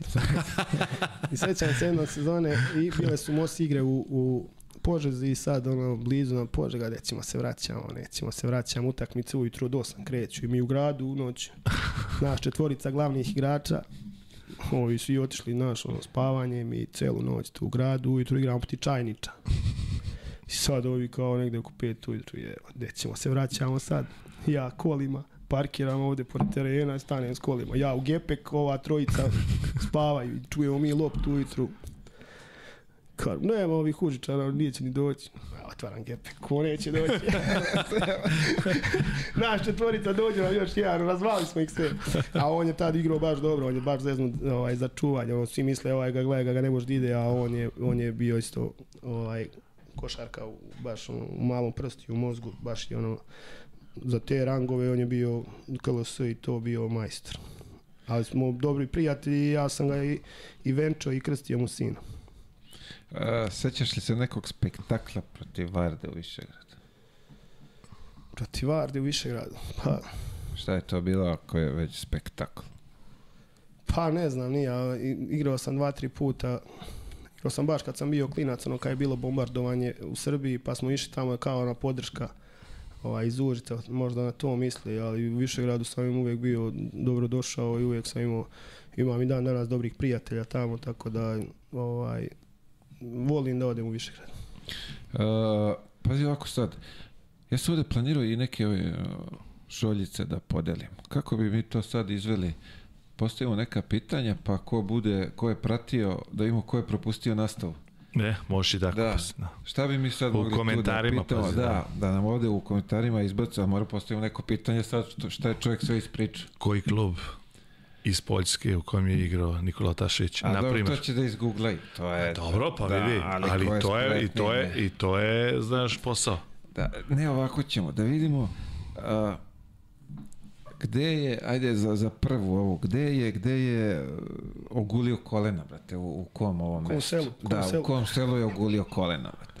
Evo, prvi ko odgovori ima, ima jednu od ovih šoljica. Ima ih pet u opticaju, evo jedna je za, za da vidimo gde je ogulio kolena, ko prvi odgovori. A mi idemo dalje sa, sa, ovaj, sa, sa pitanjima. Šta kaže ovde? Uh, samo da izgubit ću se. Ovo se sad i pomera, ovo je, ovo je baš teško zapratiti. A, Anvil nije tačan odgovor, tamo nije izgulio kolena. Ovaj, Eli ja sam postoje pitanje, pa vratno odgovaraju Da, ljudi za to, pa da, da. da, da. Ali si ti dao novo pitanje. tako je. Jel kremna beš? Nije. Nije kremna, znači, ajde, pletaj Pored to. Požege, selo. Aj, sad nemoj, im pomažeš, brate, moram malo da se pomuči. Uh, šta smo imali ovde? Pa, pa, pa, pa. Doživlja iz vojske. Bio si u vojsci? Nisam koji vojske. To je greška. Pa nešto su da, ovde su nešto, ili ja ovo ne znam da pročitam. Tebe zezaju da si šešelj? to Pa ne dobro, znaš. to, ja to znam odavno. Pa. Pitaju kao da... Tako da nemoj, ovaj, nemoj da zameriš. Ne, može sačuvaj. Vranjani. Vranjani, tako. Bra, tako. tačan odgovor. Vranjani je Rakula 9-3. Rakula 9-3 imaš ovdje, prijatelju. To ćeš vamo negde da se javiš da, ovaj, da, to, da to preuzmeš. A, ajde ti neko postavi pitanje. Baš si mu dao... A, pa malo, Težak ajde posao. sad malo da. Ajde, u kom timu sam igrao u, u Rumuniji? Eto, a to je opet može Google da. Pa ne, ajde. A? Pa da imamo ko će bre da izgubi. Ajde da vidimo či... Brzi prsti. Pa, Brzi prsti. Da ima šta rade. Rakula je pobedio. Ja sam dobro pročitao, jeste Rakula. Rakula ima šoljicu. Da ima šta kaže, šta kaže. Znaš, ko ide dalje, ko ide dalje, dalje ide. Ovaj, uh, imao sam nešto, imao sam nešto zanimljivo ovde za tebe. Da, bilo je da smo mogli da snimamo na ovom tvom podcast. Pa može, Ha? može. Zamisli, to ćemo napraviti. Može, može. Mogli bi da napravimo. A, Idemo u goste. Pa je. Da. Može, plutamo, naravno, plutamo tamo ovaj Naravno, jezerom. može. Može. Ima internet na jednom mjestu, baš dobar ubija. Tako je, evo ga, Kosta Gerčić, ja mislim. ako je. Gerzić, Gerzić. Gerzić, tako nešto, to je neki tvoj verovatno. Jeste, jeste, Evo, evo to odmah da mu ponesiš i šolju, brat, tako iz, iz Užica. jeste. Evo, za Kosta je pobednik, imao je brze prste, ovaj, pobedio je, znači za Kostu Gerzića. Uh, ajmo, Žule, treće pitanje. Pa ja sam već rekao, ali ljudi su već pogodili odmah, to je onda on Nećemo iskoristio, to, ajmo, da, da, nećemo to, daj nešto ovako malo da, nešto pikantnije. da zagolica maštu. Ne znam, ja moram sad, sad da razmislim da se setim, pazi. Imaš vremena polako. Da, smo- tek smo počeli, da. Tako je, da, imamo još. Sreće pa ne radim sutra ništa, tako da. Tek je, tek je ponoć. Tek je ponoć. Tek je ponoć. Tek, tek je 12 sati. Imamo i, moramo i upalimo sada u svećicu. Moraš, definitivno, ajde, Pa ajde. to da duvamo, zamislimo želje. Evo ovako možda kažeš, gde je proveo najbolje godine svoje karijere? Iz dva dela. Ajde da vidimo. Mora da pogode oba dva kluba. Oba, tako je, ajmo oba gleda da vidimo da pogodimo Nije ko, teško, ko je a- tu spretan. U stvari, ovaj, morali su da ostanu do kraja da bi to sve sa, saznali. Šone Marković, kakav je Šone Marković lik? Car. Šone Marković igrao sa mnom u zdravlju iz Leskovska, bio mi je pomoć trener u Temišvaru. Dobar prijatelj, dobar čovjek. Car. Uh, ajde ovako sad moje neko pitanje o, o trenera. Radio si tu, bilo je mnogo, da kažemo, dobrih trenera. Koga bi izdvojio? Pa, ono, mislim, prošao sam dosta trenera i od, i od starta vamo, kad sam počinjao, ali kroz karijeru, pa najviše sam sarađivao sa, sa, sa Radonjićem četiri godine i sa, Alešom Pipanom, koju, koliko sam isto dve godine sam sarađivao sa njim, to su mi dva omiljena trenera. Naravno, Jolly, koji mi je bio odskočna daska, koji me je progurao i vratio na košarkašku mapu, Struki, s kojim sam radio isto skoro godinu dana, cenim ih sve, ali da kažeš e, Pipan i, i Dejo Radonjić su mi ono najviše, naj, najdraži. Pa dobro, s njima si proveo... Pa igrao sam da. baš dobro kod njih. I kod, kod, kod Jolija isto, samo što kod Jolija sam se kratko zadržao, ono, znaš, samo smo jednu sezonu. A dobro. Džade si morao da voziš kući. Tako da, znaš. Preko veze, preko Evo, veze. Dobar je Jolly, dobar. Evo ga Luka, Luka Andžić. Luka Andžić je treći dobitnik Šoljice. Bio je, ovaj, što bi se reklo, spretniji u kucanju. Znači, imamo za Luku Šoljicu. Šolju. Šolju. Tako je, da, ovaj, Luka, spremi se, to ćemo isto da vidimo to posle kako će to ti ćeš o, kako biš ovaj dečko? Ko- Gerzić. Da. Da, njemu ćeš ponese što je tvoje, tako to. to ovaj, usput je da, ma, da ne plaćam poštarinu, brate. Pa, sve je u da- redu, pazi, mora može da- tako, da- može i tako, da. Da, da uštedimo. Miksa, ajde ubaci si ti, Buraziro, daj pitanje jedno za ljude. Ne znam šta si ti pratio. A treba brate. pet ovo, je li tako? Pa da, Pitanje. pet šoljica imamo, šolja, pa ćemo da podelimo to domaćinski. Kad budeš... Ko je bio najbolji strelac FK City? A? To je pozno, to je lako, brate. E, ali ne, ajde ovako Evo. ćemo. Ajde da čujemo. Koliko puta je FK City obezbedio prolazak u viši rang tako? E, to je dobro. Opa, E, to je idemo. dobro. Koliko puta je FK City obezbedio prolazak u viši rang? Tako je, bravo. Za četvrtu šoljicu, jel tako? Četvrto, Četvrto, da. tako da. je. I ostaje ti još jedna. I još jedna, bravo. Ali to Ne. kad, kad upališ svećicu, pa onda, znaš, kad pređemo drugi dan. To ćemo... Ta peta posljednja. U, evo je za, za minutu. Pa zato ti Ne znam kažem. da li brojimo, da da, da su isti satovi po ovaj namešteni kako treba. Ne znam koji ti je glavni. Sad. Pa ja, što... Evo je ponoć, brate. Ponoć. Pali svećicu. Dva puta. Dva puta, tačno. Ivan Minić, najbrži. Ivane Miniću, Šolja te čeka. šolja te čeka sa ovim, sa mojom, sa mojom lobanjem. Pa sa tvojim imenom podcasta i emblemom. Da, ovako sa, sa ovom ružnom glavom, ali dobro, nema veze. Ovaj, kako se zove, a, šta bi, a, Kako se zove katamaran? Peto pitanje. prava, peto pitanje, kako se zove katamaran brzi prsti, brzi prsti, a moramo da imamo propletnu muziku. Znaš. Daj miksa, brate, ono, ono, znaš, ono neizvestnost neku nam ubaci ovde, brate. Ta-na-na-na. Tan, tan, tan, tan, tan. Teško pitanje, stvarno. Teško pitanje. Vidi, ne, verovatno ne, ne mogu da zapamtim. Ko je, nije, znaš, jedno ko zna dole, verovatno, od ovih tvojih, on će Pa brzo to da da otkuca. Ja, lako se pamti, pa si. Čim se kaže, lako se zapamti. Aleksa, ne briši poruke, gledam te, nemoj to da radiš. Vagabond. Vagabundo. A, Nikola, greška. Greška. Da imamo ko je sledeći. Sad će Nikola da ispravi. Brže bolje. Jedno Da, slovo. da, da. Vagabund. Vagabundo, vagabundo. V, V, vagabundo. I evo ga, Dušan Antonijević, tačan odgovor. Peta šolja. Vaga... Vaga... Andrija. Ne, Dušane, bravo, Andrija ispred njega, bravo. Ćirilično, bravo, viš, ni, promaklo mi je. Andrija Jovanović, Vagabundo. Peta. Vagabundo. peta šoljica je podeljena. Brzo smo to Bravo. odradili, da ti A, kažem. Brzo smo, brzo smo ekspresno to odradili. Kako smo to sad, e, vidio, pošle, prošle ponoć, tamo ulazimo sad u, u ovaj Google account. Miksa? Ne. Ne. Žiri kaže, nisi prijatelju. Ja sam prva, znači da je gospođu u pitanju. Gospođo, niste prvi, kaže Miksa, član žirija da... Predsjednik žirija. Predsjednik žirija. Predsjednik žirija, da niste.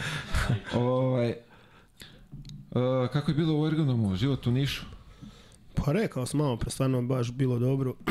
Imam dan danas dosta do, dobrih prijatelja. Grad Niš je vrhunski grad, pogotovo... Gdje se najbolje jede u Nišu? U, Pa, to je, mislim, mi mnogo se, zanimljivije. Ovaj, na Durlanu ima dosta ovih kafanica, ali mi smo se hranili u Sinđeliću koji je u centru i koji je sada postao baš dobra kafana. Mi smo i tada imali dobru klopu, ali sad su malo to i renovirali na nekom ovaj, Višem nivou. višem nivou. Da. da. Tako da bilo je baš dobro. Ima dosta dobrih mjesta za izlaske. Ovaj, oni su počeli prvi da, da imaju te kafane sa muzikom pre malte ne i Beograda. ono. Ta, taj deo grada tamo Durlan dole su baš ono prave, prave ovaj prave žurke bile su te, te žive muzike, znaš, tako kad sam igrao. Ja sam igrao 2002. treće, razumiješ. Tako da je dole baš, baš dobro. I veliki je grad, znaš, ono, Pazi, ja sam sad bio na, na kupu, mogu ti reći da je klopa. klopa je vrh. Vrh.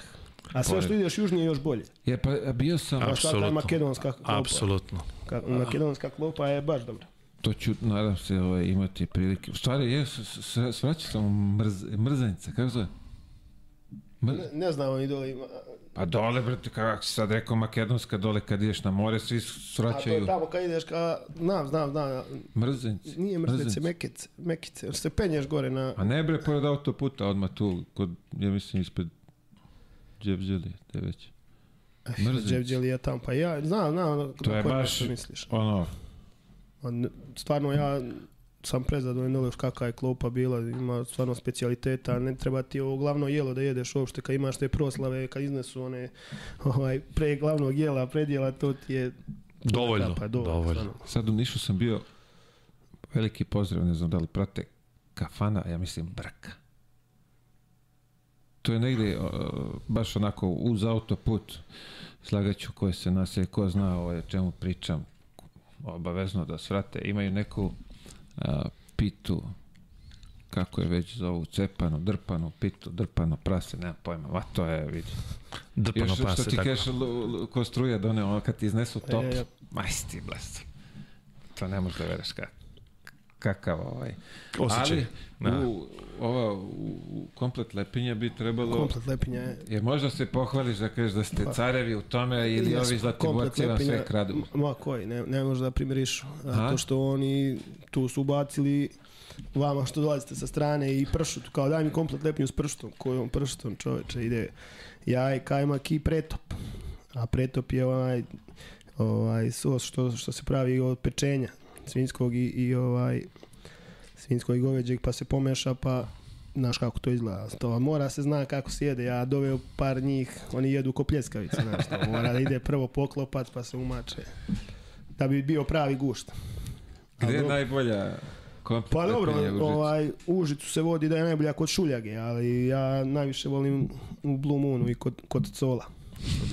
Tako se zovu dve. Cola. Kakav Cola. marketing radimo, brate, Pa, mili, vidi ti ove reklame ovde sad. bre. Sevaju sa svih strana, A? pazi, sa svih strana, da. Solo, Blue Moon, Blue Moon, šuljaga, Cola, Mislim da si zaslužio. Mile, da gde god da odeš dobiješ bar jedan obrok za Pa, dž. hvala Bogu. Bar jedan. Pa on kad bi se pojavio, stvarno bi dobio Užicu. Domaćini su vrhunski Užičani. Ja, ja, vole dugost.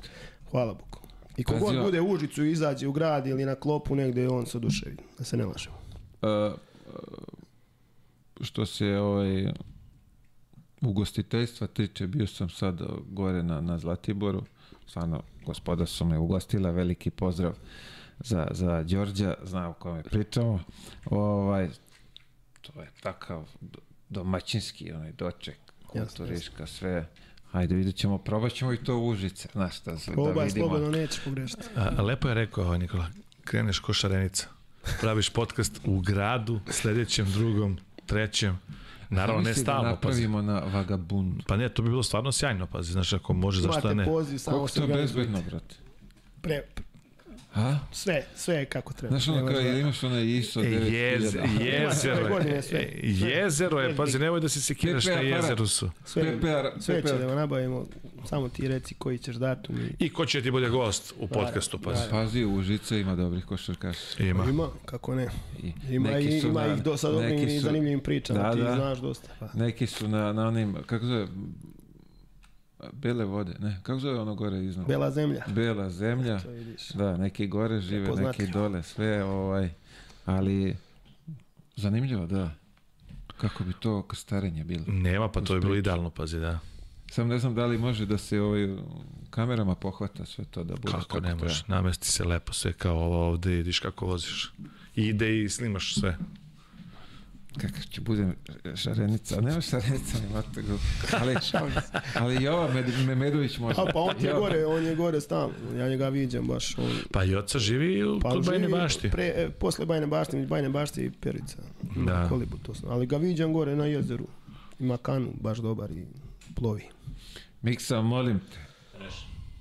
Google account žali se da je prva dala tačan odgovor. Pa oni vide drugačije od nas. Sad, nemoj ovde da sad oštetimo nekog. Znam da je bilo i pogrešnih odgovora, Uvek imamo mi to kad dajemo free betove. je li tako? Oni ne vide isto kao mi. Ne znam da li je top chat, da li je live chat. U live chatu prvi jedan. Ja gledam u, u top chatu, je li tako? Ne, klikneš gore live chat. Te ti to, brate. Isto gde je top, klikni na top, imaš opciju live. A vi stvarno piše. To, tu je bio Andrija. Andrija, znači evo, Ivan Božiri je potvrdio, Andrija je prvi gospođo Google account, stvarno mi je žao, prvom da sam Ja prilikom, na telefonu drugačije vidim nego kad... jel tako? Da, da. Evo, Ili žiri je ustanovio grešku, ovaj, internet. prvom prilikom, sledećom kad budemo delili šoljke, javite se, Čisto džentlmenstva radi. Tako da je, dama da. dobije da, šolju. daćemo jednu šolju, ajde, časti kuća, časti kuća, jer smo ozbiljna kuća. E, prošla je ponoć, I vreme je da zapališ. ovo se istopilo, Nema veze, bitno je da, U- da se vidi. smo. Jeste. a vidi. Što bi rekli Jer ljudi, nema ovde protiv požarnih ovdje da počne da nas prskava. pa da bude kompletno ludilo. Vidi neće. Hoće, hoće, samo drži malo. Eto, vidiš kako hoće. E pa Mila, neka ti je sa srećom. Prvi, Čestitke. prvi od makar 50 godina, a i više, pa si. Daći Bog. Svetli. Se vidi dobro kec ili je ovo sedmica? Šta, šta ljudi? Ne, kontra, Kec, treba kec, kontra. kec, kec, Da okrenem, ne vidim kontra, a? To je to. Bravo. Uh, momci, hvala vam na druženju. Čekaj, čekaj. Šta, šta? Moraš da zamisliš želju, Želju, da. A moraš da želju? ugasiš sveću i ovaj i to je to, pazi. Da zamisliš želju, ali nemoj da kažeš. Jer ako kažeš neće se ispuniti. Ipak si ti slavljenik. Ozbiljna glavobolja. Pa sad dalje glavo. Meni je to zadovoljstvo, ti kaže me. Zamisli želju prvo, nemoj nikom ništa da kažeš. Kad zamisliš, gasi. Bravo. Evo sad što bi rekli, bravo. Daj šampanjac, daj Bravo, šampanjac. Imamo, imamo rađu, pa. Daj prskalice. Daj prskalice. Vidiš, prskalice sam zaboravio da, A da dobro, pazi. To ćeš za sledeći, brate. Tako je. Na otvoreno. Na otvorenom, da. U vagabundu. Sve može. Ma, To ti je već na otvorenom. I, Sve može. I šta si mi dao ideju, brate? Neće izaći na dobro. pa dobro, slušaj. Neće izaći na dobro. Ja mislim da hoće, obzirom da si imao ideju da napraviš ovaj podcast i da si ga napravio i da je izašlo na dobro. Tako da je ova sledeća ideja, verujem da će biti još bolje. A, to ti, je- kod mene ti ono, kažeš budali nešto da, da ne može i... I odmah može ono sve. crpi I ono radi, brate. Tako da i ovo smo krenuli na, na budalu, što bi se reklo i evo, upalilo je, uradilo je, funkcioniše. Pre svega da se zahvalim vama za izdvojeno vreme. Hvala Johnny, za tvoju pozivu. priču, za, kažem ti, bit će još prilika ovaj, no, za neke druge priče, za neke druge ane- anegdote, moramo nešto da ostavimo i za posle. Uh, kume, Meni zadovoljstvo da uvek. si mi živ i zdrav, I ti takođe, samo rekao sam ti, godina. 50 godina da radiš još, mislim da je to sasvim dovoljno i da te onda neko nasledi koga ti odrediš da nastavi ono što si ti započeo. A, brate, to je 50 godina daleko, ali ajde. ajde, ovaj, neka, neka bude tako sve. Uh, dragi gledalci, pratioci, subscriberi, u stvari ko se nije subscribe-ovo, molim vas, iskoristite sad priliku, pomozite ovom ubogom dečkiću da, da ima tamo... Sa šolje, ubogi To, to, dečkić ovo, sa šolje. Sa šolje. Zapratite kanal, to vama ništa ne znači, za na- nas, nama nešto i znači. Ovaj, budite, da kažem, darežljivi, kliknite, da budete upućeni kad šta radimo. Veliko hvala pre svega svim gostima koji su izgurali, kažem, o, o, ovih godinu dana, prošli kroz ovaj podcast, to je bilo, kako smo rekli, 52 epizode sa 54 gosta, plus vas dvojica. 56. Ovaj, ulazimo u, u, u drugu godinu. Hvala svima koji su gledali makar i jedan put. Nadam se da su nešto pametno čuli, nasmejali se šta god. Ovaj, I nadam se da ćemo u, aj kažemo, u ovoj drugoj godini podcasta opravdati očekivanja, ugostiti još mnogo ljudi, čuti dobrih priča. Ja mislim da je Više nego dovoljno. dovoljno od mene da, Da. da zatvorimo. Ćete da kažete vi nešto? Ništa, je bilo sjajno iskustvo, lepo smo se ispričali i nadam se da, da je bilo zanimljivo gledaocima.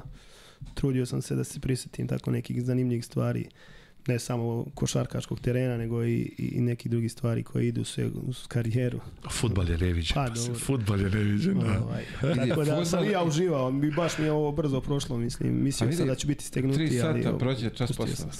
Čas posle. Ušli smo, vidi, u, pošto je posle ponoći, skuplji termin ovde. Moramo, Se završi što pre, da. Moramo, ljudi, pa nemam para. Ovaj, sponzor je okej, ali bar još neko da uleti neko sponzorstvo da možemo radimo i ovu posle ponoći. Ovaj, o- Ovi skupljite. pa to, u treću, u treću smenu. Treća smena, da. Kako se zove? Kako više, ne znam, nisam... Da sviramo kraj. Ljudi, hvala vam mnogo. Uh, vidimo se sledeće srede u 21 čas. Čeka vas nova emisija, nova priča. Tako da, želim vam laku noć, mirne, lepe snove do sledeće srede. Prijetno.